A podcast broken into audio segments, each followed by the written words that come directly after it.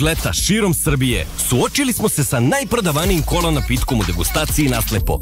Više od 20.000 učesnika pridružilo se Pepsi izazovu. Pitali smo koji kola ukus vam se više dopada. 57% učesnika izabralo je Pepsi ukus. Hvala na učešću. Prati svoj ukus. Veliki pozdrav svim ljubiteljima američkog futbola, dobrodošli u novo izdanje 99 yardi. Izvinjavamo se što ste kasnije, ali verovali ili ne, nisam ja tražio parking. Ja sam Nego tražio je parking. naš kolega. Kako, Da. Kolega trener iz trenerskog ugla nije mogu iz tog ugla da nađe parking. Ni iz jednog ugla. Ale, ki, Para, kiša, kiša. pada, ljudi, ono, panika Katastrofa. svuda. Beograd. Pa ovo petak veče svako. Da, niko ne ide nigde kolima sad. Kao, pada kiša, šta ću kolima? Nisi kapiram da je to logika. Vrlo U verovatno. svakom da. slučaju jako teško. Jako teško. Mi nismo hteli da krenemo bez, bez Jimmy, ali Hvala. eto, sačekali smo sad, mo, mo, pošto već Srki fali, pa da ne bude ono, Vanja i ja solo, nego ovako da imamo i nekoga iz NFC-a čisto, da, čisto da se potpuni. Inače, vidim da ste pisali dosta o ovom thumbnailu koji smo napravili, to je bila moja ideja, s obzirom da ja guram tu uh, severnu priču. Zima Propagandu. dolazi, M zima dolazi, M je november, četiri ekipe sa severa AFC-a u play-offu i za sve vas koji ste se pitali zašto Vanja nije stavio Steelers-e na thumbnail, Vanja se nije ni pitao za thumbnail. Zamak. Unutra je Čeličana. I to je najstarija kuća na severu Ovo je AFC-a. duboko, Westeros. Da. Ovo je duboko, vrete. Oni imaju šest To, titula. toliko je razumeš, duboko da je- nisu shvatili i navijači i Steelersa. Dobro. Da. Ej, ne, fenomenalno tam ne, iskreno. Kido, bre. Tam ne, tr šuri. ali Troki, Gavran, trenutno Vidovnjak predvodi Ko zna na kraju možda E, da bude imate na tronu tri prste, kao u seriji. prstena imalo bi smisla kao troki. Mislim, Ne, ne, razumijem ne, zašto je troki, ali da ima još tri prsta na Ravens pun pogodak. Ja sam na trenutku pomislio da, Ove imamo, godine je vreme za treći prst. da je ona životinja u sredini neka kuće domaće.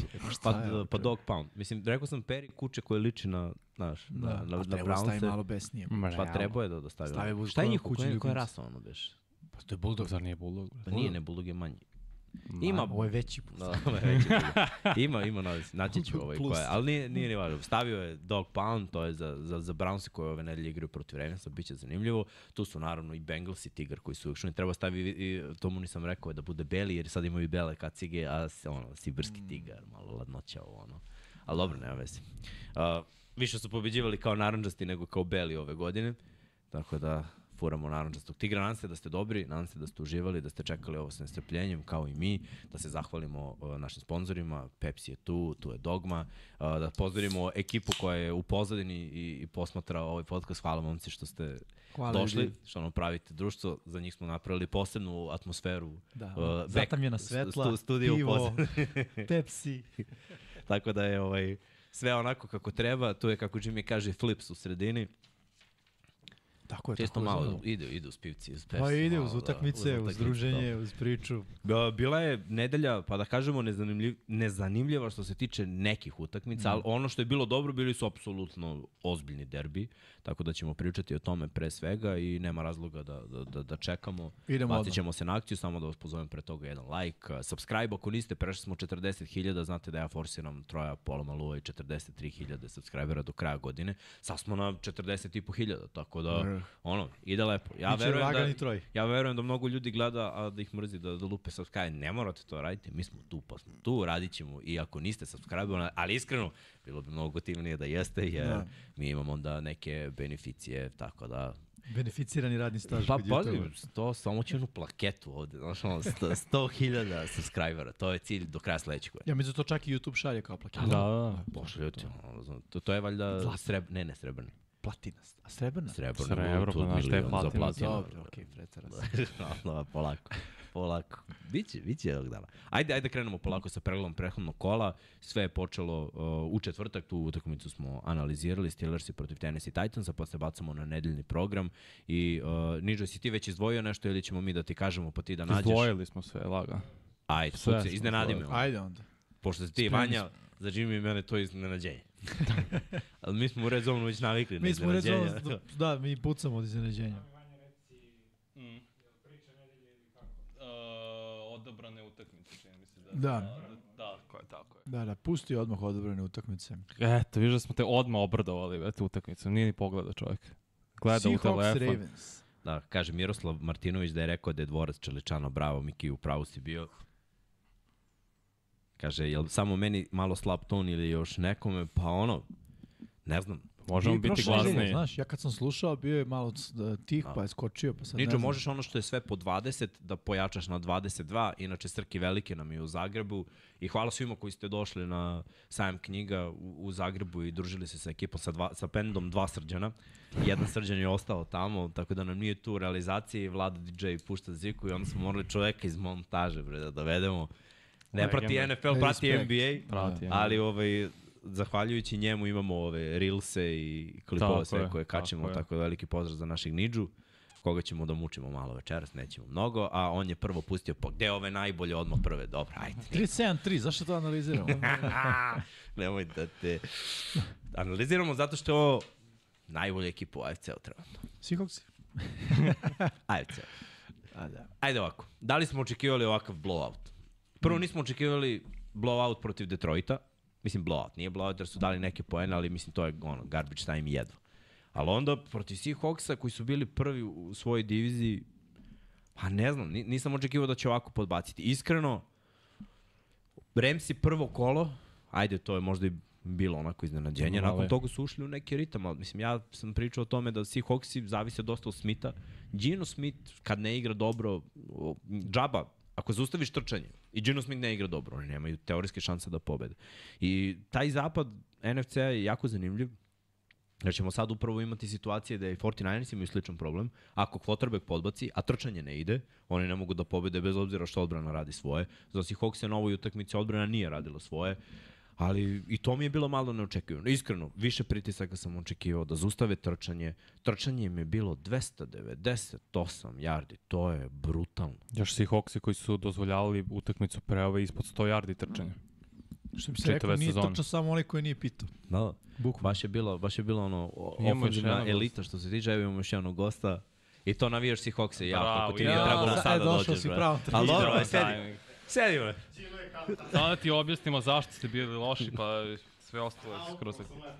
Up, bukvalno, znači prva utakmica BAM muško Seahawksi koji, pričali smo malo o tome, imali su četiri prva downa, šest prvih downova, izvini, tri poena, a Ravens su imali četiri seka, ovi samo tri poena.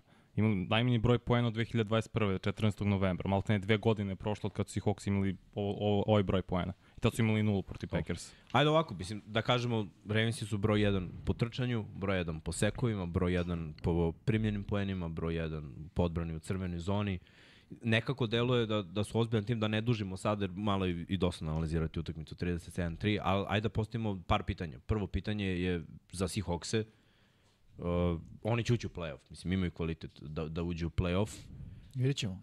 ali kakav Gino Smith treba da bude da bi oni uradili nešto. Jer ovo što smo videli u posljednjih nekoliko nedelja, ajde izdvojimo ovako nekoliko utakmica. Ramsi, Bengalsi i Ravensi. U tim partijama Gino Smith nije postao. Momak koji je prošle godine odigrao najbolju sezonu. Mislim, ima dosta navijača Seahawksa. Mislim, ke, ajde da kažemo trčanje 28 yardi isto Da, da. nije funkcionisalo. Koje ambicije postoje za navijače Seahawksa? Jer napravili su neki roster od kog se očekuje nešto. Vratili Bobija Wagnera, Jamal Adams se vratio, mnogo mladih perspektivnih igrača iz prethodne godine. sa Leonarda Imaju- Williamsa. Tako je, imaju dobre hvatače, mislim, imaju e, četiri legitimna hvatača.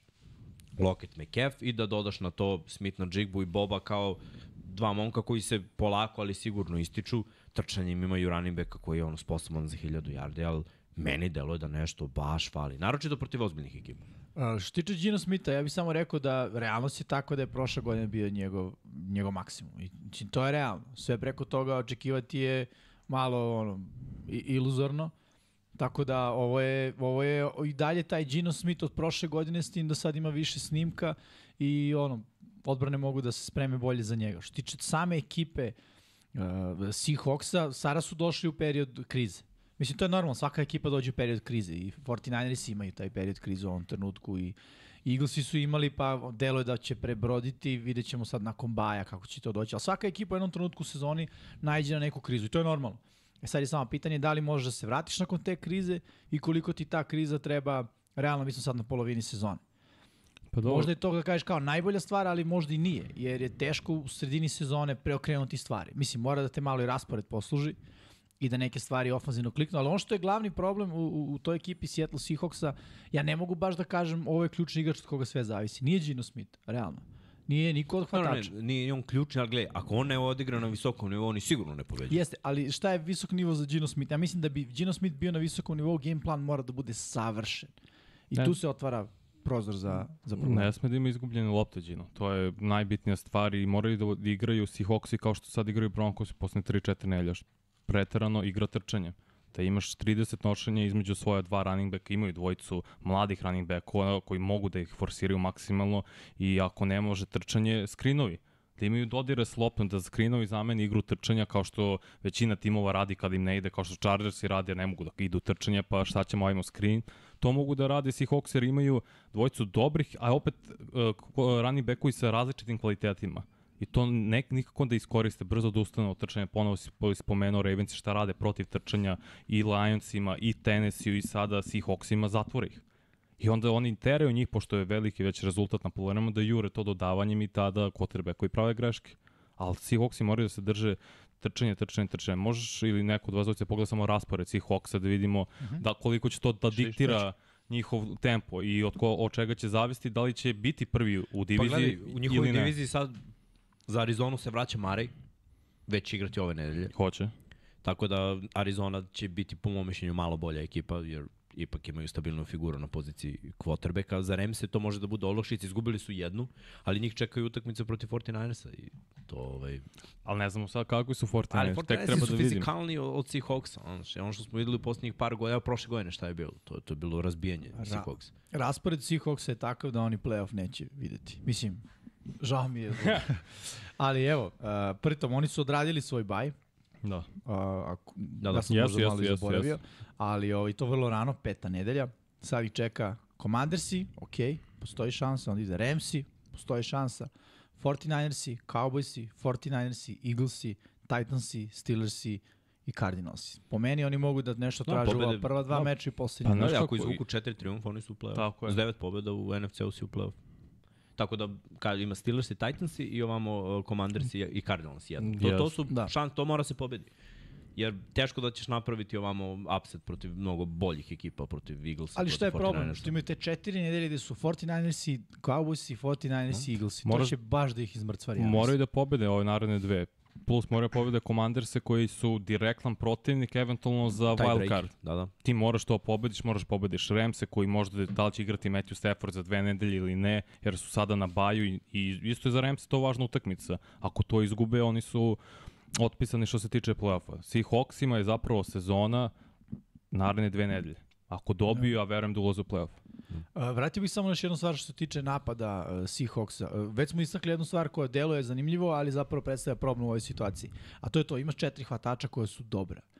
Imaju četiri dobra hvatača, ali nemaju distributera, odnosno quarterbacka koji može da igra na tom nivou. Da je Joe Burrow quarterback, to je idealan scenar, imaš ova četiri hvatača, ali kada imaš četiri hvatača i Gino Smitha koji ima limit i plafon i situacije gde potone, počneš da forsiraš Da, dodavanje, On, misleći... Pričali smo ti ja u red zone. Mm. Gino kad napravi glupost, on potone Gotovo. i nema ga sledeća dva drajva. Da, da. I samo je pitanje da li te greške će da se množe ili će da, da ostane na toj jednoj grešci, Da. ali uglavnom ono pada, pada, pada, pada i eventualno odbrana nek, sa par dobrih intervencija može da je ga vrati. zanimljivo? Što on pada već i u onim kraćim dodavanjima, ono, kratke do, do, do srednje dubine, do 10 yardi. I tu već problem. Tu počne baca intercept. Nije tip koji će da baci ono, jedan na jedan, pa hvatač nije odradio, nije bio bolji u tom duelu ili da baci neku vertikalnu rutu pa da safety uleti sa strane. Nego on baci ono, pik linebacker napravi ili neki corner ono u fletu. Što mislim, znaš, ti ako ne možeš da trčiš i ne možeš da bacaš kratka dodavanja, ti si baš limitiran. Mislim, ti svi znaš šta radiš. Gino igra svoj posao.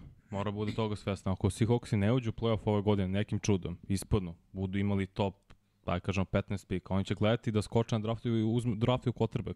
Jer o, na ostalim pozicijama su popunjeni. I odradili su rebuild. To su sve uglavnom mladi igrači na glavnim pozicijama. No, zato mi je bilo pre početka sezone, znaš, vrlo upitno, ja- jer ipak verujem većim uzorku, znaš, veći uzorak svoje karijere Gino bio loš, a jednu godinu je bio dobar. I žao mi je što razmišljam tako, ali ja verujem u tendencije. Mislim. Dobro, Ako je neko realno, lož, da. 9 godina, teško da je postao preko noći dobar. Ali dobro, ja vidim Seahawks u play-offu, da znaš. Dobro, Ne, ali, nije, nije sve, sve Nije sve ne crno. tone brod. ok, može i dođu. Pa ne, ali gledaj, to je playoff one and done. To, mada, znaš, Zavisi me za ekipu koja je u rebuildu to nije loše. Dve godine za redom da budeš, ali opet mora da napraviš uh, potezu napred. Znači da razmišljaš o tome da, što Vanja kaže, uh, pronađeš franšiznog quarterbacka, jer Gino Smith je već mator, nije on za franšiznog quarterbacka. Možemo Niđo dalje na neku drugu utakmicu. Eto, malo smo imali duže o, o Seahawksima, ali važno je jer su i dalje na dobi prvog mesta, imaju 5-3 i oni 49 zapravo 49 su prvi zbog boljeg učinka u, unutar divizije, ali eto, morali smo da ispričamo malo, Pa ima dosta navijača Seahawks i zaslužili su, a ovo je baš bio debakl toliki da, da smo se zapitali šta su oni.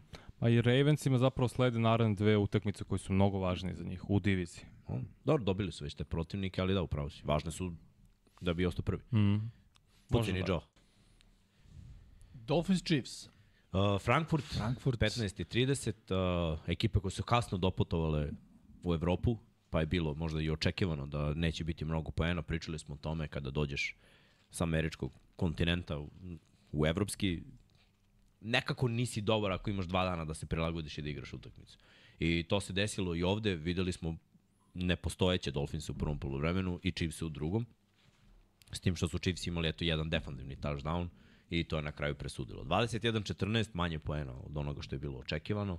Uh, dosta slabija partija obojice quarterbackova, generalno napada, generalno trčanja i ono što se pokazalo za Chiefs je nekoliko puta ove godine da odbrana mora da izvuče priču. Uh, Dolphinsi su i takođe manifestovali drugi put tek ove sezone. Zapravo tek drugi put njima odbrana radi posao da budu relevantni. I imali su napad poslednji, uh, greška, loš snap.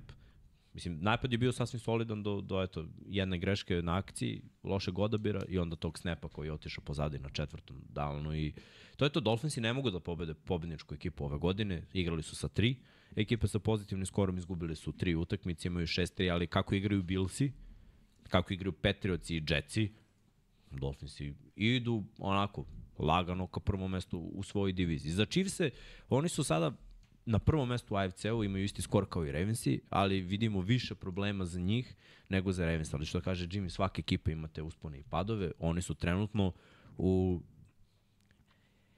rekao bih u stadijumu pronalaženja hvatačkih opcija. Znači, još uvek se tu traži, Rashi Rice uhvatio touchdown u ovoj Da. utakmici i on se onako istakao, ali nema tog drugog uh, hvatača, Kelsey je tu, imaju dvojicu, trčanje, može da bude, ne mora da bude. Mahomes sada verovatno malo nervozan jer kad baci dobru loptu neko ne uhvati i znamo kakvi su quarterbackovi, verovatno i njega to malo frustrira i nervira, još je pobednik, takmičar. Ali mislim da će oni prebroditi to. Imaju svoju diviziju koja je manje više lagana, izgubili su tu jednu protiv Broncosa, mislim da je to anomalija, da se to desilo i da takvih neće biti ili možda još jedna eventualno, ali opet 4-2 u diviziji vrhunski uh, skor. Teško da oni neće biti u prva dva sida, bez obzira kakav je raspored. Jako kvalitetna ekipa sa pobedničkim mentalitetom je u pitanju. Videli smo da u AFC-u trenutno što se forme tiče malo ekipa može da im parira zapravo. E eventualno Bengals. Jaguar, Jaguars i Bengals i Ravens, to su tri ekipe od 16.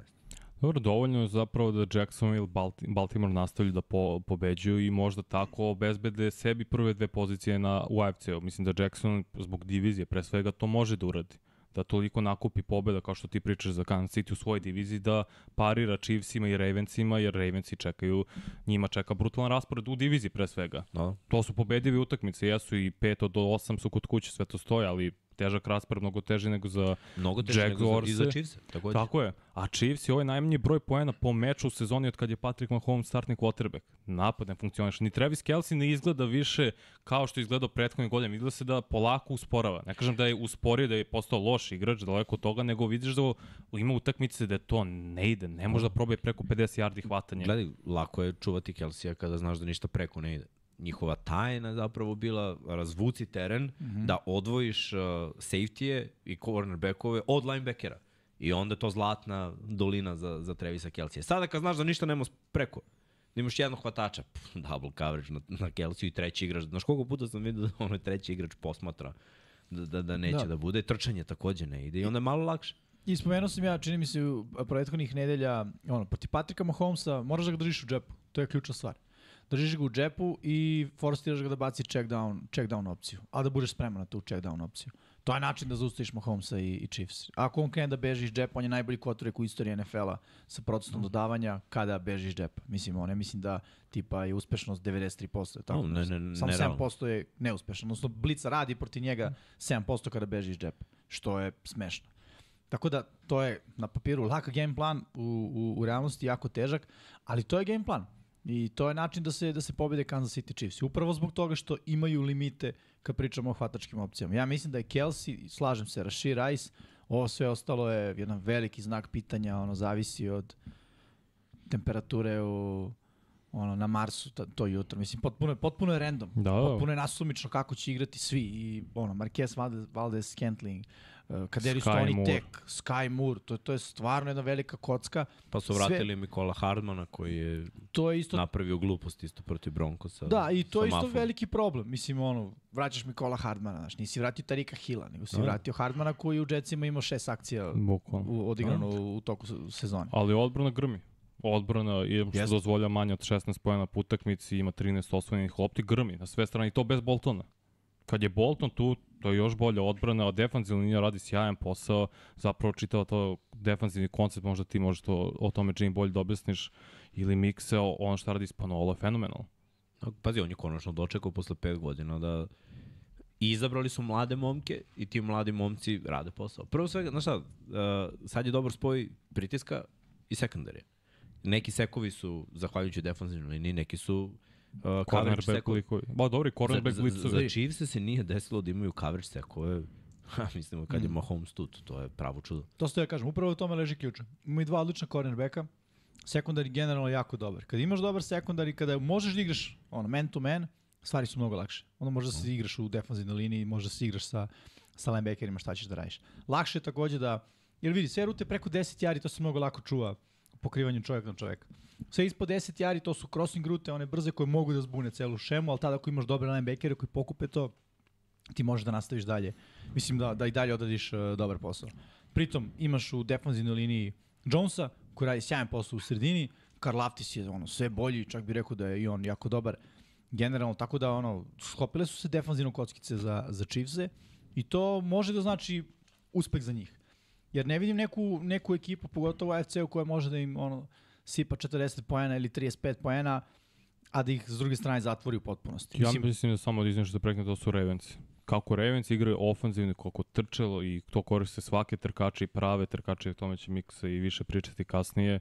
Samo Ravensi to mogu, jer opet i kad su igrali Jaguars i to, mislim, bilo treće kolo, No, to je bilo sveli su ih na 9 poena. Ali uh, Jaguarsi su imali tu ono, loš početak sezona, što mi kaže. Pad je njihov bio na startu i sada su kliknuli i druga priča. A šta ćemo sa Dolphinsima, njihovim amplitudama u, kod kuće i u gostima? Kod kuće beleže to će ih li- 44 to će ih- poena, a u gostima 22. To će ih limitirati na neki dalji uspeh naš. Ali dobro, prošle godine su ušli u play-off ove godine, oni mogu da triumfuju protiv jedne od ekipa. Zavisi, mo, moja vizija je da je Sever AFC u play-offu. Sa takvim odbranama Dolphinsi teško da će, zamisli nalete na Browns. S takvom odbranom, taj pritisak, tu baca lopte na pamet, u secondary koji je dobar, teška priča. Nale- Nalete na Steel- Steelers. Opet teška priča, dobra odbrana, bacaš lopte na pamet. Tu greši, on sve baca bukvalno u prazan prostor. Tako je, pa on Ali je kad je pod pritiskom- timinga. pola metra više lopta, preleti hvatača, ima niske hvatača, ta lopta ide pravo u sekundari. I tu nastaju greške. Takođe vidimo da trčanje kad je zaustavljeno. Mislim, Ečenj će se vratiti. To im je, to im je baš potrebno. Mm. Ečenj je momak koji je napravio pravo čudo u NFL. Jeste. On je dalje u top 10 trkača. Što je impresivno. Da, ne igra već ne, koliko, igra, ne igra nedelje. mesec dana. Da. Tri nedelje bit će zapravo četiri utakmice. Pa da, Pustio. četiri melj, znači to je mesec dana. Pa da, da. I on je i dalje u, u samom vrhu, što go, i po broju postignutih touchdownova, generalno i hvatanjem i, i trčanjem, to je neka eksplozivnost koja njima trebala. Mene zanima da li oni mogu da dobiju Buffalo. To je Ne zapravo mogu, ključ. Pa dobili Pa su mogu prošle da godine. dobiju Ali Buffalo je trenutno i, u istom problemu. Ne, ne, i, ali Buffalo je bio u problemu kad su igrali prvu utakmicu. Vidi, znaš I da je- onda ih su Buffalo većem problemu. odvali. Vanja, Ali igrao je da je- Milanu prvu utakmicu, sad ne igra Milanu. Ali ne mora da znači, Mik, znaš da je velika prednost Buffalo, upravo stabilnost. Koliko god je Josh Allen nestabilan, stabilniji od Tue. Odnosno više da. veruje sebi. Znaš, Tua ima moment kada padne i ono, znaš, to je to manje više. Vidjet ćemo. Znaš, utakmice se igra u Majamiju, da oni igraju bolje.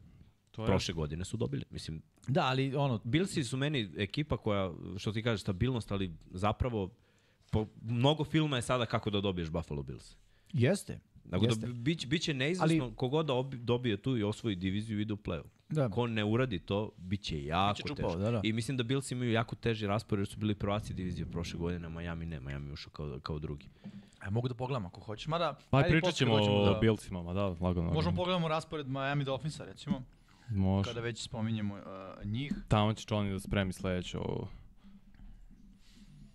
Da, što se Dolphinsa tiče, uh, sad su na baju, onda Las Vegas kod kuće, idu u New York proti Jetsa, idu u Washington proti Commandersa, dolazi im uh, Tennessee Titansi, dolaze Jetsi, Viš, la, la, mislim, dolaze Cowboysi, pobedive utakmice. da, idu u Baltimore, pred poslednju nedelju, I onda... i završavaju sa Buffalo Billsima kod kuće. Ja mislim da će se to lomiti u poslednje kolo Vrlo za diviziju.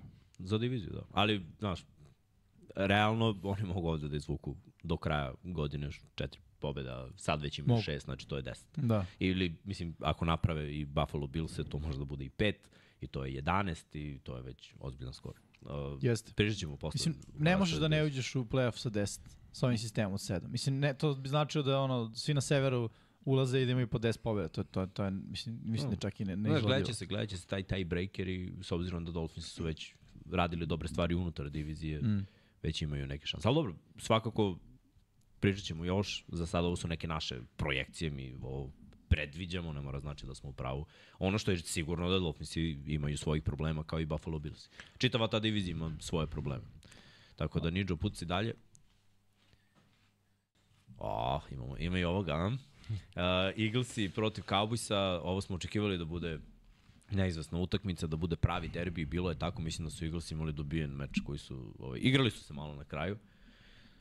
Dak Prescott je imao dva poteza sa kojima je mogao da reši pitanje pobednika. Mm.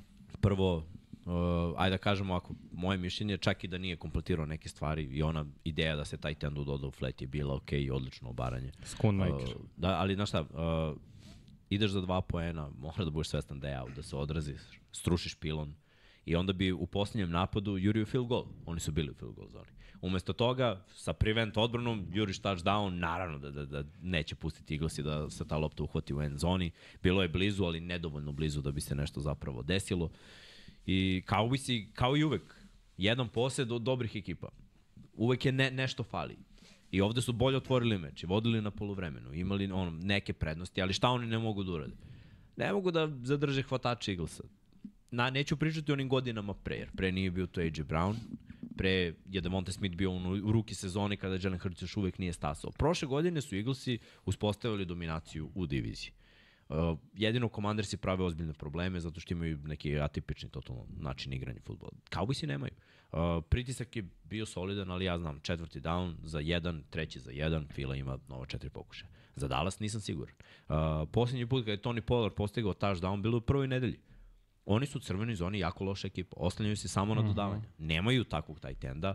Mislim, ako je Iole normalan defanzivni koordinator, ono, CD Lamb lupa Tako je. sva pažnja ka njemu, jer uh, sem toga imaju Brandina Cooksa koji ima 1,75 Nećete Galup ne pobediti igra u crvenoj zoni. nivou. Galup ne igra uopšte na dobrom nivou i vrlo su predvidivi šta će da rade. Trčati neće ili bar neće uspešno, pokušavaće neki play action i za te tight endove i onda nije prošlo. Bili su blizu, pokazali su da ne može baš svaka ekipa dobra da ih razbije, jer smo pričali o tom njihovom identitetu malo. Pričali smo da razbijaju loše ekipe, a ne, ne pojave se protiv da. boljih. Pojavili su se divizije, izašli su na Megdan, odradili dobar posao, ali bilo je teško prvo gostujući teren u Filadelfiji i Eaglesi koji su ove godine pokazali pa manje mana nego Cowboysi. Na kraju meni očekivan skor, da. ali bilo je neizvesnije nego što sam ja mislio. Mislim, to je divizija i pogotovo na istoku NFC-a. Stvarno svako svako može dobije u svakoj sezoni.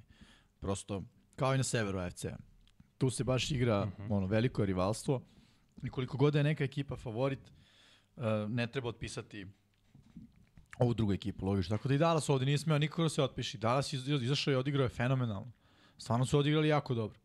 I neke sitne stvari su odlučile ovde pitanje pitanje pobednika. Imali su oni odlične stvari i defanzivno i ofanzivno. I uspeli su da zaustave napad Filadelfije, s druge strane njihov napad je pronalazio sjajna rešenja. Ja, ali slažem se, postaje onako očigledno šta, šta Dallas postaje, a to je CD Lamb i ono, to je to. Trčanja nema. Bila je loša odluka pustiti Eliota i Šulca u istom trenutku. Ne toliko možda Eliota iz perspektive toga, ali opet Eliot je u tom sistemu, mislim, imao vrednost. On Goal sada u, u Englandu, da, u Englandu on nema vrednost, mislim, realno, on je tu samo, ono, ne, ne znam, trkač na na depth chartu.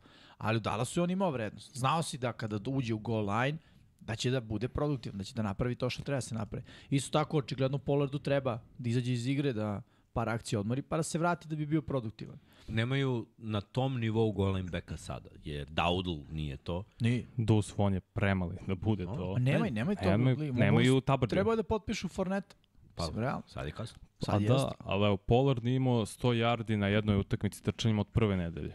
Prescott koliko god da je bio sjajan, bio je 374 yardi, 3 touchdowna, bez greški igrao i donosio neke sjajne odluke. Napravio dve ključne greške, ti si rekao prvu, druga je bila na četvrtom pokušaju koliko je bilo, minuti 15 do kraja utakmice, ciljio je Tolberta, a imao je Fergusona kroz sredinu, otvorio se, napravio separaciju Ferguson koji je igrao sjajno na toj utakmici pored CD Lemba, imao je si, pobedio je svog čoveka, imao si ga, on je gledao u totalno drugi rit, to je druga greška, koliko god Prescott igra sjajno, on izgleda da ima te tendencije kad je najbitnije da pogreši. Šta se desilo u poslednjoj akciji? Fila pravila greške, iz nekog razloga prekrše konstantno pomogla Dallasu dodatno. Fila voli da da šansu protivnicima. Da, a i onda se Dallas upucao, imao si prvi za gol na 6 yardi. I onda si imao na kraju četvrti, koliko je bilo udaljenost 30 yardi. Kako si, kako si uspeo to da dozvoliš jedan loš sek i zato što je Terence Steele bio pobeđen dva puta Graham, odigrao fenomenalno, on izvrši taj glavni pritisak na prvom i na drugom downu, na trećem prekršaj i onda ti imaš četvrti sa 30 yardi, a imao si prvi za 6. To su neoprostive greške koje Dallas Cowboysi prave i to je i Konstantno. coaching To traje, nekle. to traje godinama. Koliko god da Kogoda je trener. Tako Znaš, je. to se uvukao taj uh, choke mentalitet i... Ne, neverovatno. Ja tako posmatram Dallas, oprostite navijači Cowboysa, ali Ali to je činjenica. Oni Koliko god pa možemo da je da CD pričamo. Lamb sjajan, ima tri, uh, u poslednje tri utakmice 466 yardi hvatanje. Znači, brutalno igra CD Lamb. I prvi igrač Cowboys od Milesa Austina iz 2009 da ima na dve utakmice za redno 150 yardi hvatanja. To je fenomenal, ali ne mogu da uključe Brandina Cooksa u napad ovaj. Pa ni ne Zašto? mogu. Ne, ne znam. Jer Cooks gde god da je išao ima 1000 yardi. A u Cowboysima ne, mogu, ne može da pronađe ulogu. Ispravite ako grešim, ali Dak Prescott nije kotar koji distribuira lopte svima. Mislim, on baca Gledaj, jednog Prescott- hvatačkoj meti i, i, i ostalima onako. s vremena na vreme. Prescott živi od ono, hvatača i tight enda. I, I to je ono što je jako dobro radio. Pritom, Škola trčanje, kad, on, ne, kad, kad god on dobro igra, trčanje funkcioniš. Iskreno, Pollard, prošle godine, je razbio sezonu. Povredio se. I ono što ja uvek pričam, jako je teško vratiti se da, da grmiš posle mm. ozbiljne povrede. Ligamenti, prelomi, ispadneš iz forme. Prvo, za početak, koliko god da si zver, ti sediš bar dva meseca. Bar dva meseca si ono, stacionaran pre nego što kreneš sa procesom oporavka. Pa tek onda se uključiš. Znači, samo to što stojiš u mestu, stagniraš, pravi problem. Redki su Adrian Peterson igrači. Jedan. Znaš, to je čudovište, to je vanzemaljac. brate. A vidjet ćemo sad Rodgers. Pokida ligamente i Flores ne igra takvu poziciju. Znam to, to, je, to je druga priča. Ovo je, brate, pokida prednjukašnje I ligamente, vrati se ima lige. 2000 yardi. Da. Ja, evo, nabr, dajte mi drugi primjer. Ko, Nema, ko, nema. ko je bio na tom Nema nivou? kako. To je jako teško raditi. Evo ti Jimmy, jedna informacija koju ćeš da se oduševiš. Hrc kada cilja il, ili AJ-a Browna ili Devontu Smitha u poslednje dve nedelje 24 kompletirana dodavanja iz 25 pokuša, 5 touchdownova ima. Od toga je 22 ide na AJ-a. Znači skoro završen. I još Eagles su poslali prvi tim od Coltsa od 2005-6 kad ih je Peyton Manning prevodio da su dve uzastopne sezone krenuli sa osam pobjeda i jednim porazom. Znači to je dominacija. Da, i crvena zona popravlja se, efikasnost može to još mnogo bolje za njih, ali kako igraju sada, jedino mi stvarno i dalje problem odbrana i ta sredina. Jer koliko god da su Bayer igrao katastrofa na ovoj utakmici. Pa ne Pre- igra dobro, mislim. o- Prekrše, možda pa će mu trebati vremena da uđe u ritam, ali Pa, defanzivna linija toliko krpi za filu da je to neverovatno. A Dobro, mislim, to je I okej. To je njihov identitet, to je Da. fenomenalno da imaš ti sedmoricu igrača koji možda rotiraš u defensivnoj liniji da su oni sveži. Mislim, Graham, čovjek koliko ima godina, 34-5, koja mu ovo nešto. 14. Iza sezona, 35. kad je bilo najbitnije, je bio svež i napravio play. I to je to, dovoljno od, je, od njega jedan play, jedan sek kad se lomila utakmica i on je odradio svoj posao. Apsolutno, apsolutno. Mislim, vidi, Fila zna, gde, no, mislim, Fila, Sirijani zna gde su tanki i ovaj, to je sekundari, zato su i doveli Bajarda. Mada se meni Blankenship sve više sviđa. Kako Da. igra. Pa prošle godine već iskočio malo u prvi Da. plan zbog povrede Gardnera Johnsona i znaš, pronalaze oni, mislim, Bayard igra stronga.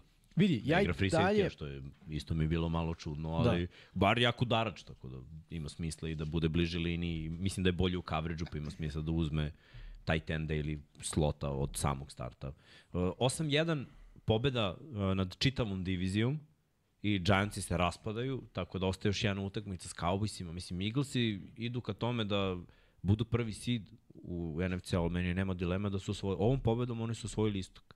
Jer sad već imaju 8 pobeda i... Imaju ne, ne. težak raspored naredne četiri utakmice, tako. Imaju i San Francisco, imaju Kansas da. City, imaju Miami, imaju pa, i opet Vanja, Dallas. To, to je težak raspored na papiru. Mislim, okej, okay. Miami protiv... no, znači, Miami, protiv, Miami protiv Eaglesa, meni Miami tu daje... Ne, dobili su Miami, izvini, nije Miami, Miami su već pobedili. Evo reći ti raspored. E, molim. Sad je baj. Da, da. 11. nedelja Chiefs. Billsi. To je teško, Billsi lako. Billsi. Ali ajde da kažemo, možda bude neizvesno jer Fila daje. Nije lako. Nije lako, 100% nije lako bilo si. A gde, kod kuće ili u gostima? Uh, kod kuće. Kod kuće. 49ersi kod kuće, Dallas uh, u Dallasu, Seahawksi u Sijetlu, Giantsi kod kuće, Cardinalsi kod kuće, Giantsi u gostima. Te tri poslednje. Poslednje tri utakmice. To je lagano. Izima. I to je, gledaj, i da se pa vidi, desi četiri, čudom, i da četiri. se desi čudom, da sve i drugo izgubiš. To je 11 pobjeda. Osvojio si istok. Da, da, slažem Mislim, se. Ali vrlo verovatno da ćeš imati više. A mislim da će imati 13-14 pobjeda. Nego, Isto. samo je teži raspored, biće izazovno, neće biti kao poslednje tri, ne kaže da neće pobediti. poznaju junaci. Pa i sad su prolazili testove ove godine. Eagles. Oni su izgubili od Jetsa. Pa dobro, da, nisu to. bili neki testovi. Budimo realni. Dobro, pa bio Washington oba puta. je bio jako dobri moj jedan Zov, Miami. Cowboysi, znaš, ti si eto, Cowboysi, četiri utakmice, kažemo. Koje četiri? Ti računaš Commanders? Commanders računamo oba puta, što Commanders uvijek je dobro protiv File. Jeste, okej, okay, File su jeste. neugo, bio produžetak. 34, da, 31 i 38, 37. Jeste, stvarno nejasgodno je bilo i računam, jer Howell da. i, i ono, po vampiri se igra sjajno protiv File. Da, da, da. Ali eto, prošli su to i kad je bilo najvažnije, dobili su Minnesota na početku isto, ja. koja izgleda sve bolje. Mislim, Fila drži on, svoj ritam, pobeđuje Drži, što je najvažnije. Ja i dalje tvrdim da su cornerbackovi najveći problem i jako to Bradbury je ozbiljan problem, samo Bradbury ljudi nisu... Je, Bradbury je priča, mislim, na, sad je već vreme da se draftuje sledeće godine Mora. cornerback i da se Bradburyu Mora. pruži ruke i kaže hvala Burazeru za sve. Koga je napadao CD Lamb sve vreme?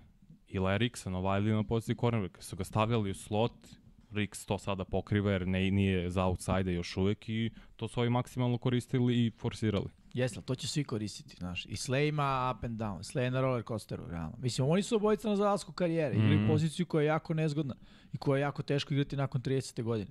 Skoro pa nemoguće u današnjem mm. NFL-u. Ajmo dalje. Ajmo dalje. Ostali smo malo duže, ali ovo je Bill za NFC sam vrh. Da. Uh, ovo je meni bilo očekivano, šta više mislim da su Bengalsi... Ali top utakmica bilo. Mislim da su ostavili Bengalsi bar 10, 10 poena onako jer im je ovo bilo dovoljno. Uh, njihova odbrana, pre svega, kako su match-upovali 1 na 1, mi je bila savršena ovde, jer uglavnom pričamo Bengalsi napad, i da će taj napad da, da reši mnoge. Ovde su rešili bil se defensivno. Kad god je bio neki trips, kad god su bila dva hvatača sa running backom na, na jednoj strani, njihovo preuzimanje je bilo toliko savršeno što znači da su već kliknuli.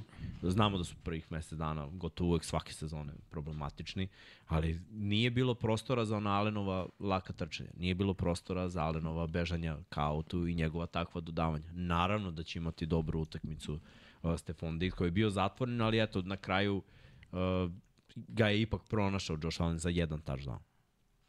Trčanje Billsa, teško da će proći protiv ozbiljnih ekipa. Bengalsi su uspeli i to da limitiraju.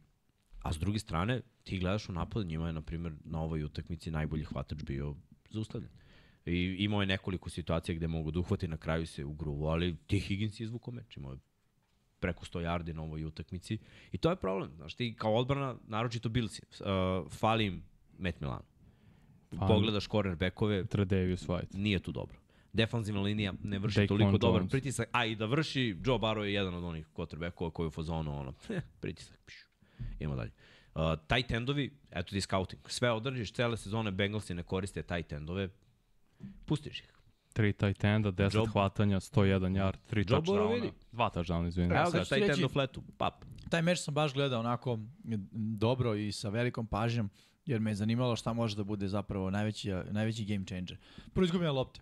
Bills su imali dve. Ali Bills je na svak... to je ono što, što isto moramo da, Da, da. da. uključimo u jednačinu. Uh, Josh Allen ima najviše interceptiona u NFL. Mislim, Od izjednačen kad je ušao u lig. Iz, iz, Aha, izjedna- misliš ne, ove ne, godine? Od kad je ušao u ligu najviše, a ove godine izjednačen za najgore. Da, da. Devet. Uh, pritom trčanje ne funkcioniše, znači on mora da bude heroj, ako se gubi naročito, i mora da gađa nekog sem Stefana Diggsa koji je u Jeste. double coverage. E sad, gde nastaje problem? Problem nastaje što je Josh Allen nestrpljiv quarterback i on je quarterback koji hoće da iz jedne akcije pređe 500 yardi, ako može. Da šibne jednu loptu koliko može i da to bude ono, pet touchdownova odjednom. Međutim, to ne može. I drugo, mnogo je lak game plan. I treće što je najvažnije, ima jednu hvatačku opciju, realno. Ima Stefana Diggsa. Kincaid je sve bolji. Kincaid je opcija. Ali šta je problem? Kincaid je tight end i Kincaid će mu biti na ove plićim opcijama, što Josh Allen de facto ne voli da baci. Josh Allen će preuzeti sek nego baciti pas od 3 jarda koje hvatač može pretvori više jardi. Sa druge strane, Joe Burrow nije taj tip quarterbacka. On je quarterback koji uzme ono što mu se da. Upravo to što smo rekli, tight end. Se nisu obratili pažnju, hvala lepo. Evo lopta tight endu na 3 jarda, on će da uzme loptu, osvoji još 4 i to je to. Gledaj, moderna, moderna NFL danas i odbrane um, funkcionišu po principu 5 yardi, to puštamo. Ako ti trčiš šut od 5 yardi, nećeš da nas pobediš na taj način. Moraš da budeš konzistentan, moraš da budeš uporan i moraš da imaš strpljivog quarterbacka koji će da igra 5 po 5 po Igra 5. kao Tom Brady, metodično. Kao Tom Brady igra Joe. Tako je. Igra fenomenalno i uživa u tim kratkim opcijama. Pritom Nije lako trčanje da si... krene da funkcioniše Tako posle je. mesec, Jer dva vidi- i onda John Mixon dođe do izdržaja i onda Jeste. mora da paziš jedno i drugo. Naročito protiv Billsa. Mixon igra najbolje protiv Billsa. Da, i sad, šta je još jedna stvar? Tim kraćim dodavanjima ti u potpunosti menjaš trčanje. Mislim, u modernom NFL-u ti ne moraš da imaš 30 nošenja po utakmici, možeš da imaš kao ekipa 19-20, ali da imaš još na tih recimo 40 dodavanja koliko ima kvotari, barem 10 tih plićih. Ti si zamenio trčanje. Jer realno, ako baciš taj end u flat zoni za 3 yarda, on uhvati loptu, okrene se i osvoji još 4. Pa je kako trčanje. koriste Drua Sempla, koji iz backfielda zapravo istrči svoju rutu, otvori se kratko, dobije dodavanje, Da. kao što ti kažeš, 4-5 yardi Pazi i to je to. Prošle nedelje, to sam baš analizirao u trenerskom uglu, Buffalo Billsi protiv Tampa Bay-a, koliko samo RPO-ova, koliko samo opcije, i šta su radili time, zamenili trčanje. Sve je bilo uspešno, sve je bilo hvatanje plus 5 yardi, hvatanje plus 5 yardi. Međutim, Allen očigledno, ne samo on, i ofanzivni koordinator izgube strpljenje, znaš. Upadnu u zamku koja se zove igramo protiv prime time quarterbacka, znaš. Mora dodavanje, moramo da ih rešimo brzo, moramo napravimo razliku jer Joe Burrow može sve da stigne. Ne, brate, igraj touchdown za touchdown, igraj point za point. Budi konzistentan, budi strpljiv i smiren. I zato, će, zato se Bengalsi uvek vrati, jer je to profil Joe Burrow. On igra, uzima ono što mu se daje. Baš primeti, on baca vertikalno samo kad je situacija 1 na 1 i kada vidi prednost. Josh Allen baca sve. Ali Priča o gledaj, tome... igraju se, pogledaj selekciju prilikom touchdowna John Mixona. Prvi down, uh, flat za Chase. Nije prošlo. Hoćeš da ga nagradiš? Treba mu. Mislim, ono, želiš da tvoji playmakeri pointiraju. Nameštaju se akcije, mislim, to, to je bilo, i nije to samo na evropskom nivou, to se radi u NFL-u. Prebaci ga na desnu stranu, probaj tu, quick out. Nije prošlo. Treći down, mnogi treneri timovi bi bili u fazonu da quarterback baci taj, taj, znaš, kad smo išli dva puta, ajde sada da fake bude za Chase-a, pa da neko drugi hvata. E, sad se vratimo na ono osnove što je trebalo na prvom downu. Daj Mixonu loptu, power play, razumeš, i, i trčanje. Pap, touchdown. To je ono što Billsi nemaju. Jer će oni Jeste. da bacuju i na prvom i na drugom i na trećem, onda će možda i da rizikuju na četvrtom. I pa što je još bilo zanimljivo, vrlo interesantan game plan ofanzivni za Bengalse. Unutar 10 yardi, unutar crvene zone, više su išli na dodavanje nego na trčanje. Touchdown, oni koji su postigli u prvom drive pet hvatača na onom Ir Smith kad je Da, imao touchdown. na drugom za sedam, ako se ne varam, u, sa ono tipa, ne, bio je drugi za gold, tipa sa sedam yardi, ono, to je baš ne, izađeš sa pet hvatača. Mm. To je ono baš, Empty set. Baš protivniku kažeš ono, ej, im- imamo prostor od 17 yardi, nema problema, ono. Razvalit ćemo se tu. Jer to je neobično, to ne radiš, ne izbacuješ pet hvatača kad ti treba 7 yardi da osvojiš da je postigao touchdown. Mislim, znaš i samo, ono, obično hoćeš da ili napraviš neki play action, skupiš odbranu, pa probaš da izoluješ neku situaciju jedan na jedan, ali ono, od, odličan pristup, jer su gađali Bilse tamo gde su tanki, a to je sekundari u ovom trenutku. Ma jeste, ali problem za Bills, i to sam rekao u pre nego što je počela sezona, je Sean McDermott. Ja sam i dalje ubeđen, oni imaju limit sa njim kao glavnim trenerom, što nije ništa loše, znači da on loš trener bilo šta, već je limitiran. Dobar je trener do ovih je do određenog nivoa, otišao je Dable i to je meni i dalje ogroman problem jer su njim oni ofanzivno napredovali. Opet, Ken Dorsey nije Brian Dable. Brian Dable ima te lude zamisli, mnogo je pomogao Joshu Allenu da napreduje i da bude ovo što jeste danas i rekao sam trebali su da daju njemu posao glavnog trenera. Sean McDermott prvo ofanzivno linija ne može da popravi igra trčanja, previše brzo odustano, jako Cook igra dobro, ali ne dobije dovoljno lopti i onda se uspaniče, onda to je Ken Dorsey kriv, bam, Josh Allen rešava i spašava nas kako znaš i umeš. Znaš kako to je kažu, to. ne Problem znam da li ste gledali onu emisiju na National Geographic koja se zove Air Crash Investigation. Da, koliko je dobro. Obožavao sam jer počinje jednom vrlo dobru rečenicu, to je ono kad kaže katastrofa se dešava spletom nesrećnih okolnosti mm. koje se gomila jedna na drugu. Imaš Josh Allena koji hoće da bude heroj, Ne, a to je najveći problem. imaš ofenzivnog koordinatora Kogod koji je- veruje u Josh Allena Mhm. i imaš sve ostale koji su u on je naš čovek, franchisezni quarterback, daj njemu i onda to sve kad skupiš na jednu gomilu, ti imaš katastrofu. Kogoda je trener, teško da bi mogao da obuzda ego Josh Allena trenutno. Koliko ja voleo Josh Allena kao quarterbacka, on je sada ono, superman. On je u Buffalo nešto što se nije desilo u Buffalo 30 godina. Od Jim Kelly. 30 godina. Buffalo nije imao ovakvu zvezdu. Josh Allen sada da uradi bilo šta, ono, da, da poželi nešto u Buffalo, Josh Allen može to da ostvari. Ne postoji trener koji je trenutno veći od njega. Uh, McDermott se ne bavi napadom.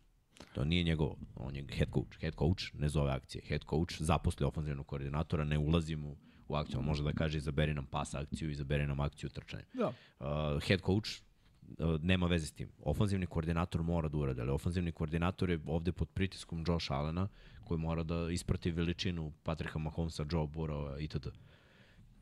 Pritom Josh Allen nikad nije bio precizan na, na kraćim rastojanjima. Kao ni jedan quarterback koji ima topičinu.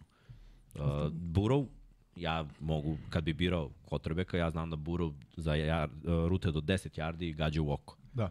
Josh Allen gađa jako, ne nužno precizno. On je pronašao tu konekciju sa uh, Stefanom Diggsom, ali koliko ove godine bilo ruta gde Stefan Diggs uhvati kratko pa napravi 50 yardi after catch.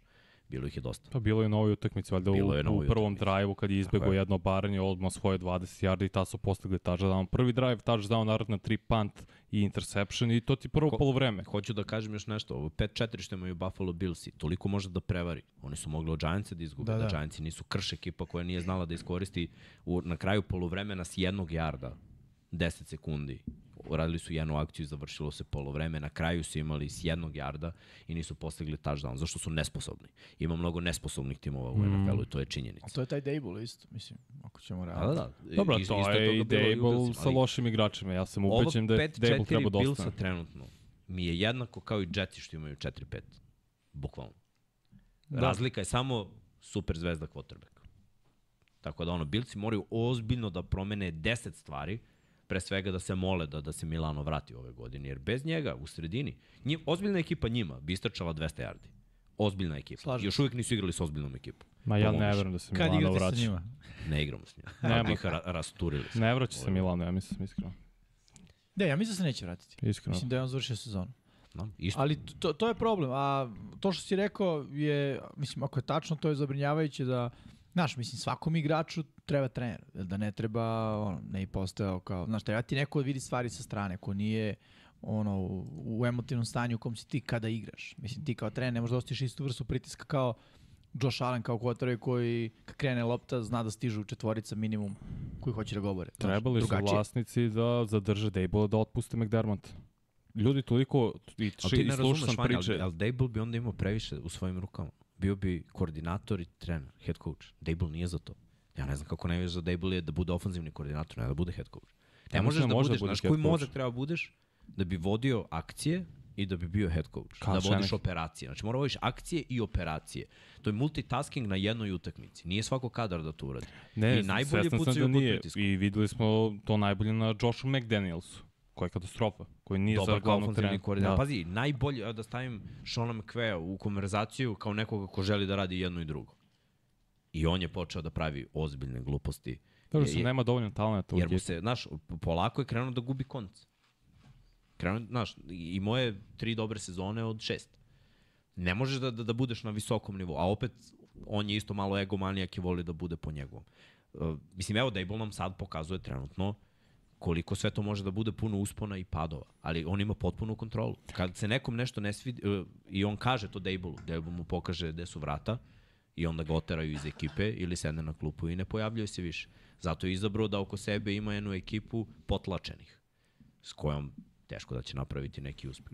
Josh Allen je stavljen u situaciju da je najbolji trkač, najbolji dodavač i jedna od najvećih zvezda u NFL-u. Njegov ego je sada probio krov. To je problem na tima što je to stavio na njemu. Ne mora bude najbolji trkač. Imaju dovoljan broj trkača i sad su i potpisali Forneta i možda će se to promeniti. Znači imaš Teško. i Mareja, i Kuka, i Forneta, i Harry se vraća sa Ajara. To samo znači da nemaju, da nemaju uopšte rešenje. Ali Jer, ko što kažem, imaš Cook ti igrao, quarterbacka, nemaš nijednog. ali za je igrao trkača. dobro. I opet ne dobio dovoljno prilika. To je problem za Billse. Da, zato što se Cook ne uklapa u njihov ofanzivni Što identitet. su ga draftili onda. Pa, zato što su hteli da promeni identitet, verovali su da će to da se desi, ali se na kraju nije desio. Hteli su novu hvatačku opciju iz backfielda. Ali su skapirali da je to glupo da koriste, ali ne baca, ne baca tako, on ne baca do 5 yardi. On baca 10 plus. E, pogledaj svaki put. Šta će Josh Allen najčešće da radi? Ostane u džep, povuče se nazad, osjeća pritisak, proba da trzne jednom ako može, ako ne može uđe u džep, hoće da izbegne, da beže na sve strane i onda ako je baš u problemu trči. Zato on ima, ja, znaš, pogledaj Patrika Mahomesa kad stiže blic. On se kreće u džepu i pomera, pomera taj pritisak i ono, ne trči osim ako mu ne zjapi, ono, prvi down. I on samo trči za prvi down. Mahomes trči samo za prvi down. Josh Allen trči jer se ak- akcija raspala. I treba još nešto da kažemo. Balans za timove je vrlo važan. Bilsi trenutno imaju loš balans.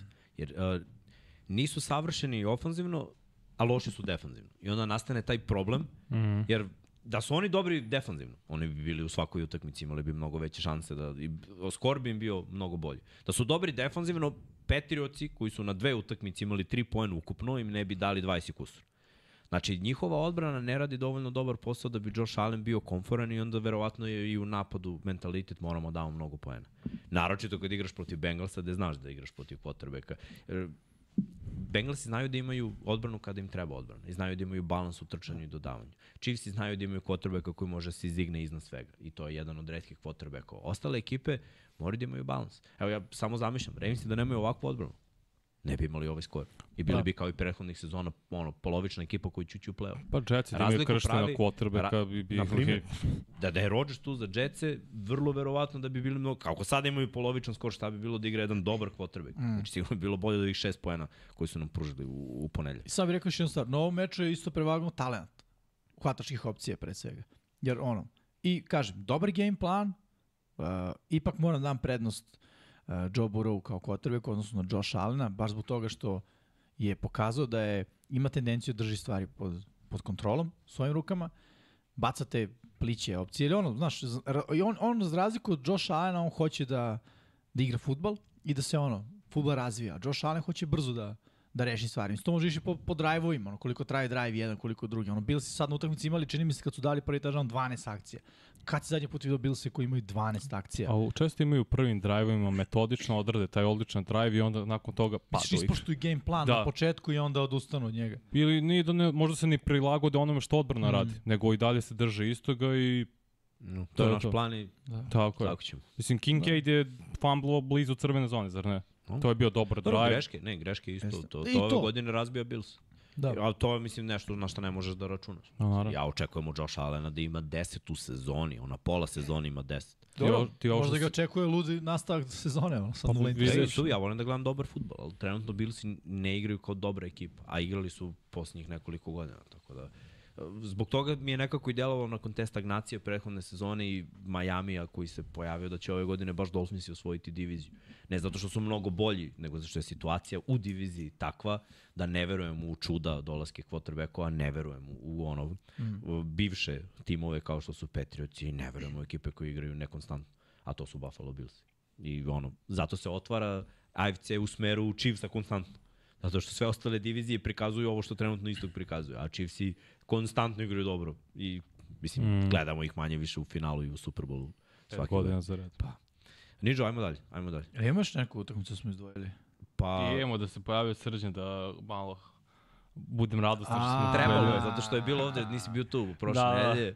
A, Bio je trash talk a, na relaciji Vanja ka Srđanu koji je sedao na tvom mestu, bio ono, Jetsi, a, šta ako dobijemo Chargersi, mislim, ono što ja pričam Srkiju ce, cele godine je da Jetsi teško će prebaciti desetku, mm. osim ako se ne desi neko čudo u specijalnom timu, odbrana da napravi nešto i to se nije desilo na ovoj utakmici, niti odbrana, niti specijalni tim.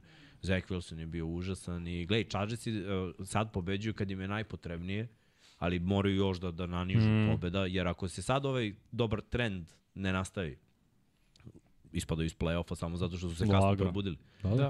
Uh, to su problemi trenutno. Ono što je dobro, mislim ono, Herbert momak, ne, ja ne znam šta da kažem, ono, stvarno slomljen prst, dečko igra, dodaje loptu, Keenan Allen preko 10.000 yardi.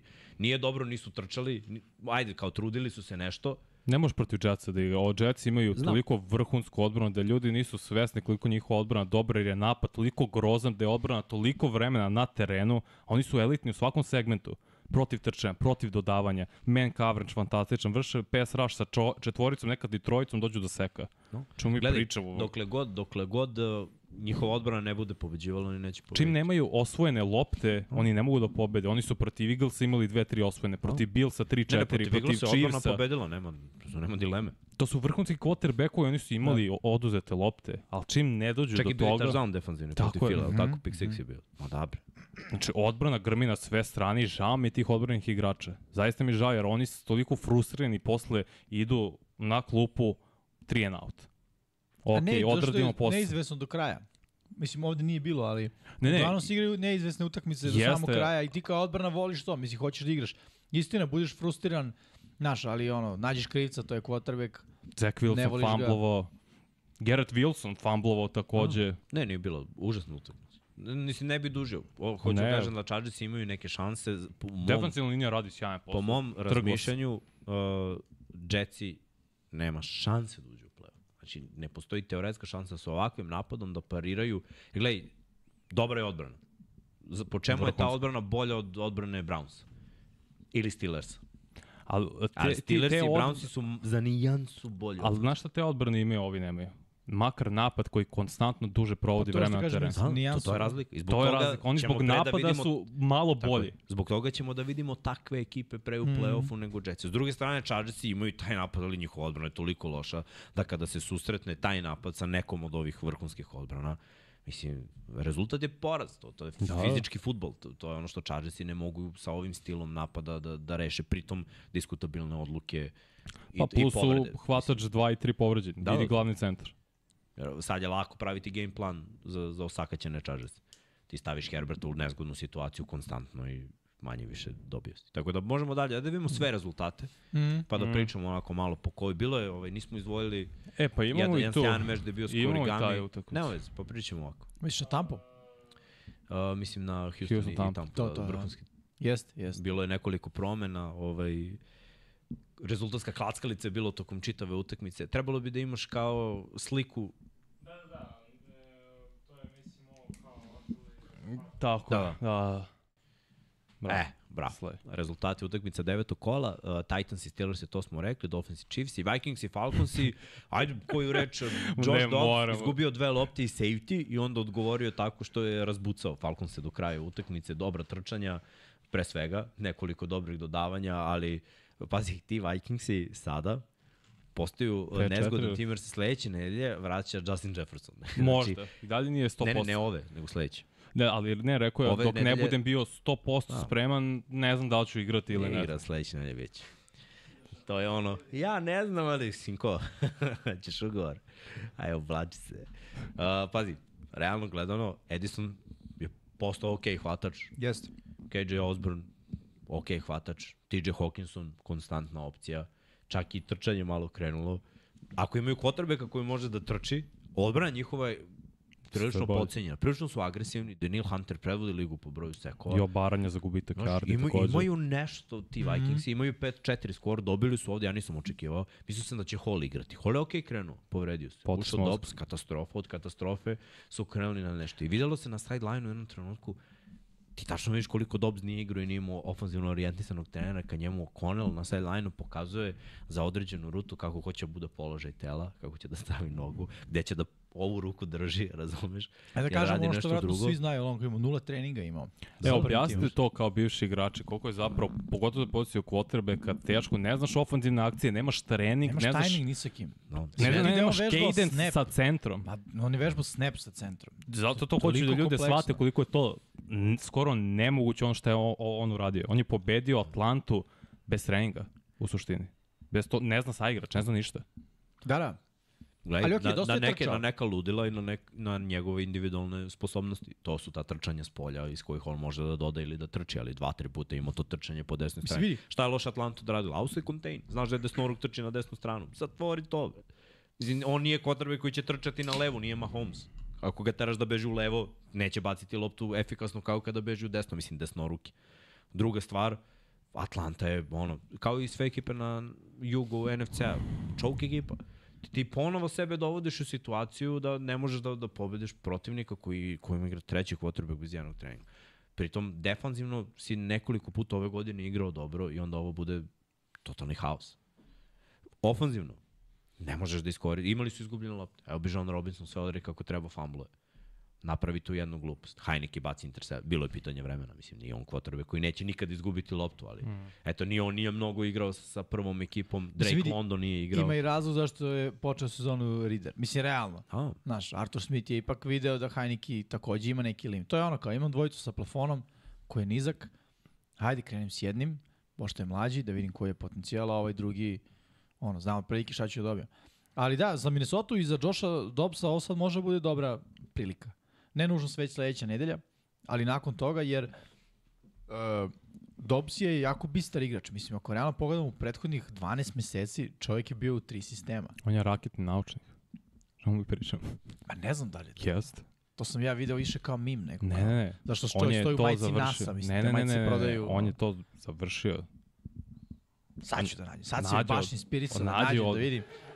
On je bukvalno raketni naučnik. Što Čovjek je to znači raketni naučnik, bre? To je kao ra, nauča, izučava rakete. Rocket science, pa ne znam, To scientist. ti kaže, bre, Pa. rocket science. Nađe, evo, nađe šta je završio, šta je diplomirao. Znači, ne, nevjerovatno, njegov zapravo je od uh, snova da Aerospace bude... engineer, bravo. da. Znaš šta, na, na šta bi ovaj isto, treba bi da pohvalim uh, O'Connella kao jednog jako dobrog stručnjaka koje je prethodne godine, jeste da su bile pobede na 1 posjed, ali je dovodio ekipu u situaciju da imaju dobre akcije, da bi Mhm. po, izvukli pobede na 1 posjed.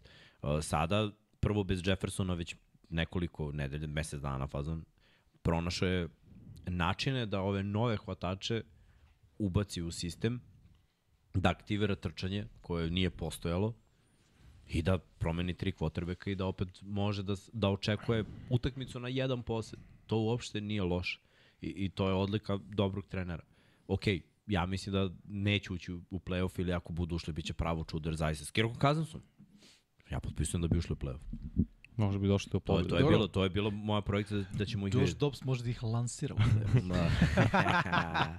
Ajmo dalje, vrati rezultate. Bravo za Minnesota, stvarno. E, Cam Akers pokidao ponovo čovjek Da, da, Ahilu da, da, tetivu, završio. Uh, Cardinalsi protiv Brownsa igrali su sa Tunom, trećim quarterbackom.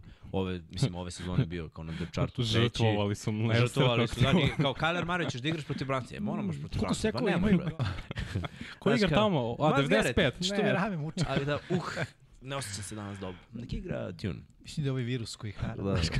pa, pa haro je, virus zvani Cleveland Browns. Da, Tabadži je, su ih istabale 27-0. da, da. Prvi put su sveli nekog na 0 do 2007. Brownci. Cornerbackovi Emerson i Ma, Ward. brate, cela Mm, odbrana brate, pre stvarno. Shut Cela- cela Mm, kidi. sve. Ajmo dalje. Ajmo dalje. Da vidimo ostale Bravo, ubrzamo. bravo za rezultate mečeva. Rams i Packers užasan meč, minus ko kuća, u, uhvaćeno. Sirđe iz Green Bay uhvaćeno. Iz Wisconsina. Uh, 23 za Ramse tuga ne moramo trošimo reči na, na Vance ovo. su potpisali, verovatno zato što su videli da nema ništa od Ripena kao Znači, backupa. pazi, njega otpisali, a ovog otpisali. Da, No. kako Znači on kao, dečko, vrati pare. Neka zadrži neki bonus. Commandersi protiv Patriotsa, bilo je zanimljivo, Da, delovalo je da Patriotsi mogu, posljednji napad, Juju, rikošet, interception, kraj priče, Commanders idu na 4-5, ostaju živi za playoff. Howell izgleda dobro. Patriotsi se raduju piku. Patriotsi idu ka Kelebu, Da. Williams. Da, Ko da, je- gledaj, ja bi te, da sam top 5, bez problema bi tradovao da budem prvi pik. na draftu Sinoć uzmem smo i potrebu. radili mog da. Da, sinoć smo se poigrali manje. U polovremenu je otvorio onaj PFF, ja rekao, ko je prvi pik Cardinals im treba quarterback, ka brate realno igri- ići će sa Marejom, daj Petriovci neka traduju, Da, da, da. ovima treba više Da. pozicija, Patriots i lica franšize i to je to. Izvini, vratio. Nek im daju Huntera Henrya, onako ne radi ništa. Realno. Bersi protiv Saintsa, mnogo zanimljiv meč na 1% na kraju 24-17. E, pet izgubljenih agent. lopti. Sinoć, ja, Moj brate. sinoć i generalno dečko igra odlično. Ma, Pa i igrao, imao tri interseptiona protiv Saintsa, brate. Mnogo grešaka. Baš. Dobro, Mislim, ima ali pazi- lepa dodavanja ka kmetu, ali previše Kad, su, kad već pričamo o Saintsima, znači pet puta su mogla pobedu u utakmici. Bile su- A ne sad, aj, vi- aj vi još jednom, pa mi Vidi, onda. kombinacija Saints i Derek Carr. To je ono, daj im 105 šansi. Da, Dennis Allen je bio fuzon, taj ima odbra to, I grupi statistiku da opet, popravimo. I grupi opet promašuje. Znači, časti. Šta je bilo posljednje? Seahawks i Ravens, jel da? Da, da. Ma, idemo dalje, idemo Ajmo. To dalje. smo već pričali, To da. smo pričali, nećemo više. Treća stranica. Žao mi je, brate, izvini što si tu, ali... Nije mi žao. Lažem. Kako bio happy, veze. Ko ne budem happy, brate. sve je radilo, brate, za Baltimore. Yes. Buccaneers i Texans ovdje ćemo malo Da, duže da se zadržimo. Prvo, uh, ajde da krenemo ovako. Očekivali smo da će utakmica biti neizvesna, jer CJ Stroud igra jako dobro ove godine. Imao je dva loša meča. protiv Ravensa i protiv Panthersa. Na ovoj utakmici, protiv Buccaneersa, kao da je neko dojavio da Carlton Davis se ne osjeća dobro. Ne znam da li se nije osjećao dobro, ali Burazir nije igrao dobro. Šta više, kogod je bio na njegovoj strani, CJ Stroud je bio fazonu, Buć touchdown. Tank Dell, dva touchdowna, Nico Collins, touchdown. Schultz preko 100 Schultz yardi. imao dobar meč. Uh, nije igrao uh, startni running back, igrao Singletary, nije igrao da, uh, Damian Pierce. Pazi, na kraju Tampa je ofenzivno odgovorila. Baker je igrao dobro. Ima znači, bila je rezultatska klackalica, kompletirao je dodavanja. White je igrao dobro za promenu, za, za Tampu. Ček, kako se zove onih- running back uh, Ogumba, uh, Ogumbale. Što je Ogumbavale. pogu, Da, da. pogodio šut za tri poena kad se su lomila utakmica. U finišu prvog polovremena ostali bez Fairberna i išli su, znači, bukvalno sve vreme na touchdown. Nisu mogli na field goal. Probali su jednom, baš je Bavala ispucao kick-off i bilo su za ono, ok, može da šutne daleko, pa ajde, probaćemo. Znači, ludilo. Ali, sa tolikim pritiskom da moraš da daš touchdown, brate, ideš i postižeš touchdown protiv odbrane koja ima dobar raš. U principu E, i to koja može laž. da napravi čudo. To je laž. Oni defensivni linije ima loš raš. Ne, ne, ne stižu ove godine do sekova. Ne vrše to. To uglavnom rade White i David. Jer pomažu u defensivnoj liniji. Baš sam Vita- gledao tu statistiku. Vita Vea je zapušio neka trčanja kroz Samo sredinu, Vita Vea ali- radi sjajan posao. Imao Shaq Barrett par pritisaka dobrih, ali bilo je bilo je ovaj pre svega više ofanzivnog dobrog nego defanzivnog dobrog. Mm. Očekivao sam i jedno i drugi malo defanzivno više da, da, da se pojave, nije se desilo. CJ Stroud 470 yardi, Ok, okay, pet touchdownova, nikad drugi ovako nije odigrao. Rekordi za Novajliju. Vidi, mislim da mu savršeno odgovara i ceo sistem i ambijent, jer Demiko Ryans pravi dobar ambijent, to je ono što ja, to je ono što se videlo još kad je bio defanzivni koordinator 49ers, znaš, da igrači vole da igraju iza njega. Ne, meni je bilo najveće pitanje, no, sad nisam verovao u ruke kvotrbeka i dva ruke hvatača i defanzivni uredni sam Da, da. teren i sve ide u fullu. U stvari ovi hvatači grme. Jeste. Mislim, iskreno, tank del leti po terenu. Jeste. Texanci prvi put u svojoj franšizi na jednoj utakmici imaju trojicu igrača sa 100 ili više yardi. Bol. Ali ovo je ofenzivni koordinator Bobby Slovik. O tome smo pričali sinoć malo. Opet, to je Kyle Shanahan škola, taj je sistem. Samo je malo prilagodio. Svako, svako od njih koji uzme taj sistem ili, ili je učio od Shanahan, malo Ali ne prilagodi. vidim ja baš njegov sistem tu da budem iskren. ali, ali on je iz njegove to coaching trija. Ok, ali znaš, nema motiona toliko pre snapa, Nema, nema zato kažem, nešto heavy. je promenio, ali to najbolje prilagodio talentu koji ima na ro- u ekipi. I to je to. Radi stvarno sjajan posao i napad Ne, radi odlično odličan posao, funkcioniše. slažem se. I Strout je legitiman MVP kandidat. Ne za Novajliju godinu, nego kako igra Gledaj, sada. Od svih startnih potrebekova ove godine, Stroud ima, igra sve utakmice, ima najmanje izgubljenih lopti. Ima jednu, jedan interception. Da, da, da. Sledeći je Lamar koji ima tri, a Lamar ima pet izgubljenih fumblova. Što je jako loše. Jeste. Tako da ti kad pogledaš da jedan ruki bolje zna da sagleda teren, donese dobre odluke, mislim da, imali su neke poraze, nije samo na njemu. Dosta fali ovom timu zapravo, ali on igra ono, dobro, kažem, igra dve loše utakmice. Protiv Panthersa išli su u Karolinu, ne znam koji je razlog bio te loše partije To tamo. Protiv. Ravensa mi je bilo očekivano. Prvo kolo i odbrana Ravensa, mislim, ruki quarterback. Nema šanse, to za, zaista nije matchup ko, koji odgovara bilo kakvom quarterbacku. Tako da sve pohvale. Pohvalio bi Bakera, iskreno, meni je na početku sezone Tampa bila broj jedan kandidat. Postoje neki problemi, tim ne radi posao, pre svega defanzivno, nekad odrade, nekad ne. Ofanzivno, ja nemam zamerke. Dali su brda poena. Pritom, Evans proradi, odradi posao, vidiš da, da pokušava da, da uspostavi to Evans Gadvin preko 1000 yardi, što, što je verovatno ideja ofanzivnog koordinatora. Trčanje je krenulo tek sada. Znači nije radilo prvih šest nedelja. Sad malo po malo White ima više kontakta. Kad ne ide trčanje, naši su- izvuci ga na, na Da. swing, izvuci ga na screen, daj mu nešto da ono, loptu u ruke da on nešto uradi. Tako da ide u boljem smeru. Ja ne mogu krivim Bakera zato što Tampa nije uspešna. Pre bih okrivio odbranu, koja je nekoliko puta ove godine baš igrala katastrofalno. Da, dobro, znaš šta, Baker malo ima ono, taj moment donošenja odluka diskutabilno, ako prvi rid nije tu i drugi, on već ulazi u neki panik mod. To možda vidiš po radu nogu. On je kontrabek koji, da, čekat će u džepu i ono, mora da, Da. bude u prva tri rida. Nakon mora da toga, bude zna, rešenje. znaš šta je stvar? Ti imaš quarterbacka koji nakon prva tri rida idu trče. Imaš Baker- one koji nakon prva tri rida budu sekovani. Jer čekaj, a Baker je nedefinisan. Nakon prva tri rida kreće panik mod. I onda kreću greške, onda može da trči, možda ne trči, može da baci, znaš, nije definisan kao ono, znaš, Mahomes će prođe kroz sve ridove, vidi 10 yardi, otvore, on će da istrči, uzme novi down i to je to, uradio čovjek posao. A Baker nema tu sposobnost, on nekako više istrči kada ono, krene pa se zapetlja, pa znaš, ne zna ni on tačno šta će, šta bi. I to je malo onako, tu postoji limit što se, što se njega tiče. Ali pogledaj, Ali se oni slažem su, da oni nije su, on Oni su osvojili Super Bowl i sad su u rebuild fazi. Lagano, ono, bridge faza sa Bakerom Mayfieldom. Nema potrebe ići novo lice franšize, novi kvotem. Nema potrebe. Da. Jer ispoštuj svoje stari igra. Znaš, preće Baker da omogući da Evans i Gadvin imaju ok statistiku i da ostanu tu. Uh, Ali neće ostati tako, Evans je završio, mislim, ovo nije produžio ugovor. Da, da, pa on polako, vidjet ću. vidjet ćemo Priča da će... da napušta. I ima smisla da ono ode u, u kontender ekipu. Apsolutno ima smisla dok ne zašušte Benjamini. Daj, ne zazaj, bre. Pa dobro, ali realno ne znam da li će. Osvojio je Super Bowl, Pa zato na neće putu je ga da bude, plati. na putu je da bude Hall of Fame i sada dobije ono top 3 plaćeni receiver da bude u ligi. Ne bi ga platio top 3 u životu Mnogo, sad. sku- stariji je, Sada? Ma kako? Koliko on ima? 31, 2, 3. 31. 10 godina igra. 31. Pa, Ne bih ga sad 32. platio, ok, ne bih ga Da, platio ne bi ga kao top platio, 3 ne, hvatača ne. trenutno, jer prvo ne igra kao top 3 hvatača, da se razumemo, ne igra, ne znam da li igra kao Aj, top dobar 10 je, hvatača. Ne, jeste vrh, jeste je. super je. Ne, ne, ja ne to uopšte, ali nije top Hilja- 3. Čovjek izađe, svake sezone ima 1000 yardi, pass interference, na svakom fejduje na njim. Dobro, i on koristi često ruke, Evans. Koristi, ali ne sviraju ofanzivno. Pa znam. Sviraju defanzivno. I tvoja ekipa nema u statistici to što on radi. Ti u statistici ne vidiš da je ekipa odjednom prešla 50 yardi, znaš, ali to je ono što imaš kod Mike Evans. Sudija ga gleda i ono, u, Evans, nekoga je pipnuo. 50 yardi. Samo se šalimo.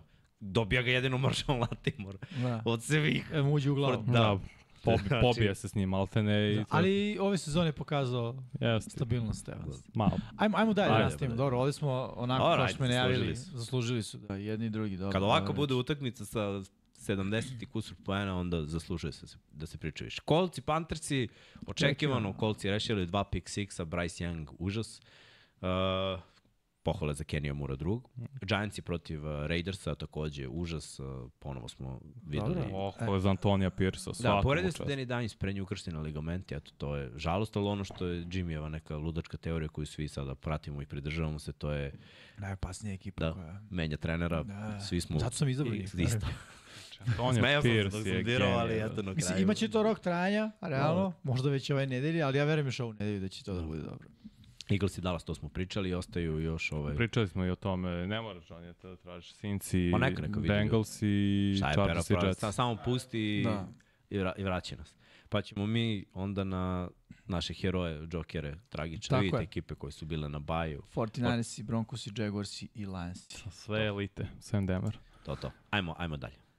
Uh, krenut ćemo od segmenta koji imamo svake godine, a to su naši heroji, džokeri, tragičari i Noelije, Tako je. powered by Pepsi, a prvo puci šta god ti volja. Ajmo, heroji. Heroji su realno dobra priča. Moj heroj nedelje, CD Lamb. Nisam bio siguran da se piše S tačka, D tačka ili CD. C, E, C, E, E, D, D, E. E, E. Dva E u Uglavnom. obe, u obe ime. Pokidao je, stvarno. I respekt. Jeste iz protivničke ekipa, stvarno je odigrao. I ne samo ovu utakmicu. Ono, ove, ove nedelje 16 puta meta, 11 hvatanja, 191 yard. Trebao si da napišeš nije goat, ali lamb.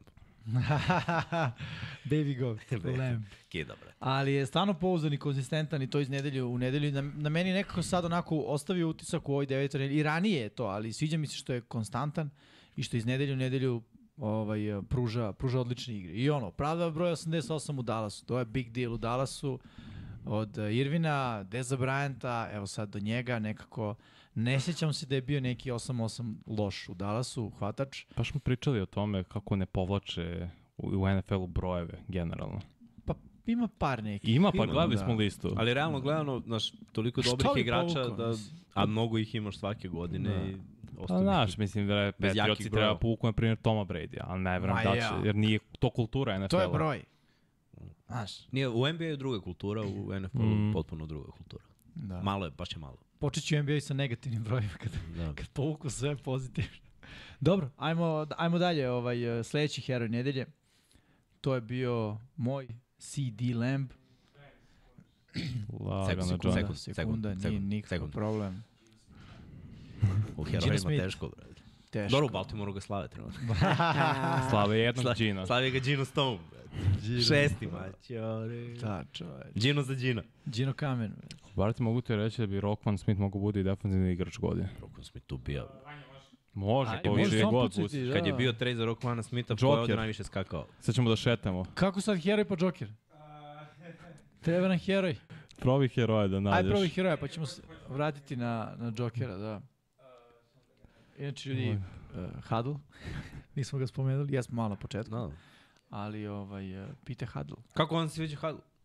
Da. Nismo pitali navijače svih, tebi je najpotrebniji, brate, hoćeš? Može, može, samo ti cepaj. Meni je heroj Antonio Pierce, čovjek koji je postao glavni trener Raidersa 5 dana pre utakmice. Promenio je energiju, kulturu, raspoloženje u slačionici, to smo videli nakon što su pobedili. Nisu oni slavili pobedu, oni su slavili zato što Josh McDaniels više nije glavni trener. A. Pa to jest, rekao. pa mislim da jeste to tako. Slavili su promenu. Ajde, Pa, da pro, pa dobro, ajde. Ali najvažnija stvar jeste da je ostvario prvu pobedu na toj utakmici kao glavni trener i vidi se, on je o tome pričao. I Davante Adams isto priča o tome da je želi da prođe kroz zid za Pirsa. Bivši igrač, Super Bowl osvajač, Pro Mhm. Bowler sa Giantsima i on je bio lider te odbrane. I vidi se da je on, Middle linebacker. tako je, lider u slačionici, da njega ljudi prate. E, inače, ova slika i da je bio uh, tragičan, mogu bi njega da, Da. kroz staviš. Ovo je ona slika, znaš kao...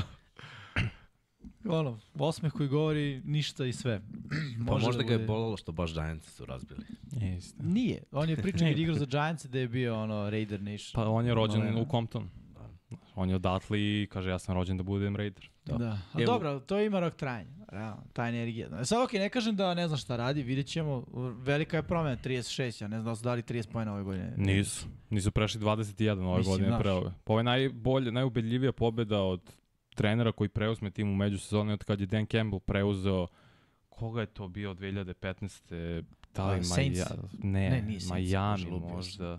Možda, može si Moguće pravo, da se bude preuze Miami. Inače, samo da kažemo, igrali su protiv krš ekipe. Tako da... Dobro. Ne, nije Pre- sve kao Raidersi, Raidersi, I, nego su Giants. Dobro, i oni nisu bolja, Buffalo za krš. malo izgubio.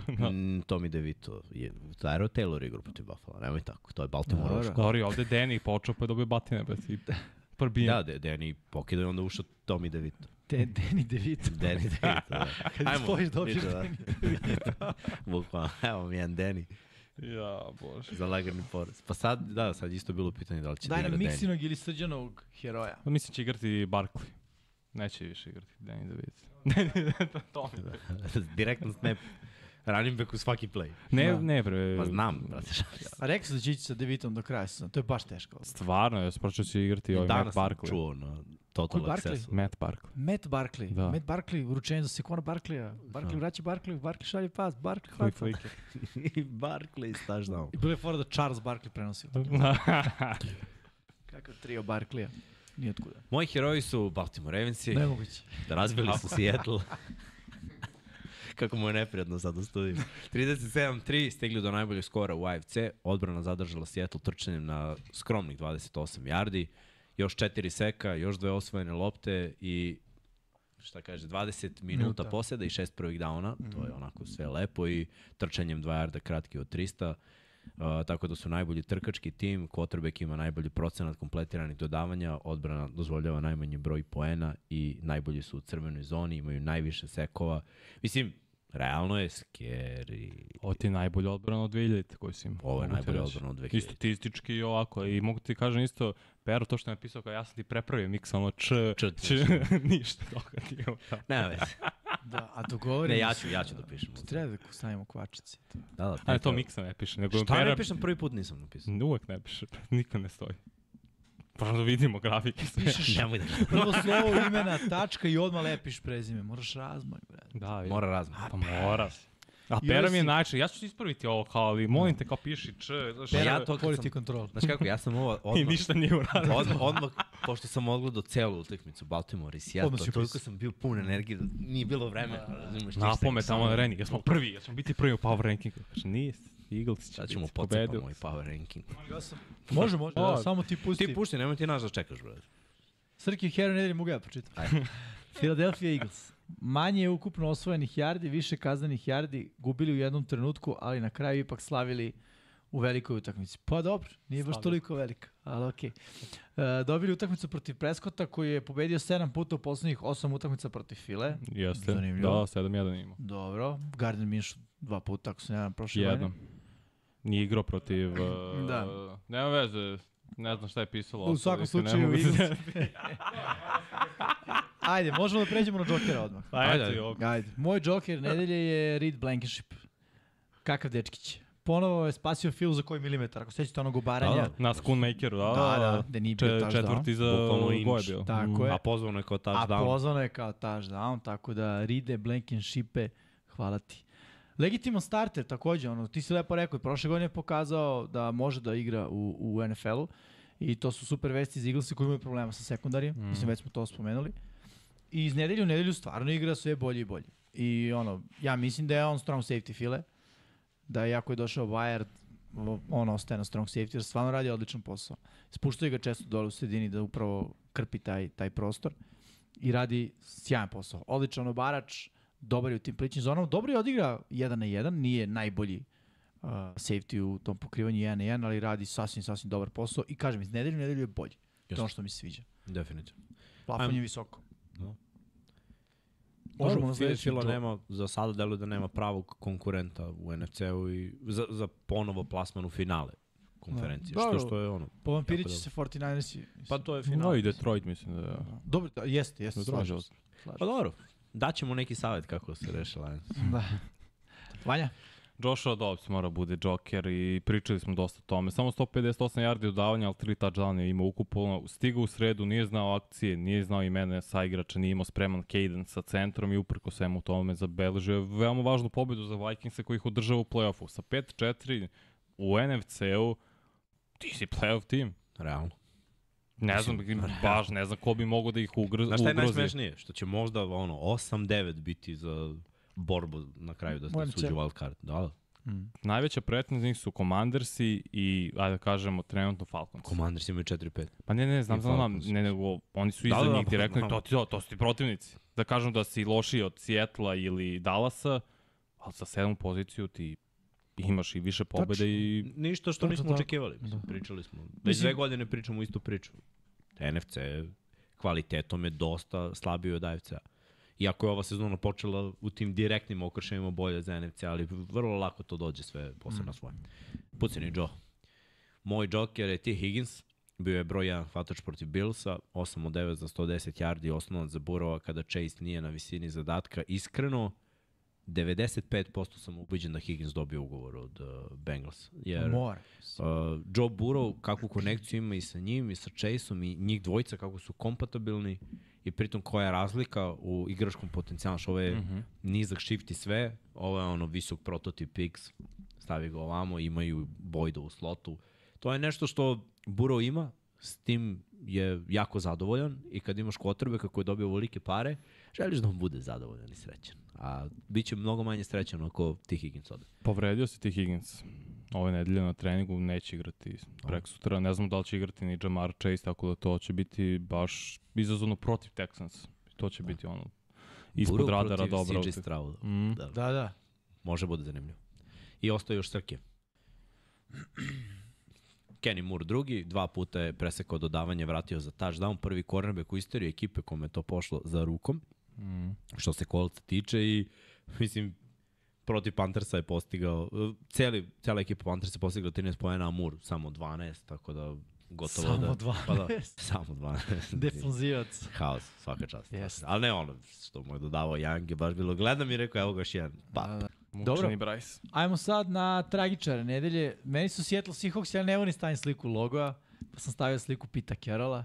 Nije on nužno, da kažem, uh, boogeyman u toj priči, ali ovaj, meni deluju su oni pretenderi. Još jednom izvinjam se na fanu Seahawksa. uh, a stvarno deluju da su pretenderi jer prosto kao što rekao, Gino Smith ima taj plafon, Uh, ispod 200 yardi su imali ofanzivno.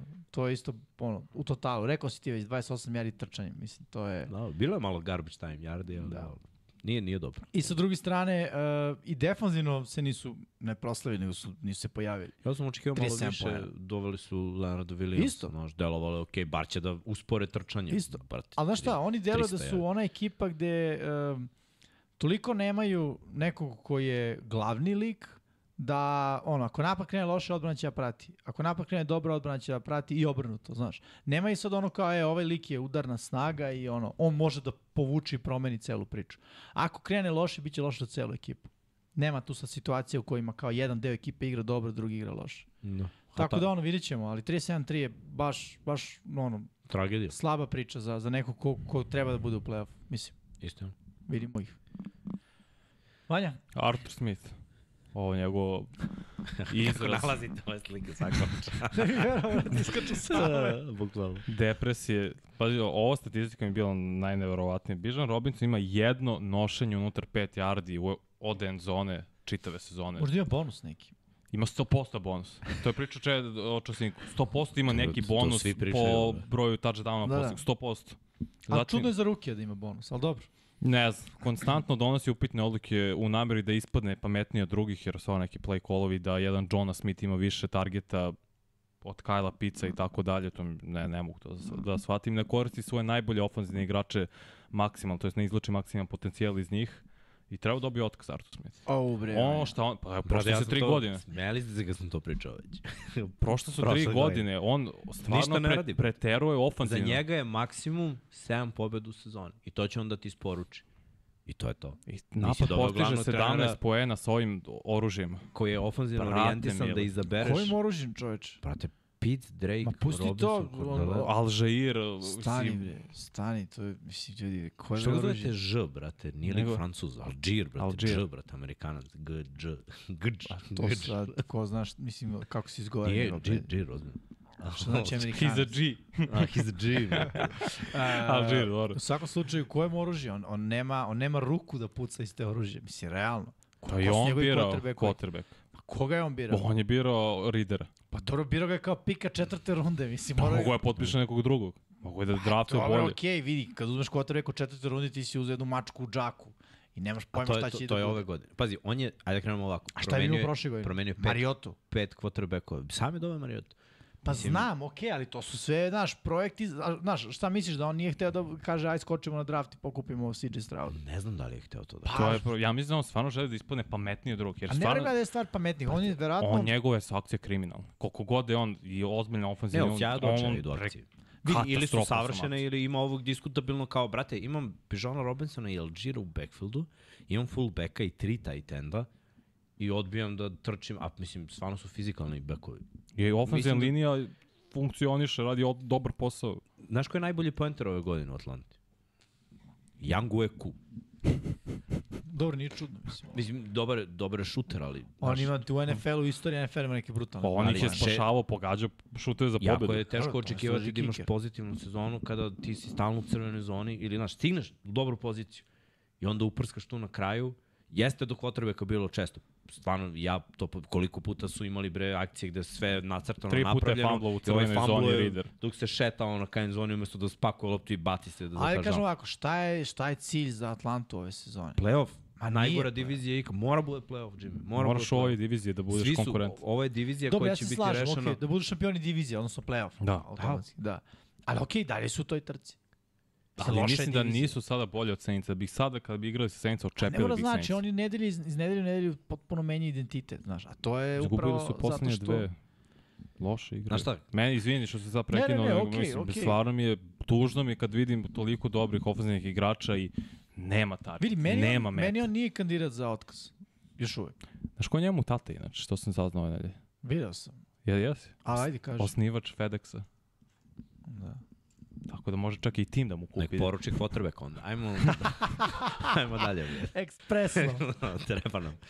Moj tragičar je... Ti ti nalaziš u sliku. Ja sam Gledaj, dobra je, dobra je, tragičarska. Uh, osam puta sekovan, izgubio dva fambla i taman kad uradi jednu stvar isprti iz tri loše, Nemanja Žeca duđu u crvenu zonu, postignu touchdown, očekivano nekad je on na poziciji quarterbacka. Iskreno, ja bih stavio Rodgersa sa jednom nogom da igra, jer je bolji. Mislim, Brate, baca To se ne radi 55 tako, ali- Ja, o, ne, ne Užas. da. Dobro, možeš Užas. da baciš kad nemaš pritisak, realno. A da Mislim, možeš, nego... nogom doći, kad Ne, Ne, ovo, ovo što radi Wilson je užas i ovo je jedan od velikih bastova sa, sa drafta. Jeste.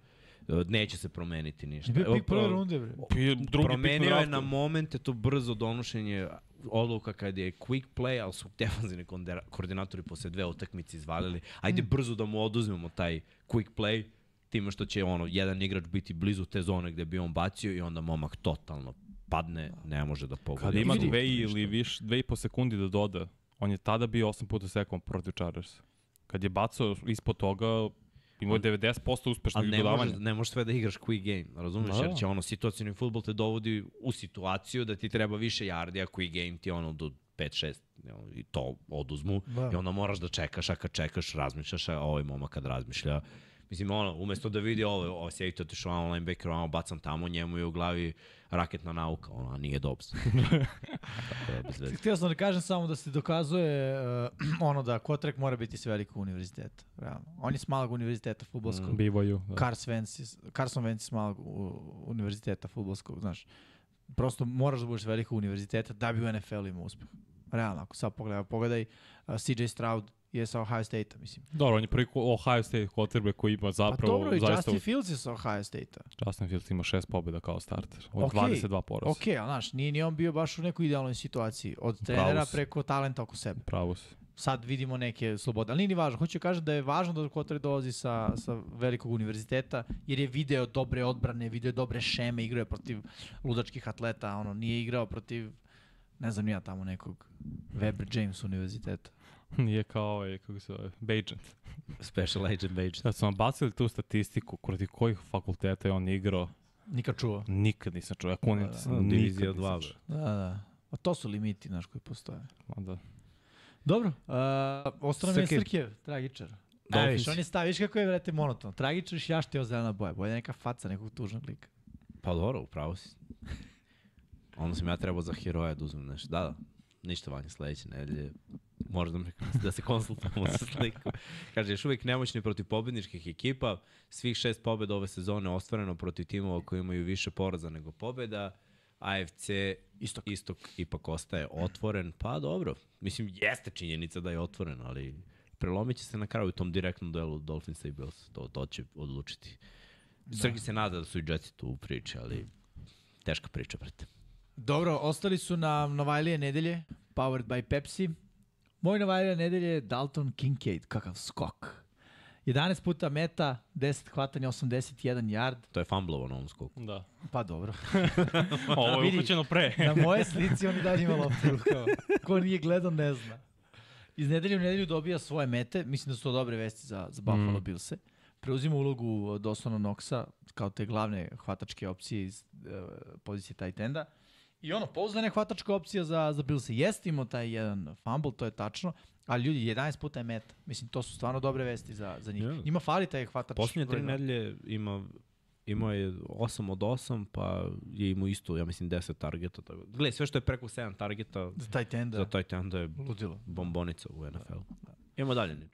Ajde, da vidimo ko je sledeći. Vanjin, Novajlija nedelje. Tuli, tu i Poloto je moj, sedam obaranja, Što pet po... sedam slovima?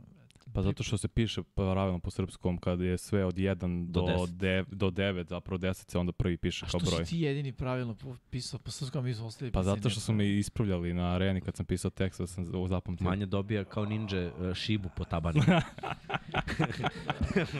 Evo ti Cvetić u dnevniku. Što najgore, tako i u engleskom isto pravopisu. Video sam na E ESPN-u Da. kako pišu, pišu, na primjer, tri touchdowna, THR, Da. EE, touchdown, sve pišu u brojem. Kao prosti brojevi. Da. Šta da, pravila, šta da, ne, ne sviđa se ni meni. Pet požurivanja, dva seka, dva obaranja za gubitak yardi. Napravio sjajan trio sa Kalilom Mekom, sa Joyom Bossom, koji igraju bolje. Outside linebacker, defensivna linija radi bolji posao protiv katastrofa ekipe, Protiv da se razumemo. Protiv Bersa i protiv Jetsa, ali makar protiv njih mogu. Da i protiv njih ne mogu, ono bi se zaista zabrinuo i bilo bi baš ono upitno sve Lej, od, NFL je toliko, toliko dobar da ove, znaš, ova takva godina da ako samo pobediš loše ekipe, mislim, Nekako, u nekoj si dobroj bićeš priči. blizu play-off, ali igra stvarno tu i po lotu sve bolje. I vidi se njegova agresija i uči iz nedelju u nedelju, tako da mi se sviđa taj dečko sa USC-a. Ajmo dalje, Niđo. Moj Novajle nedelje je Keaton Mitchell, imao je sjajan učinak protiv Seahawksa. 9 trčanja za 138 yardi i skromni prosek od 15,3 yarda po nošenju. Prvi touchdown u karijeri i nagoveštaj da su Ravensi pronašli još jednog odličnog trkača. Polako. Da, odličan, baš pataš tu reč olako. be.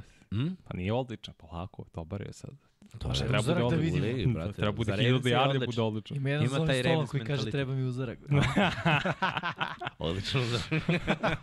Za mali uzorak. Ne, ne, ne. Ali pogledaj, brate, prosek. Znaš šta me oduševljava? Što utakmice. konstantno ove godine igraju bez jednog startnog ofanzivnog linijaša, trčanje pali. Sa različitim bekovima. A zanimljivo sve ostale ekipe imaju konstantno. Dobro, Pa nemaju ove prosek Nemoj. Šta ti kažeš? Dobro, to je tačno. A mislim, to traje godinama za, za Ravens. A i stalno se menja ofanzivna linija. Iskreno, želeo bi da, da priđem Mm. ovom treneru ofanzivne linije, da mu stisnem ruku, kažem, pum, sa Vera majstora, ono, Matori Šta? kako ih povređuju Ono, svaki ti čas. šta? Kako n- središ sve to kad se svi povređuju svaka čast, brate. Kako je Linderbaum odigra utakmicu? Odlično. Nekoliko, a ne odigra. Ove godine nije igrao dve. Pa dobro. Ili jednu, jednu ili dve. Znači odigra 7, 8 od 9. Da, dobro. okej. Do, dobro. Ma, Ostalo više još- Moses i Stanley malo Da, se, Stene katastrofa. brate. Srkijeve, tako? Pepsi, Yes. Novajlija nedelje. To je CJ Stroud, on, no-brainer, realno. Uzeo ga je odmah tu Odmah, noć. odmah ga je napisao i samo njega napisao. Da, da, Do dosta. danas, do, do pet. Da, Onda dosta. je popunio sve ostalo. Postavio rekord za Novajlija 470 osvojenih yardi dodavanjem u jednoj uh, utakmici. Organizovao pobednički napad za 75 yardi u samo 46 sekundi i postavio rekord rating za Novajliju 147,8. To nije najbolji, nije perfect rating. Nije 158. savršen, 158,3 je savršen passer rating, ali... Ali on što ti rekao, on kandidat za bukvalno MVP-a. Ne, apsolutno jeste 4 od 5 njegovih touchdowna je bilo na prvom downu.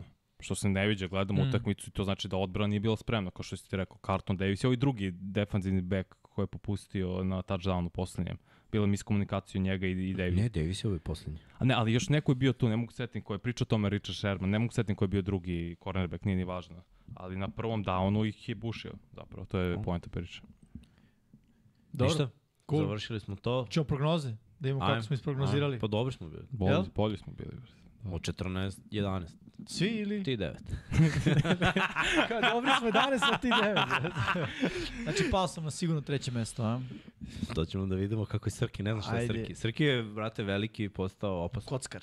Da, Da. kockar, ali bio i prvi. Nema ta ludila kao Da. da. Srkija. Kao drugi Srki. Ne prati ovog člana benda. Tako da, ono, osamostalio se, hoće solo karijeru. Dobro. Da, Ne, prvo prognoze utakmica, to ti imaš iznad. E, to, čoveč. Pazi, još si pustio prvu se. stranu, Alve. pa namislili Tenis- smo sve, pa sad samo bravo. srđan veliki krene od p- treće prvo. Ne. Tennessee protiv Pittsburgha, ja verovo u Pittsburgh kao i Srki i Pablo pogodili. Za malo. Posle Dobro, akcije, dobro, stvarno ne, priznajem. Nije Pittsburgh, ja kažem, Pittsburgh nije toliko dobar, ali na kraju će rešiti. Imaju taj nešto, imaju klač uh, moment. Klačeva. Miami protiv Chiefsa, u Miami verovali Jimmy Vanje ja, promašili Ercik Srki Aj, Pablo, taj. Richie Hill, strašno. Uh, ma, Minnesota protiv uh, Atlante. U Atlantu verovali Jimmy Vanje ja. Uh, Srki i Pablo takođe. U Minnesota samo Erceg i na kraju ušlo. Cleveland, Arizona. Niko nije verovao u, kako Jimmy kaže, vrapce. Rešili su ih Brownsi i to bi bilo to. Svi se zelenimo. Ma da, Može dalje. ja se ne zaradim. A, za Cleveland. Za Cleveland. Da, za to Cleveland, da, Cleveland. to da. To je bilo čak prilično jednostavno da kažem. Mhm. Druga strana, Samo je. verovao si u Remse jedini. Nije se desilo. Znaš da nisam bio znao da Ripa ne igra? Nisam. E, Da, da Da igra. Da igra. Znao Kao da da ne igra. Da sam znao da ne igra. Bio je na terenu, ali nije igrao. Uh, Washington protiv New da. Englanda, što ovo? Što ne? Što New England? Da, samo ti si. Ne, nisi Nije, i nije. I Srki. I Erceg i Srki. Da, Pa dobro, nije bilo toliko nemoguće. Čak i Nije, New England da. vodio. jeste. Realno. Da. Pa mislio sam da, ono, neće dobiti Washington. Znaš da sve više ljudi u oko NFL-a i, ovi- i u što su kao u menadžmentu i tako to pričaju da će Bill Belichick i veruju napustiti Patriots nakon sezone. Pa O, može i da tražit će novi klub. Može samo Ne, da da... Ne, ne, to su Otkaz. priče, nije sad to neko je kao dao izveš, nego to su priče oko NFL-a da Falilo im da popune ono, Moguće. štambilju novina, pa kao izmislimo vest.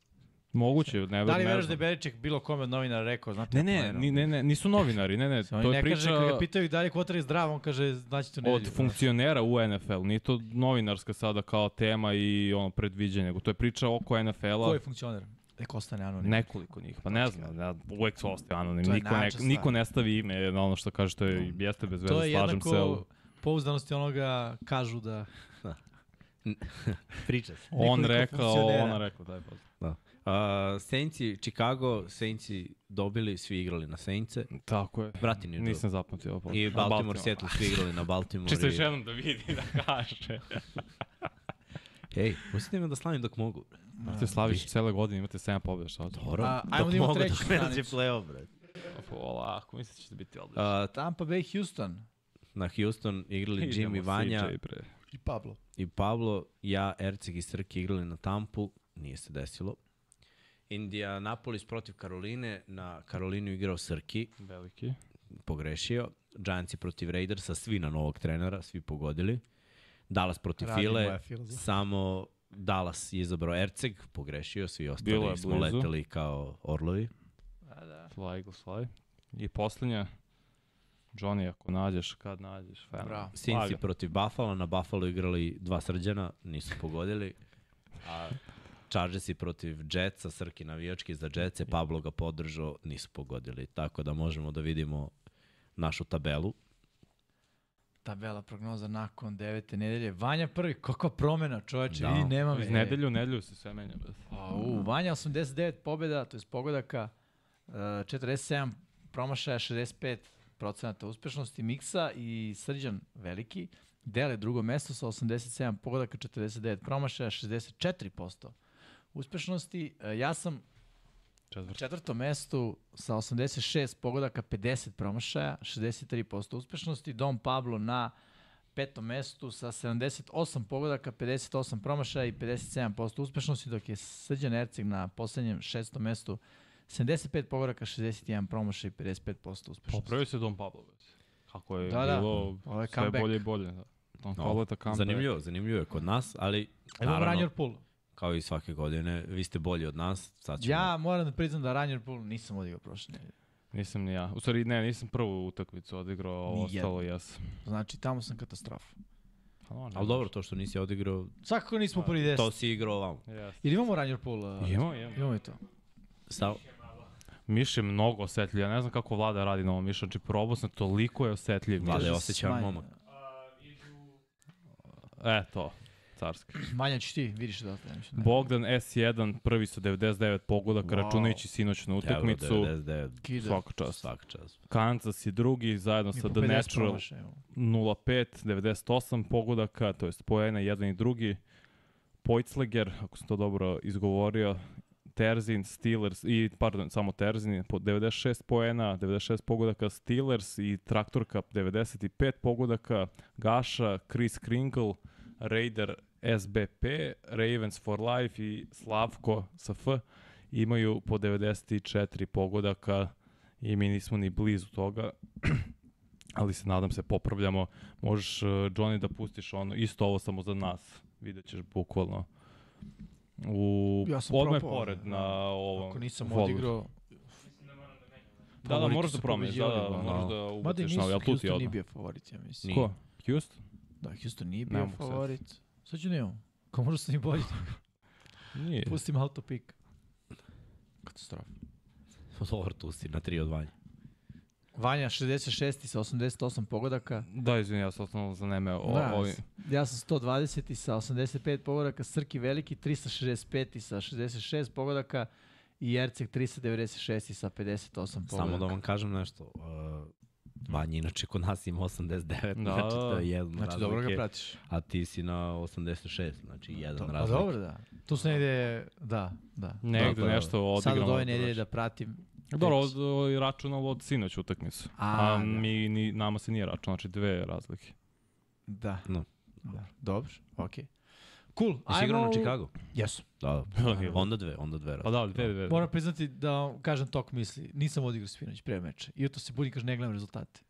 I stanem i gledam ono koga da izaberem i koga rekao special agent, agent. I izaberem Chicago i pogledam dobio i rekao dobro sam izabrao. Katastrofa. utakmica. Ma kako Carolina, nema. Teško, teško. Baš muče. Mm. I od Dobro. Franka Rajha, Frank Rajh je meni, ono, kad su ga potpisali, Jest. rekao sam greška. Oni mladi quarterback, ono.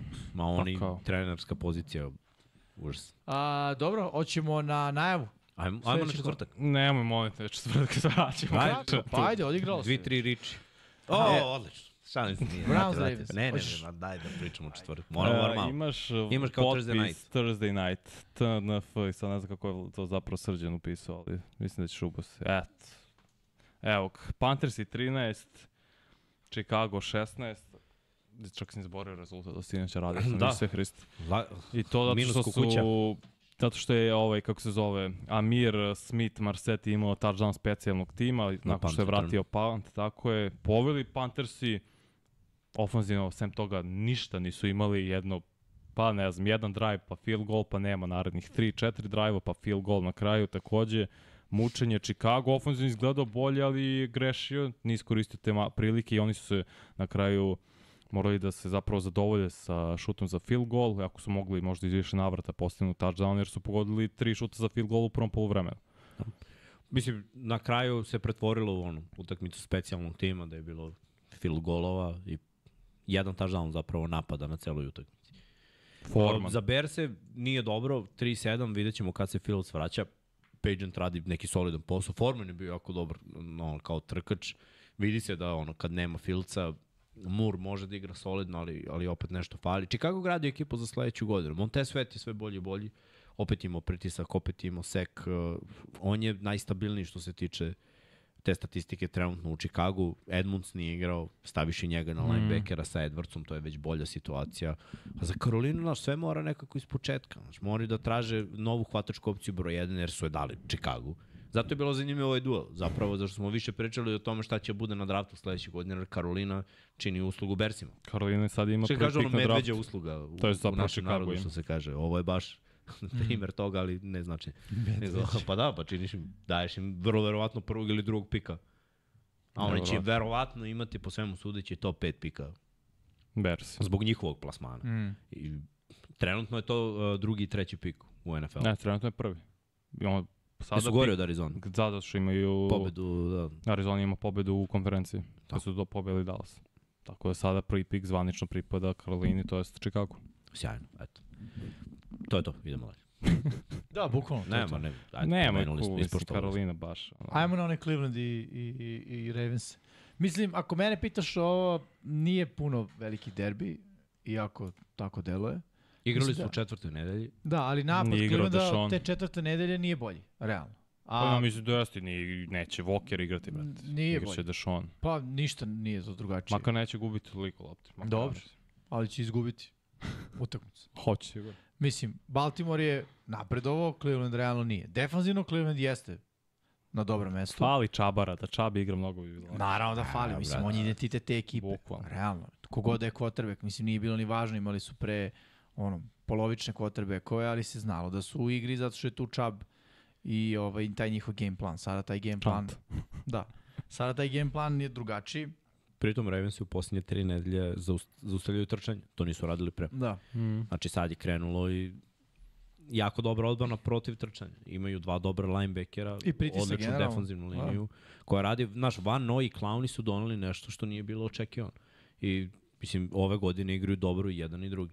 Imaš dva ogromna defanzivna tekla, imaju po 350 funti, mislim, teško je to pomeriti. Cleveland Browns imaju ofanzivnu liniju koja to Mhm. može da pomeri, Ali ali Jedrick Willis se polo, jednom Povredio. teklo povredio i ne znam da li će igrati, ali koliko Mislim je da ozbiljna neće. povreda. ja mislim da ne, mislim da je ozbiljno. Da, da, da, tako da to je problem za njih i Browns, pardon, Ravens su dopustili 9 touchdowna na 105 drive-ova.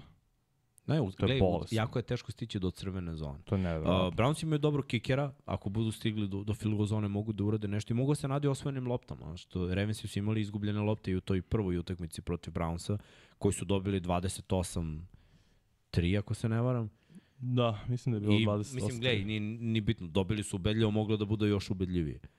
Uh, sekovi idu bolje, takođe. Sve, sve govori o tome da na domaćem terenu treba izabrati Ravens. Ta ista odbrana u punom sastavu igrala je protiv napada Baltimora i ono što je možda atipično za Brownse, protiv Ravens oni nikad ne igraju dobro odbranu. A imali su dobro odbranu i prethodne godine. Ne znam zašto, da li je faktor Lamar Jackson, Znači, dobili su pre dve godine kad, kad je ovo su Koromoa povredio Lamara i on igrao drugo poluvreme, to je povredio se na početku druge četvrtine, ušao je Huntley i Browns je dobiše. Kada igra Lamar, druga priča. Zašto? Da li je ono to, toliko taj read option problem, da li on kupuje sekunde kada treba da doda, znaš, da li, da li oni i Andrews imaju to neku konekciju. Andrews igrao jako dobro na prethodnoj utakmici, baš u četvrtoj nedelji protiv Cleveland Brownsa imaju rešenje za trčanje kad igra gas, jer je gas fizikalni trkač koji uđe u, u tu odbranu jako. Šta znam, Stanley- ne vidim način, Brownsi da bi povedili ovo moraju da osvoje lopte, da ne izgube ni jednu loptu i Deshaun Watson mora da bude Watson iz Texans. Mhm. To je, to je recept. Mora i Stanley, bit će dobar matchup Garrett protiv Stanley, uglavnom je Garrett, Garrett na levoj strani. Da, da, mora Stanley da radi i ponovo dobar posao. O, Kao što je odradio, ne znam da li on... Stanley nije igrao prošlu utakmicu. To je, pazi, E, igra, znači, to je zapravo problem, nemoj da igra ovu utakmicu. Garrett je igrao protiv uh, McCarrya. Jedan sek. Uh, znaš, nekako mi deluje da, da je mnogo kompaktnije u, u Baltimoru rešavanje Milesa Garretta. Bukvalno ono kao nek nas reši za Darius Smith ili kogo s druge strane, ali Garretta da limitiramo na takav neki impakt. On ipak priđe Lamaru uvek i priča ono tim nekim frustracijama, ono kao uradim sve, brati, priđe mu i ono, taman da ga on izbaci loptu ili pobegne ili ode na stranu i no, nema podrške. Tako da verujem da je frustracija Brownsa dosta zbog quarterbacka. Mm. Dokle god Jackson igra na ovom nivou, Jackson zna da potone naravno isto, ali dokle god igra na ovom nivou, pošto trenutno nivo neverovatan, dokle god igra na tom nivou ostvarivo. Protiv Steelersa, na primjer, potonu u drugom polovremenu. Ali hvatači ga Ne, ne, nisu hvatači, na kraju nije bilo do hvatača. Na kraju je on potonuo zbog hvatača. To ne smeš da radiš kao vođe ekipe, kao, znaš, uh, eto, dešava se svima, desilo se i Mahomes. Ma da, Znaš kome se nije dešavalo? Bradyu. Koji isto imao ono probleme tako, ali čovjek sa njegovim mentalitetom uvek bio ono. Idemo sad, sad je, sad će. To moraju mladi quarterbackovi da razviju, taj neki ludački mentalitet, da ono, To ide s vremenom, s godinama. Pa, igrao verovatno. 20 godina u ligi. Vrlo verovatno, ali seti se ono, otpišeš ih, daj 8-3 bre, u Superbowlu ništa nije išlo kako treba ili ono, sledeći play, to je to. Meni malo fali taj mentalitet, da, da imaš takvog nekog čoveka. I ono, ko Jordan, Joe Burrow ima to. Pa ima. Da. Joe Burrow je te pričao Jordan Palmer, baš on ima tu sposobnost da on zapravo emocije totalno isključi. Mm. Treći za šest, vrlo važan, to je za njega samo treći za šest. Nije treći za šest da reši utakmicu, ne, ne, to je treći za šest, to je jedna akcija. Idemo dalje. To Joe Montana isto imao kad je ona čuvena priča u Super Bowlu kad je video nekog poznatog komičara uh, u među gledalcima i ono, ovo ti je drive da osvojiš Super Bowl. Samo rekao je u hadlu ljudima, e, evo ga ovaj, ne mogu setim koji je bio komičar. I ljudi kao gledaju o čemu ti razmišljaš, kao šta si ti primetio ovo, kao drive života, ti gledaš ono na sideline-u ko je u, ko gleda utakmicu, ko je u među Dobro, ne dozvoli da ga pojede trenutak. Upravo to. I onda su se svi opustili nakon toga i odradili odličan drive, osvojili Super Bowl, a to ima i Burrow. Znači, samo je ono, toliko je uh, bez emocije, toliko igra sa jednom vrstom smirenošću da je to nevrovatno. Ne, I za razliku svih mobilnih quarterbackova, u tim momentima pod pritiskom njegova motorika izbačaja je takva da ne nateže. Uh, tu greše mnogi mobilni quarterbackovi, uključujući Dešona Watsona i Lamara Jacksona. Lamar ove godine je 10 puta fumblovo, izgubio je 6 fumblova od tih 10. 5 ili 6. Ali to je problem. I tačno vidiš, baš i protiv Pittsburgha imamo taj moment kad treba si Juri rezultati, kad on čeka, on voli da ono, pruži ruku i to je problem. Znači, kad imaš ovako dobre Evo, defanzivce kao što je kad Miles trči, to Garrett. si, ti si to pričao. Da, drži loptu kao veknu hleba. To, to se ne radi. A Burrow vidiš da ima lopte kao i Brady uvijek tu na grudima negde. Mm. Dobro, bio tak krul jednom, ali... Znači, kad ga je Charles Woods. Charles Woodson naterao da prizna da je bio pa. Pa šta prizna čovjek. Ali ne, ali on nikad nije pričao to. So it's, that's a fumble. I ovaj kao, da, ali u stvari i Woodson, "Aaa!" Samo to mi je kao trebalo. Ajmo dalje. Evo dalje. Ajmo, sledeća najava su Delo je da će ono, ovo biti minus Da, poeni. A ovo, 49ers i Jaguars. iskreno, ja mislim da Jaguarsi dobiju ovo. Zašto? 49ersi idu sa zapada na Floridu. Jesu imali baj, To, čoveče, tri poraza za redom, mislim da će biti četvrti. mislim. I Jaguars su imali baj. Mislim.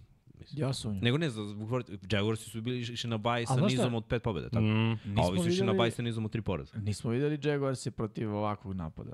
Mislim, tog shiftija. Pa šta je ovaj taj napad? shift i bez Dibo Samuela nije taj Ali napad. Dibo Dobro, igra, Nije. ali I- ne znamo da li će igrati Trent Williams. On je game Trenta time decision. Williamsa. Prvo, Jaguars imaju najviše osvojenih lopti defensivno. ligi. 18, da. Brock Pardy je počeo u posljednje... Gledaj, kad nema Di- Dibo Samuela, Brock Pardy baca interception. ga, tako? Sa Di, Dibo Samuelom, Igra, igra Dibo. 8 touchdownova, nula interceptiona. Bez ima odnos 5-4. Uh, od toga u posljednje tri utakmice je gubio loptu u svakoj. Uh, McCaffrey ne trči na nivou, ne znam da li se oporavio sad za ove dve nedelje koliko je napravio pauzu, ali trebao bi im onaj McCaffrey sa 100 yardi trčanjem, a ne on McCaffrey sa 50 Ispod yardi trčanjem. 60 yardi poslednje četiri On utakmice. postigne touchdown, ali nije to na onom nivou kojim treba. A Juk, vrlo lako kad imaš samo jednu hvatačku opciju da je neutrališeš, tako mi deluje. Uh, takođe, kada pričamo o odbrani 49ersa, iskreno malo su i oni popustili. A ovde imaju stabilnu, rekao bih, Jaguarsi postavu Etienne, jako dobro trči, koriste ga. Da. Skoro Calvin 600 Ridley, yardi Kirić. trčanjem. Mm. Trevor Dobro, Lawrence, ajde vidimo da li Tijan može trči protiv ove odbrane. Ajde, to me zanima. Ja mislim da može. Plus Chase Ja mislim Young da se sad vrat, zapravo prvi put će debitovati za 49ers-e. Ja mislim da će, uh, da neće trčati, da neće moći da trče Jaguarsi protiv njih, a ako ne budu mogli da trče, Znaš šta je nas još dobro? Kada Etienne ne trči, često hvata iz backfielda. Da, da. tu želim da vidim Warnera, onda da li može da, da, da isprati. Ok, ajde da vidimo. Sigurno. Jer poslednje tri utakmice odbrana 49 se nije isporučila. Ali vidi, i ne igraju oni čak to direktno pokrivanje čovjek na čovjeka. Oni uglavnom forsiraju cover ono, Da. šest, ono, cover 2 na jednoj strani, cover 4 na drugoj strani.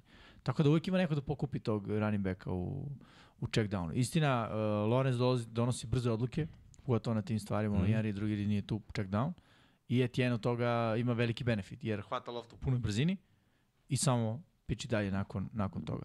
Ja mislim da, da će ovo biti ono, utakmica iskupljenja za 49ers-e i dobar način da otvore nastavak sezone nakon, nakon baj nedelje. Pa sve je na Pardiju. Ne sme da greši. Brock Pardy mora da igra kao što je igrao na početku sezone i prošle godine kada je dobio priliku. Vidjet ćemo sada da li će, jer je sad drugačiji, da, vraća se Samuel, ali sada on iza sebe ima tri loše utakmice. Nema veze. I to je veliki problem A za zašto njega. nema veze? Zato što, vidi, on nije elitni quarterback koji će da pravi ono, anonimne hvatače da budu dobri. On je ono, respektabilan, dobar quarterback, ali mu treba podrška ostatka ekipe. Znači, ako ono, ima Jenningsa kao hvatačku opciju broj 2 i ako je jug zatvoren, onda je ono, problemi malo ne nastaju. E sad, e, aktivirali su Kitla, što oni obično rade polovinom sezone. Kittle dobije veću, veću produktivnost e, u odnosu na početak sezone, može to način da ga malo zaštite od povreda, ne znam ni ja. Ali ima i njega, Dimbo Samuel, Dimbo Samuel uh, Brandon Ayuk je tu, uh, McCaffrey, ono što fali malo je taj ono, drugi, Konstantno trčanje. da, drugi udarac kada govorimo o trčanju, mm. -hmm. ali sa Dibom Samuelom to će dobiti. Mislim, zbog tih lateralnih kretnji, uručenja i ostalih stvari. Raširit će to odbranu da bi McCaffrey mogao da trči između teklova. Zanima me kako će Josh Allen izgledati. Ove godine je defensivni jedan. Josh Mm. Allen igra veoma dobro. Oluakon koji je postao nama no, novi omiljeni igrač i takođe i stvarno kide i defensivni bekovi su malo anonimni, ali igraju sjajno ove Pa godine. znaš zašto su anonimni? Zato što Jaguarsi se nisu dokazali. I prošle godine krenulo taj... Evo pogledajte, to je ono što mene nervira jako kod NFL-a. Prime time, radimo Jetсе, Chargerse, Raiderse i Berse po dva puta Karolina. i Karolinu. Te su Jaguarsi, brate. Imaju 6-2. Lako su mogli da stave San Francisco, Jacksonville, Izbaciš, Sunday. Night Football. Izbaciš, kakav Sunday Night Football, gledam Jetse, bre, pet puta ove godine. Mislim, izvinite, su ono, Hard Knocks. svi navijači Jetse i sve što ja ali, malo veruj mi, ovako... bili su hard knocks ono. To je nagrada. Ko, ko je bio? Jetsi. Jetsi. Dosta. A. Niko nije teo hard knocks ko, da- ko, ko Šugo će dobiti. Glej, sve u redu, trebalo da igra Rodgers, napravili su, napravili su ovaj, takav raspored, nije se desilo, igra da Zach. Wilson, Menjaj. lagano, 19 časova, red zone, najmanje da ih pustimo i prebaci ovu utakmicu Sunday night. Znači, Mogli su, se da radili ovo su ne i bi to. bio vrhunski Da, da, da, jest, jest. Radili su to i pre, menjali su termine utakmice, Ma mogli vidi, su ne samo promene. to, nego ja mislim da oni imaju ono, par nedelja unapred, ono, to be decided. Da, šta će biti, da će biti Šta nisu znali prošle nedelje da je ovo vrhunski Pa meč. istina, možda su pre četiri odlučili, znaš. Ali Možeš misliti kao, igrao je Rodgers, kao, na treba, da ode. A, ajde Zach Wilson, on ima, znaš, u Njujorku vole futbol, šta ovamo ne vole, mislim. Dobro, ajmo na sledeću Ja očekujem stvarno vrhunski Mm. meč, nije ovo, ovo je bukvalno 51-49%. Da. Mm. Više problema su mi pokazali 49ersi u posljednjih uh, meseci po dana nego Jaguarsi. A ovde problemi su na obe strane, E, ali nije, Titansi su u boljoj poziciji, moraš priznati. ali imaju problema. Imaju problema, naravno. Sad, sad su Te smo shiftovali ovo svoj problem. izdvojili. Znaš šta misliš? Jel da, sigurno to napisao. Pa ni, Pa ali ovo nije Cincinnati piše Uh, Titans i Buccaneers. Uh, ovo smo već Lago, obradili, uh, 49ers Tex. Texans, uh, Bengals. Lagan. Lago, lago. Pazi, prvi put Nije je za, ovo tako za, da radiš za prvi sad put za nešto što ne prati kidu. Texans, Bengals. Slej. Shoot. To... Toliko o tome. Da, da. Mislim, vidi. ovo ispod radara je ozbiljna utakmica, još pošto ne igra T. Higgins sigurno možda ni Jamar Chase. Dobro, to će definitivno Čekaj, pomoći sigurno možda. Što znači Ne, rekao sam sigurno ne igra Higgins, a, A, možda ne igra Jeste, zove, Jamar ne igra Chase. ti Higgins, a sigurno možda ne igra ni... Znači, 100% možda ne igra. Možda da, i 100% ne. Uh, pazi, realno gledano, CJ Stroud ove godine je pokazao dve mane u dve utakmice, kad je pritisak bio neverovatno jak. Eto, to Bengalsi treba da urade. Stavi ga na muke, zatvori trčanje i imaš utakmicu. Ali veći uzorak je pokazao da je to teško raditi Da. protiv ovog momka. Secondary Bengalsa se konsolidovao, mnogo bolje igraju u posljednje 3-4 nedelje. Vidjet ćemo, ti mladi, znaš, mladi hvatači, nemam dovoljno uzorka, oni deluju da mogu da pobede svaki sekundari. Možda i ne mogu, ko zna. Vidjet Bi, ćemo. bi, definitivno gledamo duel dva dobra mlada quarterbacka. I ovo je pravi ispit za, za Strauder, mora da pobedi ekipu sa severa AFC-a. Mislim, nekadašnjeg Super Bowl učesnika. No. Mislim, I Bowra mislim, je... prošle godine su finalisti AFC-a. Ovogodišnjeg tako Super da. Bowl učesnika. Tako je, možda, moguće. M, Stvarno je to Eagles, moguće. Bengals. Bengalsi igraju najbolje od pete nedelje. Najbolji diferencijal imaju što se tiče postignutih poena i primljenih. Neporaženi su od tada i pušli su ritam svoj. Mene zanima kako će defanzivna linija Will Anderson, Jonathan Greenard, koji igra isto dobro, igrati protiv ove ofanzivne linije, koja se popravila. I videli smo Orlando Browna koji igrao odlično protiv uh, 49ersa, na primjer. E, neutralisano je to tim brzim izbačajima, što sam pričao, uh, Joe Burrow, znaš, povezali su se, mislim da, ok, bez Higginsa i sigurno možda Chase-a, šalim se, ovaj, e, može to da bude za Bengalsi problem, ali sve što će trebati ostali hvatači da urede je da uhvate loptu. Mislim, realno, Joe Burrow donosi dobre odluke. E, Ali zanimljiv matchup definitivno zbog nedostatka ta dva igrača. Ako Chase ne bude igrao, Higgins ne igra sigurno. A, ne, ne, ne treba otpisati Texanse jer su pokazali da igraju sve četiri četvrtine Mm. i da su generalno dobra ekipa, umeju da vode pa da privedu utakmicu kraju, umeju da a, budu za ostatku pa da, pa da naprave preokret, tako da a, mislim da je dobar meč. Realno ako pogledamo, jedna pobjeda deli ove dve ekipe. Nije, Da, nije, da. iako smo u ovom trenutku mi sigurno smo na početku sezone videli jedno barem šest pobjeda za Bengalse i maksimum dve za Texans. Desilo se nešto drugačije. Da misli ih pobede? Kako bi se onda Texansi? komplikovao playoff, Da. da. playoff slika, da, da. Mislim da to, da se, no, prosto jako teško da se desi. Mislim da je ovo sada period kada Bengals igra jako dobro. Kompletni je tim Cincinnati igraju kod kuće, jako dobro igraju kod kuće Mm. mm. kada prođe oktobar. Tako da ovo, ovo je sad već sve na njima, ono, da li će pobediti izgubiti. I opet kad moram da, bi- ako moram da svedem sve na ono, u koga više verujem, Joe Burrow. Joe Burrow je ipak, Veći uzorak. no. Pa ne, le, le, lepo igra se. O, Ja redko kad hvalim ruki quarterback, ali kada to uradim, stvarno mislim da, da govorimo o nekome ko može da bude franšizni quarterback. Slažem se. Mislim da, da Stroud može da bude franšizni quarterback. Što je super, jer nismo videli od baš od Joe Burrowa, od njegove generacije, takav quarterback.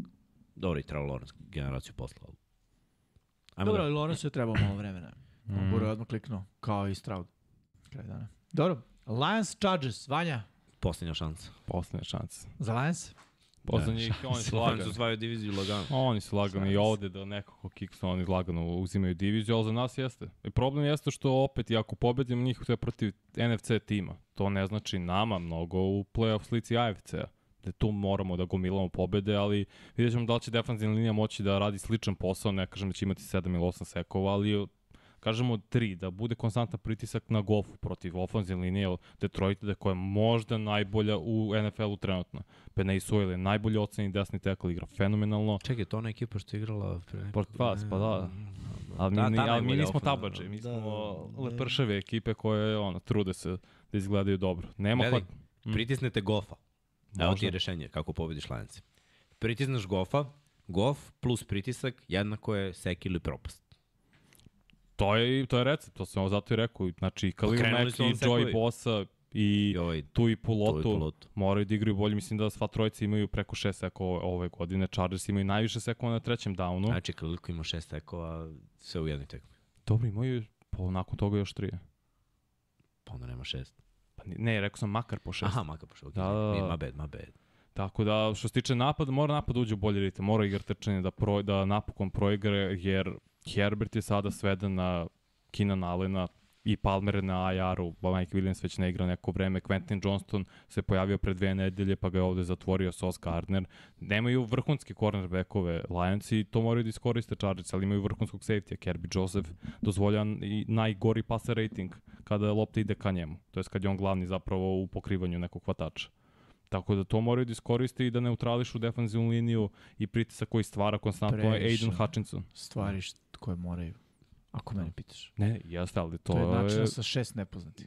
neke stvari i rade dobro ofanzivna linija, sem protiv Česa koji imaju vrhunsku odbranu, top 3, top 5 u Dobro, ligi. Detroit ima dobru odbranu. Pa ima, ne može, ne vrši pritisak Dobro, nije ovako. odbrana Jetsa, slažem se. Ali... I tu ofenzivna linija može da radi bolji posao, da daje više vremena Herbertu i mora, opet Staley mora napravi, ne Staley, pardon, uh, Kellen Moore mora napravi bolji ofanzivno šemu, ideju za ovu utakmicu da će olakšati i Joshua Kelly da trči, kao što Znaš je šta? trčao protiv Bears, imao dobro trčanja, ima i protiv čak i Cowboysa dobro trčanje, za Ekeler, da igra trčanje, napokon proradi od prve nedelje. Slažem se, ali ono, kao, zašto bi jednom verovao Deda Mraza? Mislim, devet nedelja to nije radio, što je ova ključna? Mislim, ne ključna, nego što je ova ta kad se sve menja? Jer nemaš hvatačke opcije i ne može Herbert sa- kad je povređen da nam doknadi sve to. Ne, ne, ja, Svaka čast što ima izgubljenu loptu protiv uh, Jetsa, pogotovo ono kad je fumblovo i neko zadržao samo jednom šakom i posle toga istočao za novi prvi down i kad ključni drive je bio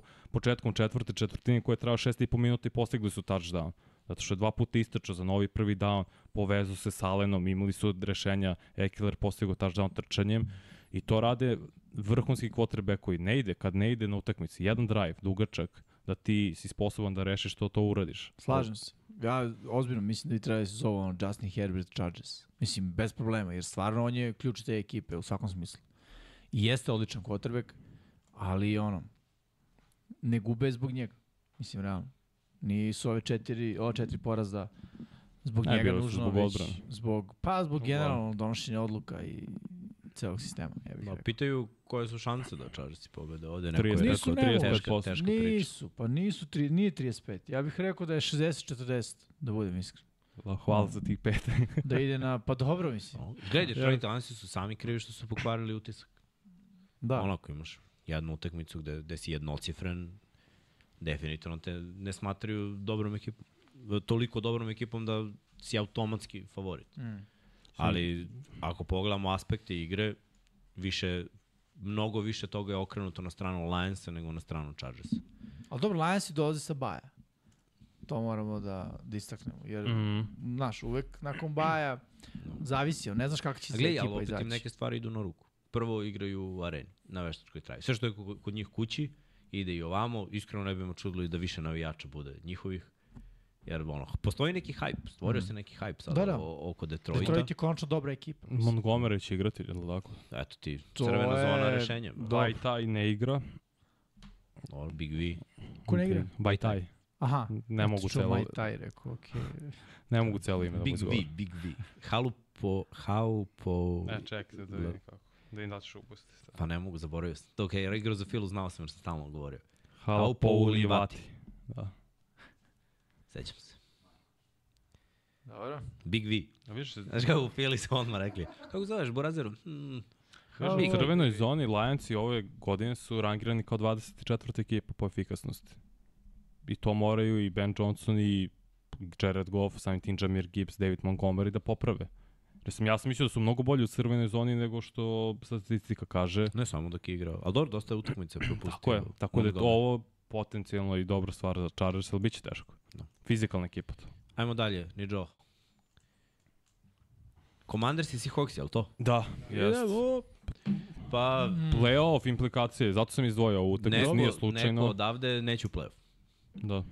Vrlo verovatno onaj ko izgubi ovde, zato što je ovo direktan konkurent. Uh, prošle godine je isto tako se desilo. Lionsi su izgubili od Seahawksa i onda je u tom tiebreakeru na kraju zbog te pobede Seattle otešao u playoff, a Lionsi nisu.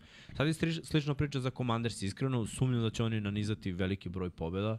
Uh, već su zabeležili poraze unutar svoje konferencije. Ajde to da pogledamo koliko, Diviziju? koliko ima. Ne, ne u diviziju, u konferenciji, koliko imaju već poraze. Jer su izgubili dve od File, Ko? Commandersi. Pa izgubili su od Chicago, izgubili su od Giants, to je četiri već, od Da. pet poraza svojih. Ne znam ko je peti bio. Cowboys. Nisu Sad još. ćemo imamo da... Sad ću ja da pogledam, da. To su četiri porazi, ne mogu setiti od koga su izgubili tu petu utakmicu, možda je bila Seahawksi su jednu izgubili protiv. Ravensa, to je AFC, ali izgubili su jednu od Ramsa i od, La, od ne, Lionsi su dobili. Lions su dobili. Tako da Seahawksi trenutno imaju bolju, bolju situaciju. Commandersi Mis- baš moraju da daju ovu pobedu po svog tima. Od Billsa još. Pa eto. Samo jedna AFC ekipa. Znači, zapravo imaju Samo šta, jedan. 4-1 ali su u NFC. pobedili dve AFC ekipe, Broncos Aha. i Patriots. Znači, šta Znači imaju? 2-1 protiv 2-1. AFC-a, I 3-1 onda protiv NFC.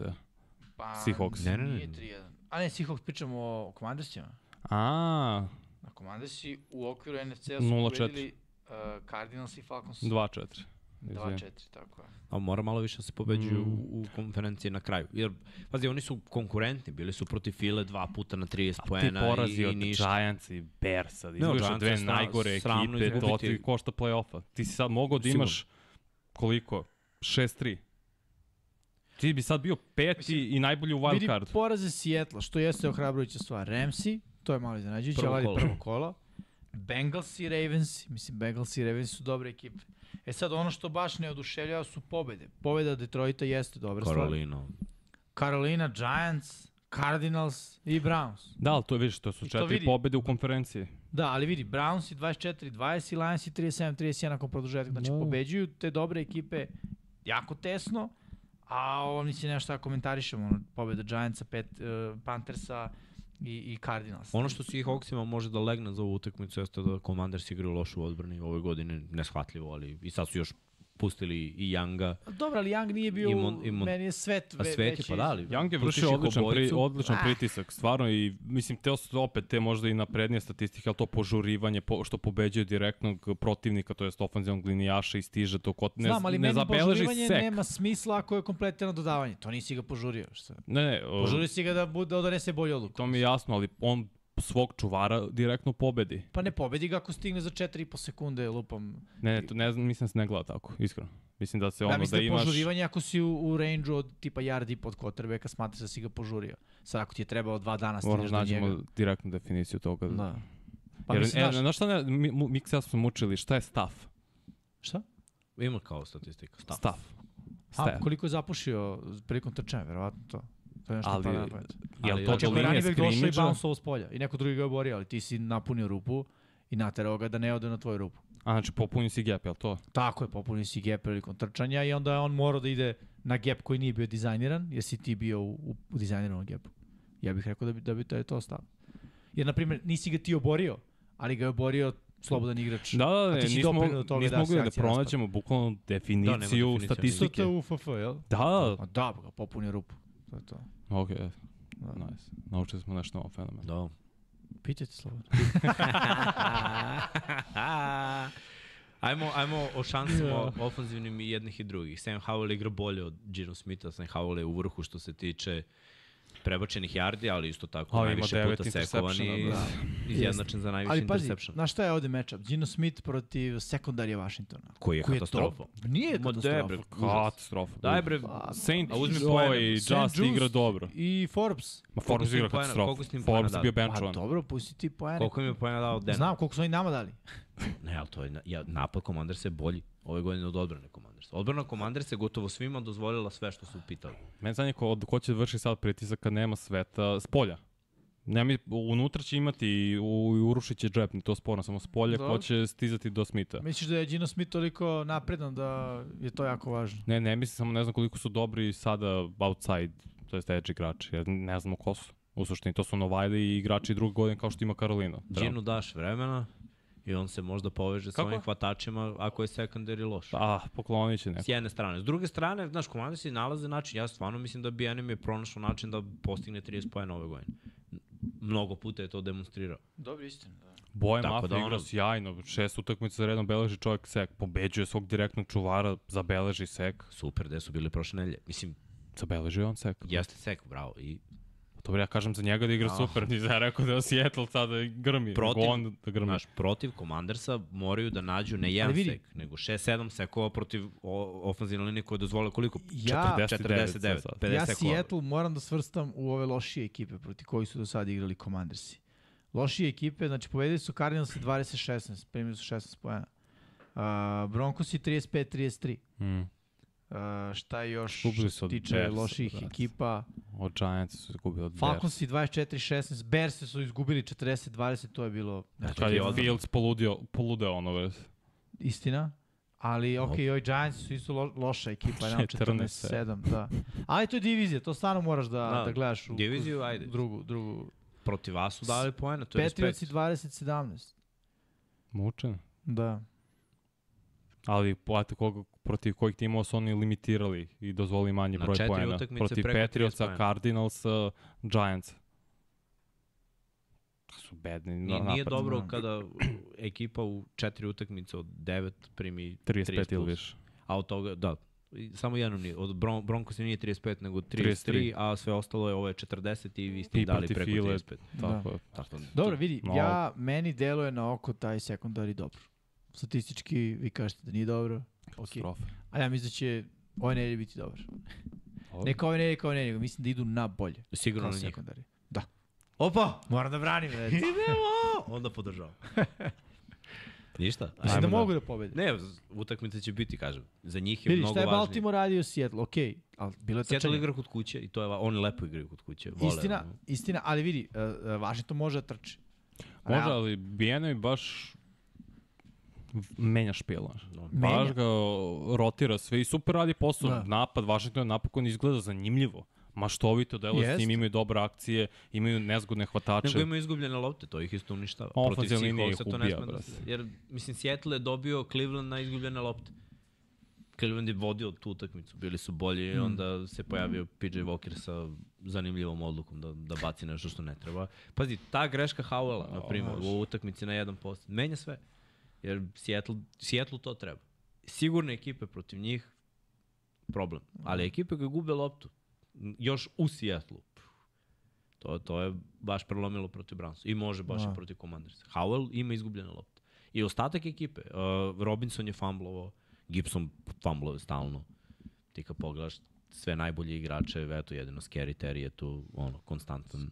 Da. Mada i on zna da, da odigra prosek utakmicu. Vi- Vidjet ćemo. Ovo je jedan od najzanimljivijih duela, definitivno. Dobro, da, ne, neće biti spektakl, ali bit će zanimljivo. Važan duel za playoff svako. Ajde vidimo sve ostale utakmice, da ne izdvojamo Ajde. jednu po jednu, nego da pustimo sve.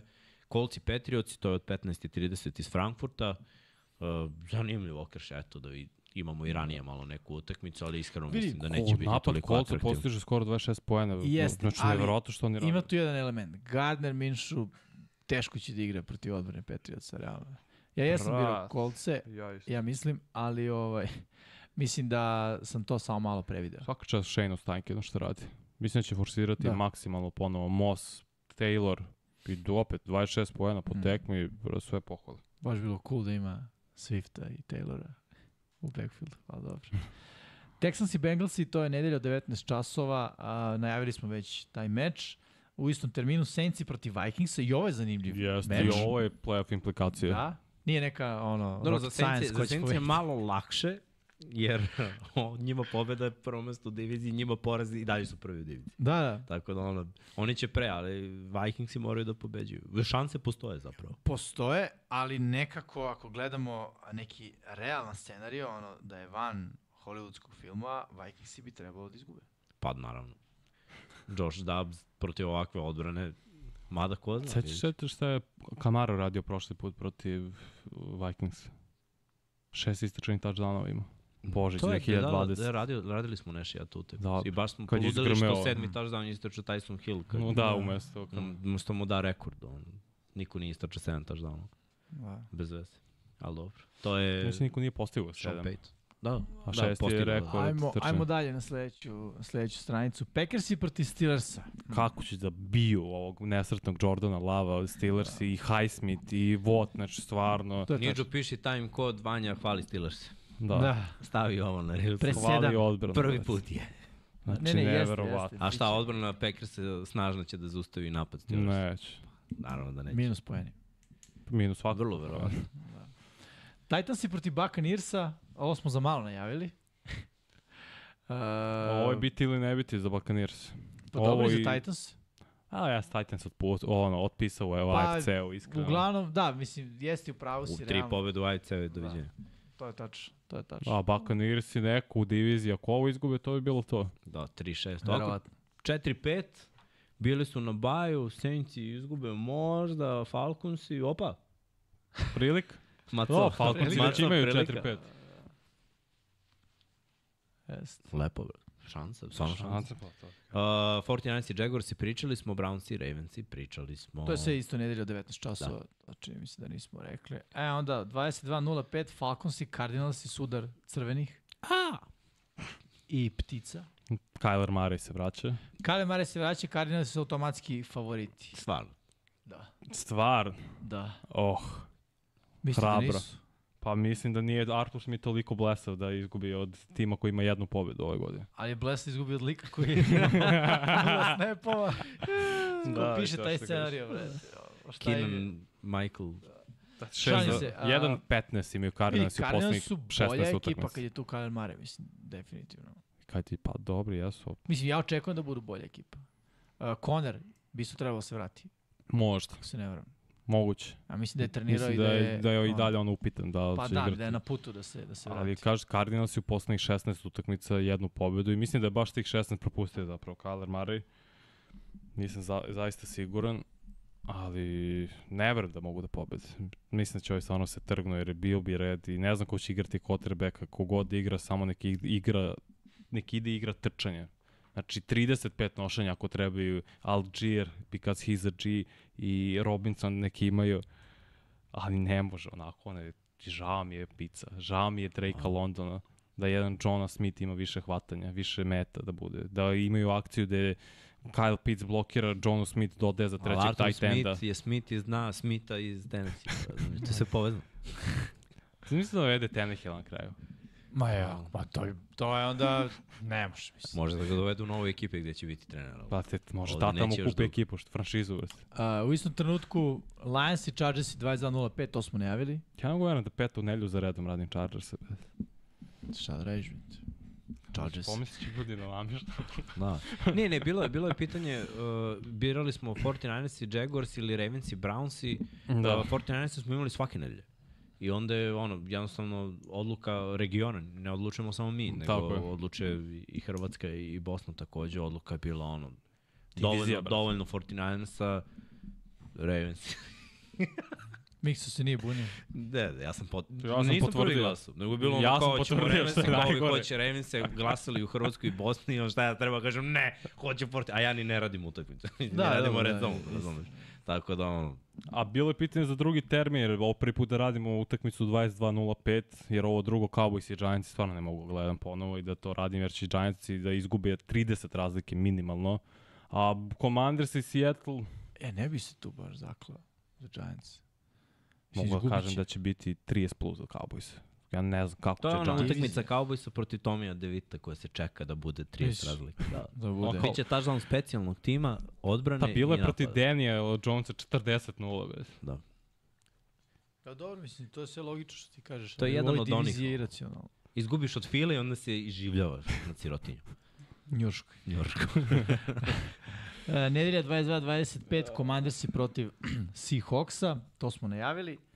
Možemo da idemo dalje na sledeću. Ponedeljak, odnosno Sunday night, ponedeljak 2.20, Jetsi i Raidersi. E, I to isto i na areni. Pa mora, zašto je Sunday. Da, da. To ću Nice. raditi. I... Biće zanimljivije utakmice nego što ljudi misle. Da. Da, svakako, ja to očekujem. Grmeće odbrane, to jest jedna odbrana. Pa, a Raidersi će grmeti zbog Pirsa donekle. da.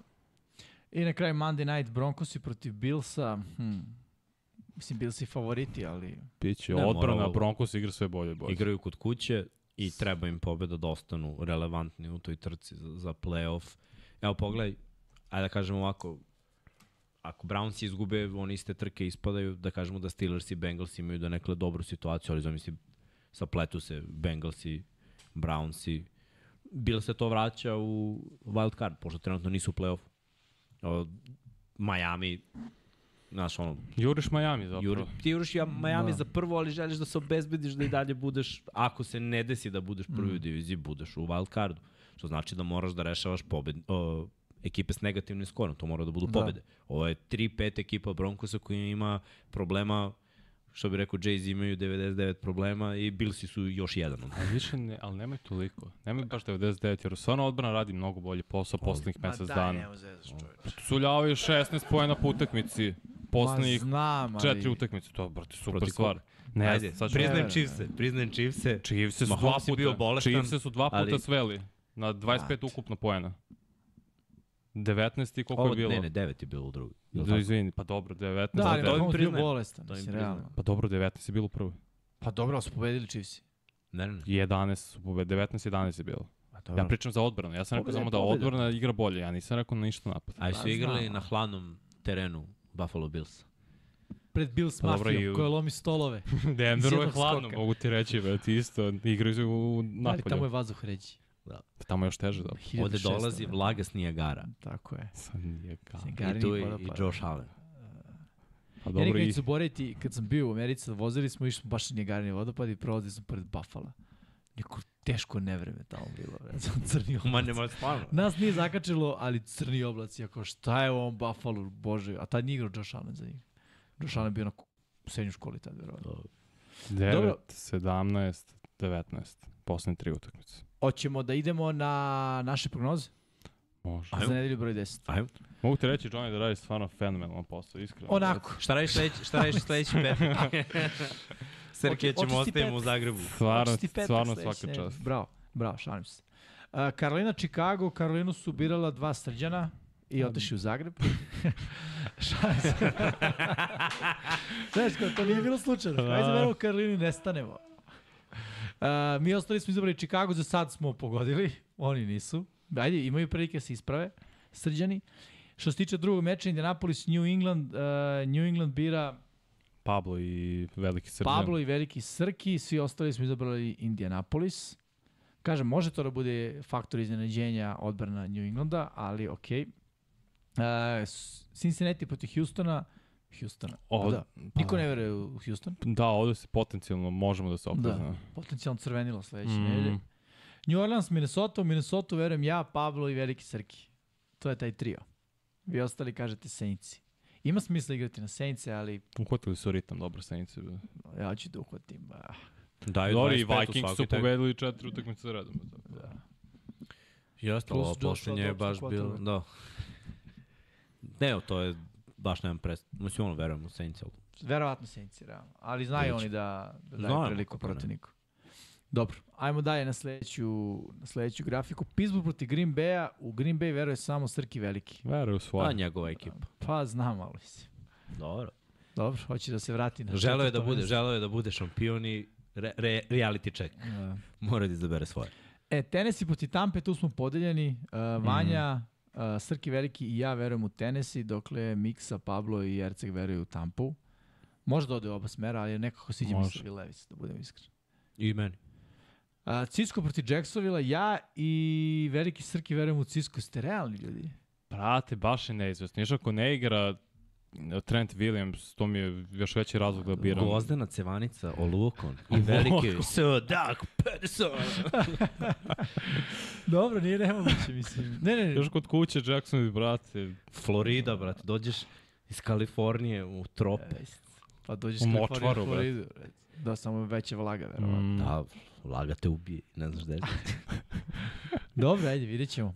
Baltimore, Cleveland, niko Clevelandu ne daje šanse. Stvarno nisi to red. Da, pa mogu se ti da se ispresiš. Svi verujemo u Baltimore. Ajmo dalje.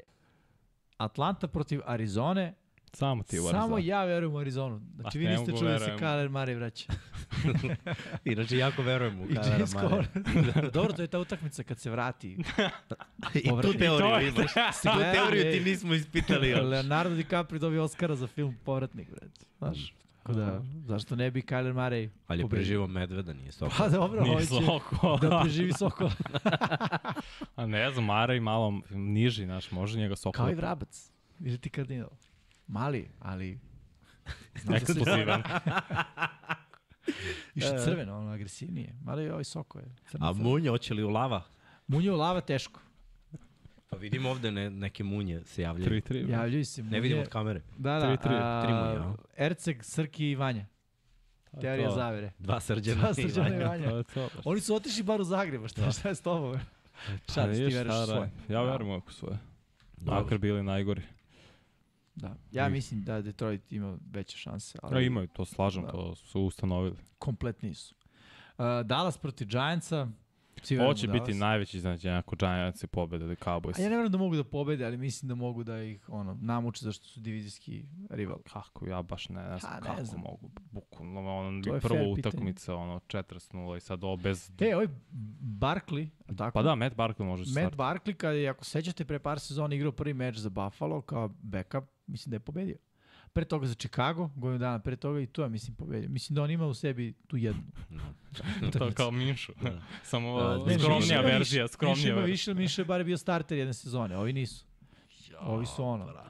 Jadan Barkley Da dobije se, batine. da se zove brate, Charles pa da poverujem, ali ovako... Ne.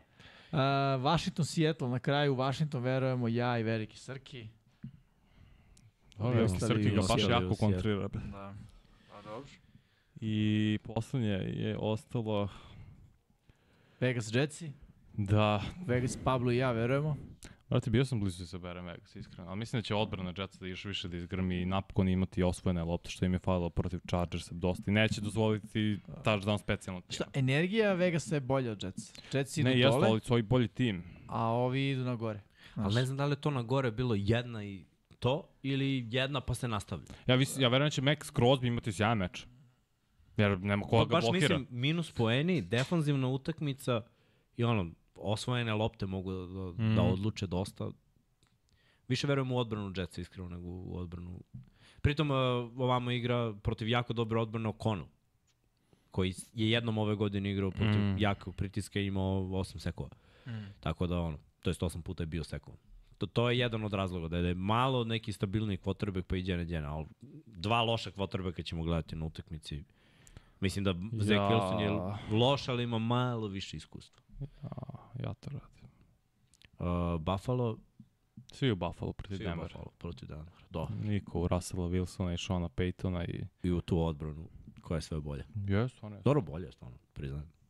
Mislim, meni je čudo što su uopšte bili loši ove godine, toliko kad Da, su prošle godine talent. bili na, na dobrom nivou. Dobro, ništa. Nidžo vraća ovamo i vreme je za Pitanje je... witching hour. Kada, Pa dobro, brate, završili smo za dva i po sata, počinje. mogu ti reći. da, Pa dva i po sata smo, nam je trebalo da prođemo sve. pa viš kako smo efikasni. Eto, tražio si Jimmy, brate, u... Jesi zadovoljan? Uh, Učinku. Da. Yes, već je sutra, ali dobro. Da. Možemo da... Može bude dobro. Ajmo pitanje i odgovori. Pucite ljudi, malo da odgovorimo i da bežimo. Ja u UFC sutra. Doće grmeti. Ko se bori? Jiri, Kažu Max Crosby 3 plus seko. vrlo moguće. Prohaška protiv Aleksa Perira. Tako je i Sergij Pavlović protiv Toma. Pitaju Aspinala. šta je ovo, niko ne veruje u Cisku. Ja Brate, verujem. Ja sam, po, znači pazi, od tri poraza Ciska, ja sam igrao na Cisku svaki put. Znači, zbog njih imam tri pobede u prognozama manje. To je kao mečke, znaš. To ti je kao ono da se vatam sve vreme za, za struju i, znaš, i dalje. Brate, Jacksonville, Dobro. dosta. Pusti priču, brate. Ne. Da. Kao, gospodine, ovo nije opasno. Pecka. to samo malo pecne. E, komentar na USC Washington.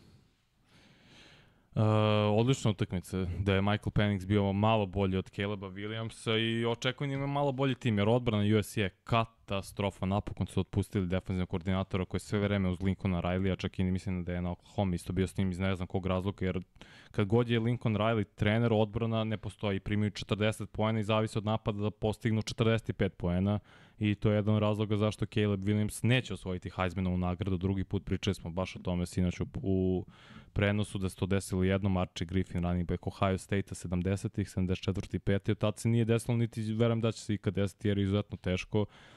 Ali to je USC takođe izbacio iz playoff slike, a održalo Washington koja je trenutno peta rangirana ekipa u toj playoff trci. Četiri igraju samo, o još ove godine, sledeće je 12. I sjajna utakmica bila, ali mislim da je Michael Penix imao sličan izbačaj kao Philip Rivers, samo je levorok.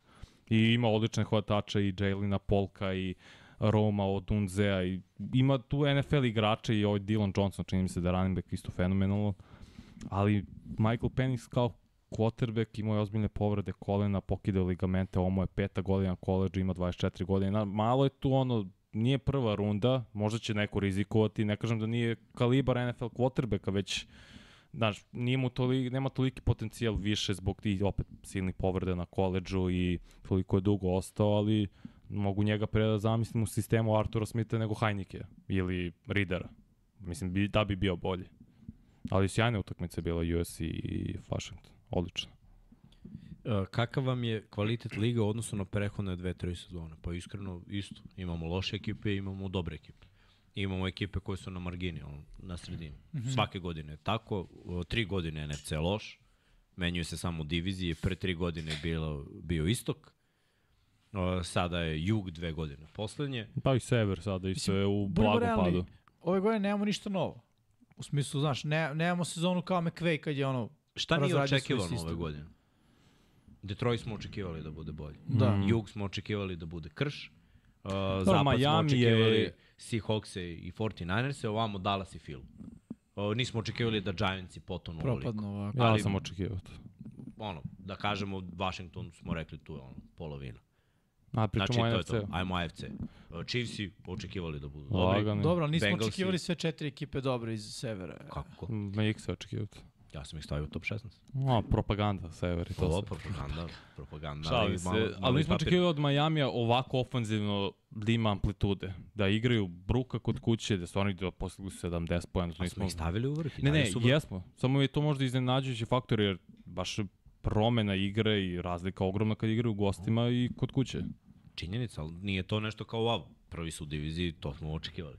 Prvi su diviziji. A nismo A, očekivali Jacksonville Houston prvi- Texans. Nismo. To nismo, ali mislim oni nisu u play-offu. Da kažemo malo su iznenadili, očekivali smo da budu loši, a oni Mhm. su prosek. Nismo očekivali ni Anthony Richardsona da bude dobar.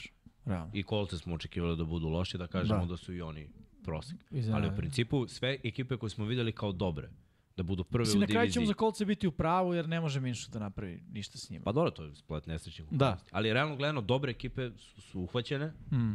a ove loše ekipe u principu su sve loše ekipe. Uh, Cardinals smo stavili da budu najgore ekipa. Da. Gde su Cardinalsi? Na dnu. najgore ekipa, Mislim, da. manje više, to je to.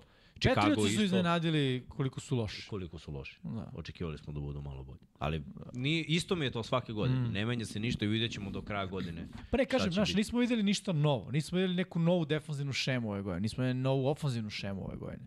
Manje više, poslednje dve, tri godine gledamo iste stvari, blagi neke evolucije, u smislu kao Miami neke stvari koje malo drugačije tvikuje, 49ersi, ali ajde da budemo i realni.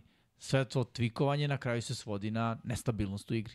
I kod jednih i kod drugih. I neku, i, Eaglesi rade Mhm. stvari koje su radili prošle godine i to deluje bolje. Ne deluje zakucano ono kao to je to. A, Revesi rade stvari malo drugačije i to deluje Defanzivni dobro. koordinator je uvek baš novi sistem. I, Ma defensivni koordinator Baš je dobio radi- nove igrače. Ne, radi On je došao, pro, prošle godine dobio Rokuana Smitha na polovini sezone. Iskapirao igricu. ne, kažem radi jer nis, niko ni od nas nije ovde video da će Ravensi imati najviše sekova u NFL-u, ubedljivo, da To će biti blicevi, ono, najbolja odbrana u NFL-u, to nismo videli. To je izuzetan napredak i s njemu svaka čast koji je posao radi. Ja mogu setim sad i, i, i ime McDonald, čoveka. Mike McDonald. Majka McDonald, hvala. Ali radi sjajan posao. I još n- loš, ko, uh, igre quarterbackova ove godine su loše. I vidi se da A to postoji... nije neočekivano, realno. Running Ne, backovi znaš igraju zašto je- katastrofa. I još to još gore. Znaš Zašto- što, zašto zašto, ni- niko nije je- ispoštovali nije su očekivano? Da. Mislim, trenutno, ono, niko nema ni blizu 1000 yardi. Ali dobro, ali tu su niko, na 600. ali nema ni ekipe koja siluje trčanje. realno. Ima. Ko? Baltimore. Cleveland, Pa dobro, bi, okej. Cleveland bi silovao da je tu čab, on Pa bi imao. Bi, Bi. bi. On bi im da nije Ali, ali to su redke ekipe tako. Mm. Jes, ali pa zašto nema fudbal ide u trkača, drugom nema smeru? dobro trkača. Ali futbol ide ka napadu, ali napadi su manje kvalitetni. U tome je problem. Pa što dobro, su jesu, ali pravila... pravila menjaju da idu ka dodavanju, neka trčanja. Ne, ne, ali pa to hoću i kažem, zato quarterbacku igraju lošije. Iako su pravila na njihovoj strani, ti kad pogledaš Dobro, nivo igre quarterbacka, Kada, kada uh, primeniš ono, labave, labava pravila i mekana pravila, ljudi će da budu mekani i loši. Mislim, realno, tako, Tako ti su quarterbacku. pa da. Zaštitiš ih na svaki mogući način, daješ priliku da nekom prosečnom, znaš, mislim, bez uvrede kao Tyler Bagent. Znaš, Tyson. Može, Tyson Bagent, može pobedi utakmicu u NFL-u. Mislim, ono, Joshua Dobbs nije imao snap pobedi utakmicu. Prosto, znaš, sve se kreće u tom smeru napada i forsiranje dodavanja, što Što se i Miksa vidimo. kaže, imao tri izgubljene lopte pobeđene utakmice. Da, da, to je. Da. Kako je to moguće uopšte? Pa Da, moguće. danas je moguće. Da. Ne možeš da ga oboriš kako valja. Jer da sve, osjeti. sve, može, sve može da se vrati. Mislim, i ti gledaj drugi ofanzivci kako obaraju. Znaš, tehnika obaranja, fizikalija, sve je to. Mi, koliko puta smo videli vrhunsko obaranje, sudija baci zastavicu, 15 yardi prvi down. Ili ja roughing the passer, ništa. Nije samo roughing the passer, ovo je obori hvatača. Imali smo sinoć. Odradi vrhunski posao, brate, uđe kako treba u tackle, uđe ramenom, ono, je nije išao da ga Dion- povredi. Dion Jones, jel da? Žuta zastavica, 15 yardi kazne automatski prvi dan. Ja se smorim. Ono, užas, nije. Jeste. To ne treba bude futbol, ali sve je naginje na, Na flag. na fazu ono, napad, napad, napad, napad, napad, napad. A opet zaboravlja se. Mislim, gledaj, ljudi ne isporučuju. Ti kad pogledaš, hvatači isporučuju statistike, running backovi ne isporučuju statistike, quarterbackovi Kreše. imaju, imaju ono, i prazne jarde. Hmm. Mm. Znaš, ti uvek gledaš statistiku koja ima dosta praznih jardi. Ima dosta garbage time jardi, ima dosta ono, baci slant i šest promašenih obaranja i slant bude 50 jardi. Mislim, veličamo quarterbackove do te mere, ali verovatno zato što je pad talenta na poziciji, a ono, najprodavaniji dresovi jesu dresovi quarterbacka. Lica franšize. Ono, traže se lica franšize. Uh, imamo pitanje, aj, kad smo kod quarterbackova, šta će biti sa Kylerom? Uh, Ja mislim da će... Uh, ostati. da, pa, ili otići. ovo je evaluacija. Do kraja Polovina sezone. sezone. Ma da, ovo je evaluacija za sledeću godinu. Šta treba da uradi dosta? Da pobeđuje? Koliko? Da pokaže da može da igra Što na, opet više, na visokom bolje. nivou. Znaš šta ja mislim da treba pokaže? On treba da pokaže da ume da bude poslušan. Jer on je sa Kingsburyom imao izgovor da kao Kingsbury je loš trener. Seti se ljudi, on je njemu govori ono calm the Calm fuck the down. fuck No. Realno, mislim, no, to ne govoriš treneru. Da. I pričao je svašta. Mislim da je Sara drugi sistem. Da pokaže da je sazreo, da je lider. On mora sad da bude lider franšizer. Sve sad sve mladi igrači oko njega. Da. Jer, znaš, Genon dolazi iz jednog sistema, ono, iz Eaglesa, gde su se zna pravila i pravila su se poštovala. Mislim da on to sad, da on sa Sara stavlja, Sara stavlja u situaciju uh, Mareja, da vidi da li on to može ili ne može. Ako Marej to ne može, ono, to je skroz okej. Okay. Cardinals imaju i pika od Texansa u prvoj rundi, sledeće godine imaju svog. Ako budu najgore, ako budu imali prvog pika na draftu, ja sam ubeđen da će birati quarterback. Da, da. Jer to znači prvo da Kyler Murray igrom svojom nije pokazao dovoljno, da fali talent, da se razumemo, fali, ali opet da ti ne možeš do kraja da pobediš makar još jednom, dva puta, znači da dođeš do tri pobede u narednih koliko, ako su odigrali 9 u 7 utakmica, znači još dva puta pobediš u narednih 7, znači kvalitet nije tu, ne treba da budeš tu, previše si plaćen Tako za je. neki tim koji treba kreni iz početka. Slažem se. Je Jer to. on je i dalje utrživ. Ne znam kakva je njegova situacija sa ugovorom. Ma, Mare, je ugovor. Potpisao on ugovor. Ali on je utrživ. On je mlad. Ma bre, može da se traduje sve. Da. Može. To problem. Mogu da, gledaj, on, im, oni su u dobroj situaciji jer će imati uh, top pick ove godine, da kažemo top 5, mogu da daju Mareja i pik nekome. Ili, znaš, nešto može da se desi. A Tako tu mogu ćemo. dobiju mnogo, na primjer, za Mareja, jer ima timova koji su očeni za quarterbacku. Giants. Giants. Uh, da li je Trevor Lawrence do sada ispunio očekivanja prvog pika? Ne. Pa nije ispunio očekivanja prvog pika, ali je ispunio očekivanja Dobro. pika prve runde. Ajde ovako, ušao u playoff, pobedio. Sve to za dve godine. Okay. Jeste Miksa, ali bacio je četiri interceptiona na tom meču i gubili su i ono, Je, činjenica. pobedio je jer je da imao bude gurua. top 5 quarterback u ligi, da igra tako Ajde konstantno. ovako, da se vratimo ne vreme zamena, po- samo kažem prvi pik, Ne, ne, znam prvi da. pik na draftu. Ajde, to ono, prvi pikovi na draftu, prvi pikovi na draftu koji su isporučeni. Ne, ne, u post... ne, ne, samo niko. hoću kažem. Ne, ne, Ali- quarterbackovi, svi. Pa niko, Posljednjih bukvalno. 20 godina. Matthew Stafford osvojio na kraju s Ramsima. Čekaj, mora niko su bili svi pikovi. Pa dobro, bio Ajde Joe krenemo od, od Matthew Joe Stafforda. Burrow bio, da. Ušao u Super Bowl. E, Burrow bio prvi pik? Da, Ko? prvi pik. Da. Miles Garrett je bio. Miles Garrett je. Dobro, on nije quarterback. Ne, A gledaš samo isporučio. prve pikove. Evo sad prvi ću da vidim baš. Ko je ajmo Koji je nazad. Ajmo prošle godine, koji je bio prvi pik prošle godine draftu? Bio je Trayvon ovaj, Walker, katastrofa. Prošle godine je bio Bryce Young. Bryce Young. To A ne, to je ove godine. Pa to Prošle- mislim. To dobro. Fail. Uh, Walker, ništa. Ništa. Realno ništa. Uh, pre toga su bili isto ovi kotrbe koji... Lawrence. Lawrence je bio. Da, Lorenz, okej. Ti misliš da nije? Ne, ne, ne, ne. Ja samo kažem da, znaš, prvi pik na draft, je- ti si prvi, ti treba budeš, ono, glavni baja. Evo čekaj, evo sad ću ti kažem Ajde. ko je šta bio, samo da uhvatimo listu. Znači, Walker, Trayvon Walker. Ne, ne, to smo ništa. rekli ništa. Lawrence, Ja mislim da je okej za prve dve mislim da je godine. okej, Dobro. Jer je bilo... Od, od, dobro pa, jeste. Čekaj da vidim baš pitanje. Pitanje je bilo Da li, ispunio očekivanja. ne još, Ušli su, ušli, bili su prvaci divizije, ušli su u playoff ove godine, će biti prvaci divizije. Mislim da su njihova očekivanja to. Nisu bilo očekivanja u trećoj godini osvajamo su prvu. Dobro, Uh, znam, ali Promenili pogledaj- dva trenera. Evo, na primjer, CJ Stroud, znaš. Ispunio On je, očekivanja. on je on je očekivanje pika prve runde, ne pika prvi, izvini, prvo pika na draftu, a nije bio prvi pik, bio Da. drugi pik na draftu. Joe Burrow. Ispunio Jeste, očekivanja. jeste. Kyler Murray. godini. Ok. Nije ispunio. Jedan Baker playoff Mayfield. ušao i izašao. Nije Baker Mayfield. Miles. Garrett. Jest. Ispunio očekivanja. Jared Goff. Nije Ne. ispunio očekivanja. Ali je bio dobar. Ne, je Nešto kao... Ali Blade, Nešto kao. Lawrence. Goff igra stvarno na visokom nivou. Pa nije, bio i pro bowler, mislim, igra dobro. Znam, nije, nije Vanja, realno nije ispunio. Čira nije ispunio Ne. očekivanja, ali je Igra. to Ali je dobar- bolji od dobar. Mareja i od Bakera. Jeste. Sada. Jeste. Ma nije uvijek bio. Pa dobro, nisi stariji od njih, daj njima još tu jednu godinu, bre. Daj mi, dobro, neće daću im još dve, tri godine. Goffa. Da, Jer je ušao Mare u Super može da bude. Jeste ekipa bila zaslužna i McVay i sve, ali je, brate, bio u Super Bowlu i sad će opet da bude prvak divizije, a ovi neće. James Winston. Nije. Kakvi Jadavian Clowney. Nije. Eric Fisher. Nije. Andrew Luck. Jeste, ali povrede, nažalost. Jeste. A on je vodio A, mučene Ne, ne, kolce dok rekao god je sam mogo. Jeste, Da. rekao sam, Da. žao mi je što Da, ne da, gledam da. Andrew Alaka i dalje. Istina. Žao mi je jer je bio vrhunski quarterback još jači lig. Cam Newton. Jeste. Jeste, brate. Jer je ostavio trag. Jeste. Jer gledaj, Ne, on je MVP lige. jedan od, ne samo što je bio MVP stigu do Superbola, nego je o, raskrčio put za mobilne Mm, mm, quarterbackove. jest. To je današnje, znači, da, danas u NFL-u je to. Nije krenulo od Kema, ni on prvi, bilo Nije. je toga i pre, Michael ali Vick. sa Kemom su već svi... E, ali nije bili- Michael Vick. Michael Vick je trčao na pas akcijama. Nije trčao na dizajna, trčao, ovo su bile dizajna trčanja za njega Ti i ono... nisi imao toliko Read Znaš, option. da, read optiona sa trčanjima quarterback. Od Kema je bilo pa zonu, hm, pa pazi, ako je on bio Pixel, ovako uspešan njene sezone, Pre njega nije ni bilo. Ko je radio za ovo read, brate? Mislim da nije niko pa ni radio. bilo je malo, je Cunningham? iz, uh, iz, tajne, iz uh, Titansa, je Young, Vince Young. Vince Young. On je imao malo tih Yes. trčanja, ali... Op. Op, op, op, op. Ajde uhvatim. A što? Nije ja rekao, lagano. Da. Ja rekao, Samo kamera. na mesto Nije, kameru. kamera. Mislim da, uh, da, kamere su krenule. Lagano, sad će Johnny. Da. Samo miksi da uletiš u kadar. Bau, bau. A, kako sam ga na osjećaj, reci, Da. iz prve. Pa da, brate. To je to desna ruka. A, Koga imamo još? uh, Sam Bradford. Morat ćeš malo da ga... Nije. Ma dobro, nema se. Evo, O, pa odlično. Ma dobro. Mabra, To je to. pomerit ću se ja. Sam Sam Bradford nije. Nije. Uzao pare, ništa nije On je samo uzao pare. Matthew Stafford. Jeste. Da, jest. Svoju Super Bowl i imao je Jest. par Jest, sezona sa 5000 yardi. Jeste. Jake Long. Nije. Jake tackle. Long. Nije. Pa ne. Jamarcus Russell. Ma Ne. kakvi.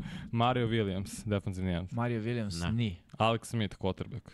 Evo, proćemo u ovom veku, inače Nije, realno nije. Alex Smith je za Nije. pika treće runde, mislim. Treba da bude tu Aaron Rodgers. Nije ali broj jedan. Eli Manning. Ili meni je. Jest. Kako dva. svi to rekli, Jeste, bezušno, Ne, onako. ne, pa je. Brate, osvojio dva Yes. Super Bowl isporučio kad je trebalo, bit ću jeste. za Hall of Ne, Fame sa bilo- prosečnom igrom u većini sezona, Da, brate. nego mi je bilo smešno kako si tako. Samo Isporučio je, brate. Eli Bio je lice franšize, startovo je Yes. svaku Pazi utakmicu, mogu si da se osloniš na njega, brate, Tako bio je je. velika Jeste. zvezda u ekipi, Manning poštovali u su. današnjim pravilima bi bio mnogo bolji nego što je bio u onim O, da. Znaš, uz manje udaraca. On je primao dosta udaraca, realno. Nije imao dobro ofenzivnu liniju. Tako Pa imao je da, okej, okay, Ma da, znamo priče iz prve ruke da su njega poštovali, brate, Pa naravno, znači pa dosta. On Da, mnogo da. toga uradio, to, to je za respekt. Carson Palmer. Nije. Jer Bengalsi nisu ulazili u playoff i onda na kraju karijere nešto malo sa... Sa Mislim, bio je tu hype, ali nije isporučio. No, nije. David Carr. Evo završit još dvojicu. Nije David Carr. Nije, David Carr je... Ja. Nije. Bio rezerva, on je, mislim, Texansima je ovo bio prvi pik ikada u njihovoj znam. istoriji. Je stavio, bio je stavljen u takvu situaciju, nije bilo teorije da uspe. Michael Vick.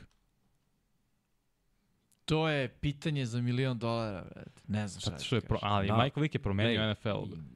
Između ostalog jeste. Mislim, i bio je talent. Da, da li je ispunio očekivanja? Očekivanja kako je Michael Vick odigrao na koleđu i ruki sezonu su bila da će biti ono Super Bowl Da, šampioni prvih i 3-4 uraditi nešto. vrhunski. Ali nisu zapravo i u play-offu je najbolji bio u dresu Filadelfije kada je već uslužio zatvorsku kaznu. Tako da ono, mm. ja obožavam Michaela Vika i respekt za njegovu karijeru i on je stvarno ono, čudovište od atlete. Možemo da se zahvalimo njemu što imamo današnje kvotrbe koje kakve su ono, Lamar. Lamar, Josh Allen i, i ostatak. Ali, brate, nije ispunio očekivanja. Ja, njegova očekivanja, za njega je lestvica bila mnogo više nego za drugi. Jer je on bio ono čudo. Ona ruka sa onim nogama mm. u kombinaciji. Znači, on je Burazer bacao 40 yardi bez, Lagan. bez luka. Ta lopta ide Kao metak. ono, projektil. Courtney Brown, ja se iskreno ne, sjećam ko je on, kao defensivni Ne, ne, to je to. To je- Ajde da ne dužim. A imam 21. pitanja. vek samo prošao. Ali, mislim, realno gledano, za dve godine dva puta biti u play-offu i osvojiti diviziju, meni je to skroz. Okay. Mislim da, da Za su tri. Jaguarsi baš to i, i očekivali. Za tri godine. Da, za tri godine. To je skroz, skroz legitimno. Pritom su promenili trenera koji je bio užas. Uf, kad. Da, da, zamisli da je bio Dagi P od prve godine, druga. Mnogo bolja priča. Ajmo dalje. Gledate li Grid Iron Heights? Gledam, mnogo je smešno šta radi Jana. Bleacher Report. Baš je dobro. Uh, uh, uh, uh. Dva pitanja da rangiramo odbrane u AFC Severu i koji su nam favoriti za MVP-a. To je baš dobro pitanje za rangiranje odbrana. Pa ja bih stavio Baltimore na prvom mjestu. Ravens. Da, statistički sad su bolji od Brownsa koji yes. su na drugom, ali to je ono 2A i 2B sa Steelersima, jer ono, Slažem se. grm. Bengalsi su mi najgora odbrana yes. od ove četiri ekipe, ali govorimo o eliti. Da, da. Slažem se. Teško, teško, baš je teško rangirati ih sad u ovom Ko ima trenutku. najboljeg igrača defanzivno, Miles Garrett. Miles Garrett i TJ Watt su ono... Meni Browns i kompletniji. Znaš, mislim da Baltimore i dalje muči muku u sekundariju. Ono. Dobro, Baltimore to nadoknađuje blicevima i konstantnim pritiskom. pritisak i onda interception. Pa, dobro, Ali slažem se da imaju bolje cornerbackove Brownci, da je to Imaju. Emerson i Imaju. Ward rade sjajan posao. Linebackerski tandem. Ravens. Da, i da li Queen i Jeremiah ovu su Ali mi je i veći gap u sekundariju Clevelanda u odnosu na Baltimore nego što mi je gap između linebackera Baltimora u odnosu na linebackera Clevelanda. Ali tu su, mislim, baš je, rekao bi da je stvar preferencije više nego bilo šta drugo ono, u ovom trenutku. No, odlično odbrana. Da. MVP? Ko može biti MVP na- sezone? Pa da, vali je, više nemamo definisanog, ni quarterbackovi, niko ne iskače. Mislim, Lamar pobeđuje, igra dobro, ali nije to wow. Ne je sad on baci 300 yardi, ugasi. I ima četiri touchdowna i nema izgubljenu optu izdominira. Jer o, protiv o, Seahawks ima jedan touchdown, je li tako? Postignut, on. Nije meni Lamar kandidat za Nije ni MVP. meni, bre. Ja sam rekao, meni je kandidat bio Tyreek Hill, očekio sam bolju utakmicu Da. u Pa Frankfurtu. meni je AJ Ali- Brown, on do sada glavni. Iskreno. AJ Brown grmi, da. svakako. AJ Brown. Ja bih volio da hvatač bude MVP Ali- prvi put. Mogo bi bi, opet super. Miles Garrett, TJ Watt isto treba da se umeša jer nema A, neće definisan. Pa ne, ali nemaš o, u napadu Znam. definisanog igrača, nemaš Naći će potrebe. oni ko da bude. Svi da. McCaffrey u priči, realno, sa ovim nizom ludačkim. Jeste, touchdownovima. ali moraju da pobeđuju. Istina. Baš je, ba, ove godine Ima, neizvesta zapravo. McCaffrey ima, brate, š, nema 700 yardi trčanja. Još Ne. Dobro, pola je sezone, mislim. Znaš, može dođe hiljad i po. Nije mala brojka. Ajde, vidjet ćemo do kraja. Da. Za sada jako teško.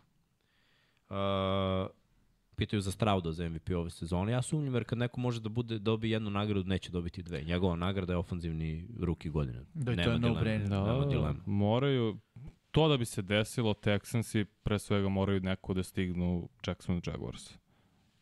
Da, mora da uđu u playoff, mislim. Znači da, da osvoje diviziju. Ne, ne, ne, ne, oni moraju da osvoje diviziju neku. Da ne bi on bio smisla da MVP. MVP bude lik koji nije u playoff. Zapravo on je isprašio Jaguars. To jest. I to baš. Uh, imamo pitanje zašto nismo otišli u Frankfurt, pričao sam prethodne nedelje, uh, zato što, mislim da je to do kabla. A. L- Mislim da ne stetka generalno.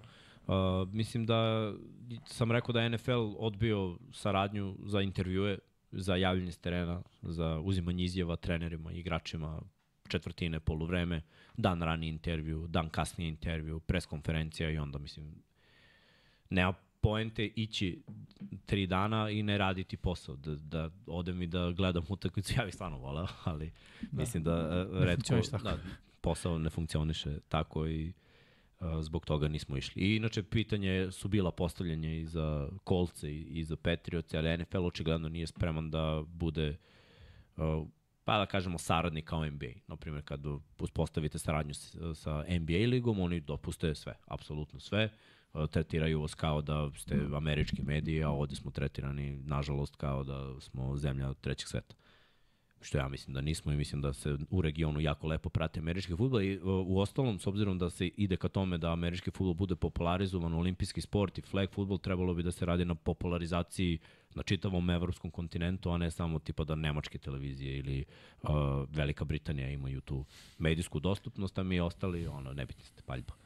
A, dobro, znaš. Ali dobro, mislim, gledaj, nije to, to su ono, ja uvek kažem, u životu mi se nikad nije desilo da na prvu loptu sve bude. Mm. Nego uvek mora malo da se radi, malo da se gilja, da se prođe kroz neku gomilu problema i sve i onda pa desi se na kraju. A ima neka zanimljiva priča kao potencijalnoj diviziji u Evropi, ne znam da ste čuli za Da, to. ma ne verujem ništa. Šta? Ne verujem. Potencijalno kreiranje NFL divizije Ma. u Evropi. Ne verujem. Baš. Dve ekipe iz Nemačke, jedna iz Britanije i jedna iz tipa Španije. Šta da bude 36? Da. Mah, to je glupost. Pa i meni je glupost. ali- Baš, nema mi smisla iskreno. Da. Kako će putu da igra s drugim? Zove Da, se to je baš velika razlika. EFC. Da, mala. European. Nema ništa od toga. Kaže, Ja ja mislim. pitanje za Vanju, da li bi Chargersi bili Super Bowl kontenderi sa Beličikom?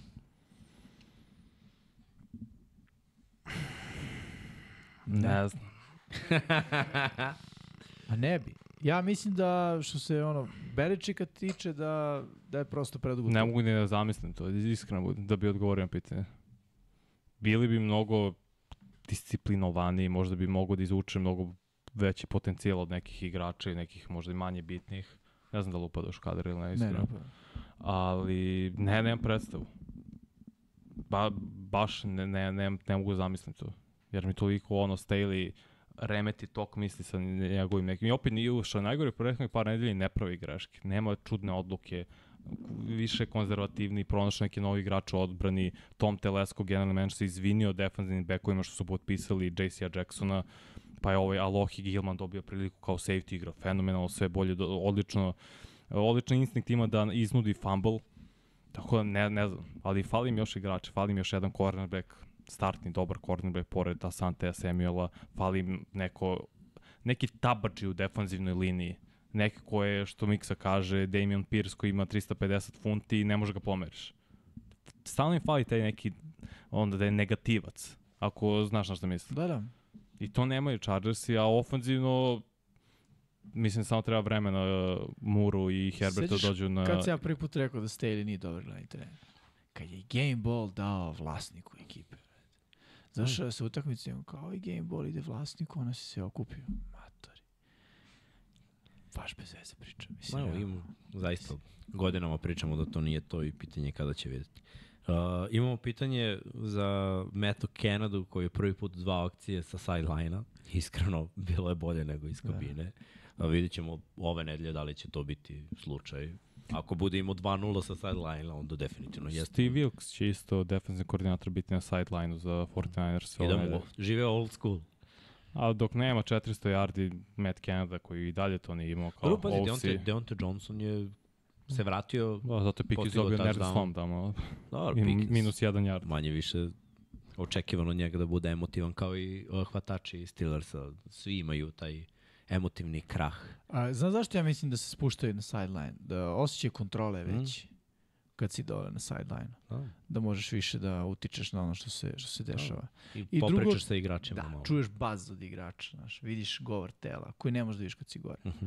Gore kad si, mislim, ja sam jednom u životu bio gore, kad je bila reprezentacija, grozno osjećaj, moram Da, priznati. pa nije nekako je sterilno. je. Da, Ma nije. da, bre, Mi smo, naravno, još mi navikli na nešto potpuno drugačije. Da, Da, Ali zašto su gore? Da bi imali bolji pregled igre. Pa, imaš ti bolji Nemam- pregled igre, ali ti zoveš i dalje akcije ono, na pamet, znaš. Jer upravo to, ne, nemaš feedback od igrača. Mislim, imaš ti ono kao kad te kvotarovi zove, Mm. priča, ali znaš, nemaš feedback od igrača. Jedno je kad ti vidiš govor tela i šta ljudi pričaju, a drugo je kada si izolovan i ono, znaš. Ja mogu da na papiru nacrtam, koju god akciju da nacrtaš, uspeće na papiru. Garantujem. On, ti blokiraš njega, ti blokiraš njega, ti blokiraš njega, ti žetaš da I svaka akcija radi na papiru.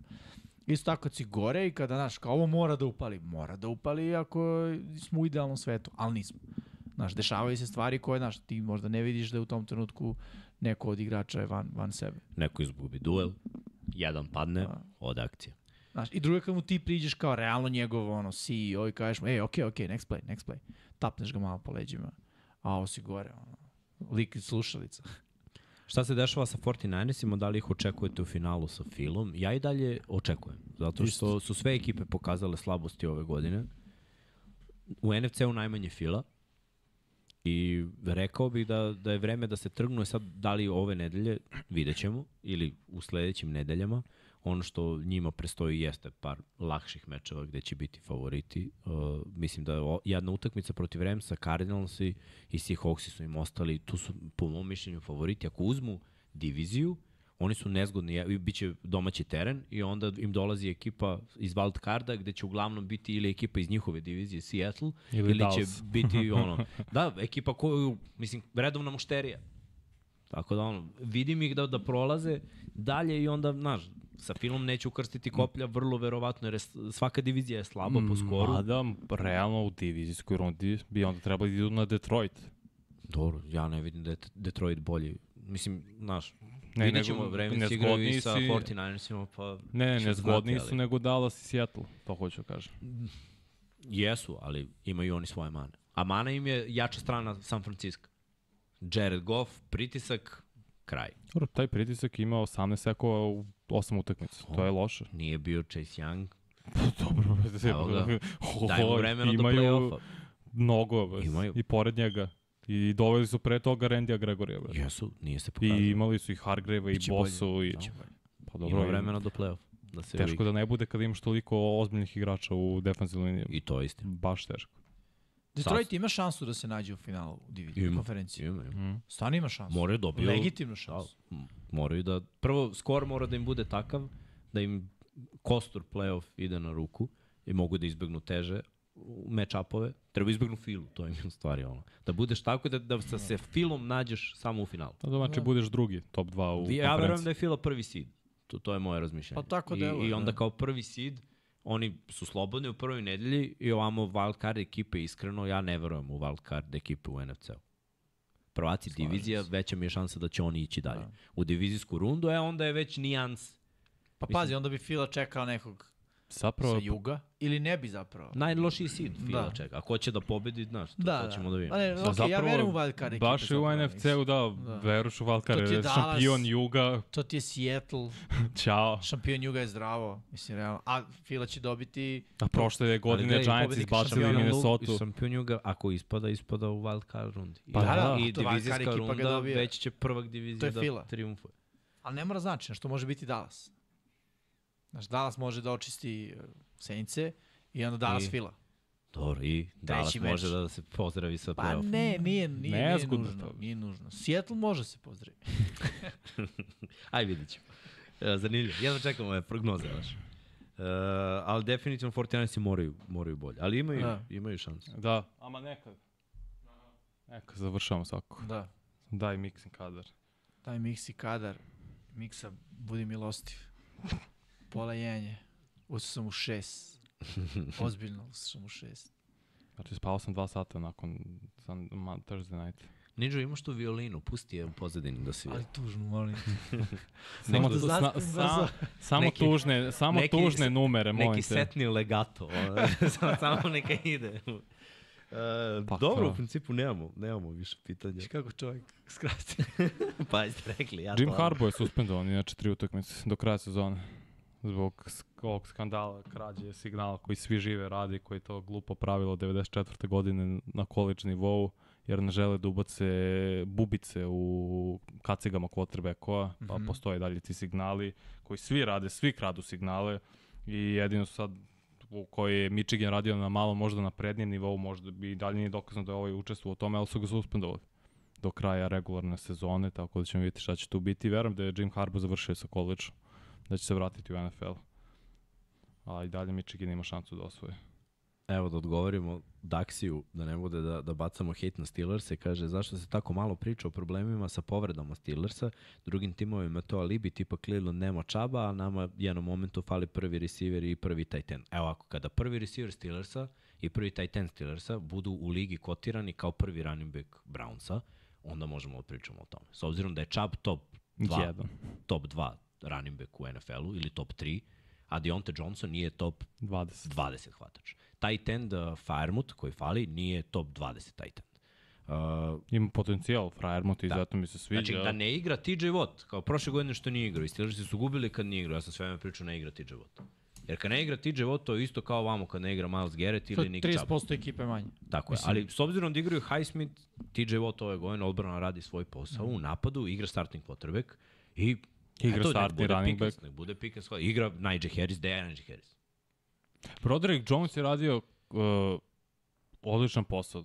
Napokon, stavljanje u startnu poziciju, startni tackle, videlo se da je mnogo bolje sad igra trčanjem, proigrali su protiv Titansa, mm. pričali smo o tome prošle nedelje i tome sam pričao kad su ga draftili. On treba odmah da startuje. I pokazalo se njegov utis. Videli smo kako pomera ljude u igri trčanja i fokusiraju se na trčanje i to je greška Kennedy.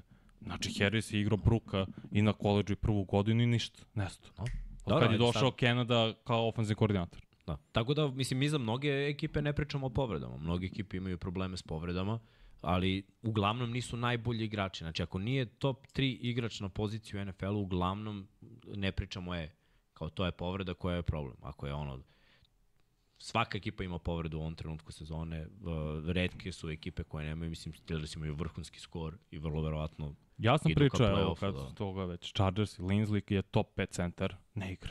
Problemi s srcem, ne može da igra. To je odmah minus za prvog quarterbacka, onda za ostatak ofenzivne linije. Jer on zapravo kupi kretnje igrača i olakšava posao. Ne igra Mike Williams koji je bolji od Deontay Johnsona. Više igrao, opet je pokidao ligamente, opet ga nema do kraja godine. Johnson se makar vratio. No, to možeš da plačeš, ali za druge stvari ne. Mislim, jednostavno je tako. Sad ima povreda još 10, ali Da. to su igrači koji nisu na tom nivou da, da bi pričali o tome. Uh, opet, ja pominjem sve vreme, bez obzira na sve to, dobre ekipe pronalaze način Mm. da, da pobede. I to je sve zahvaljujući Majku Tomlinu. Dobro, Tomlin je legend. On radi Tomlin jednu stvar loše radi u svojoj trenerskoj karijeri. Znaš, čovjek pogodi challenge. Znači, je imao? Se, Sećam ušao sam na Google da istražim baš Da, koliko dugo. On Baš je neki imao, u jednom trenutku imao ono 18 promašenih challenge za redom. Dobro, vruće. Znate, ne može čovjek, ne znam što, niz. ne bi ni bacao challenge, razumeš? Znači, bukvalno kad baci challenge, Stefan mi ono pošalje poruku, ja, gubi challenge, najave, orta koji navija za stile sa ono svim srcem, znači uvek izgori kada ovaj ubaci challenger, mislim, stvarno, to je jedino što loše radi. Sve ostalo u njegovoj karijeri je vrhunski. I ovaj, to je bilo to. Ajde da privodimo kraju. Uh, momci su mi ovde zaspali, publika se zabavlja, ali da se mi ovaj, rastajemo polako, ali sigurno hvala što ste bili tu, hvala što ste ispratili sve što nismo odgovorili, što niste pitali, pišite u, u komentarima, mi ćemo odgovoriti, svake nedelje odgovaramo, sve što vas zanima takođe pitite.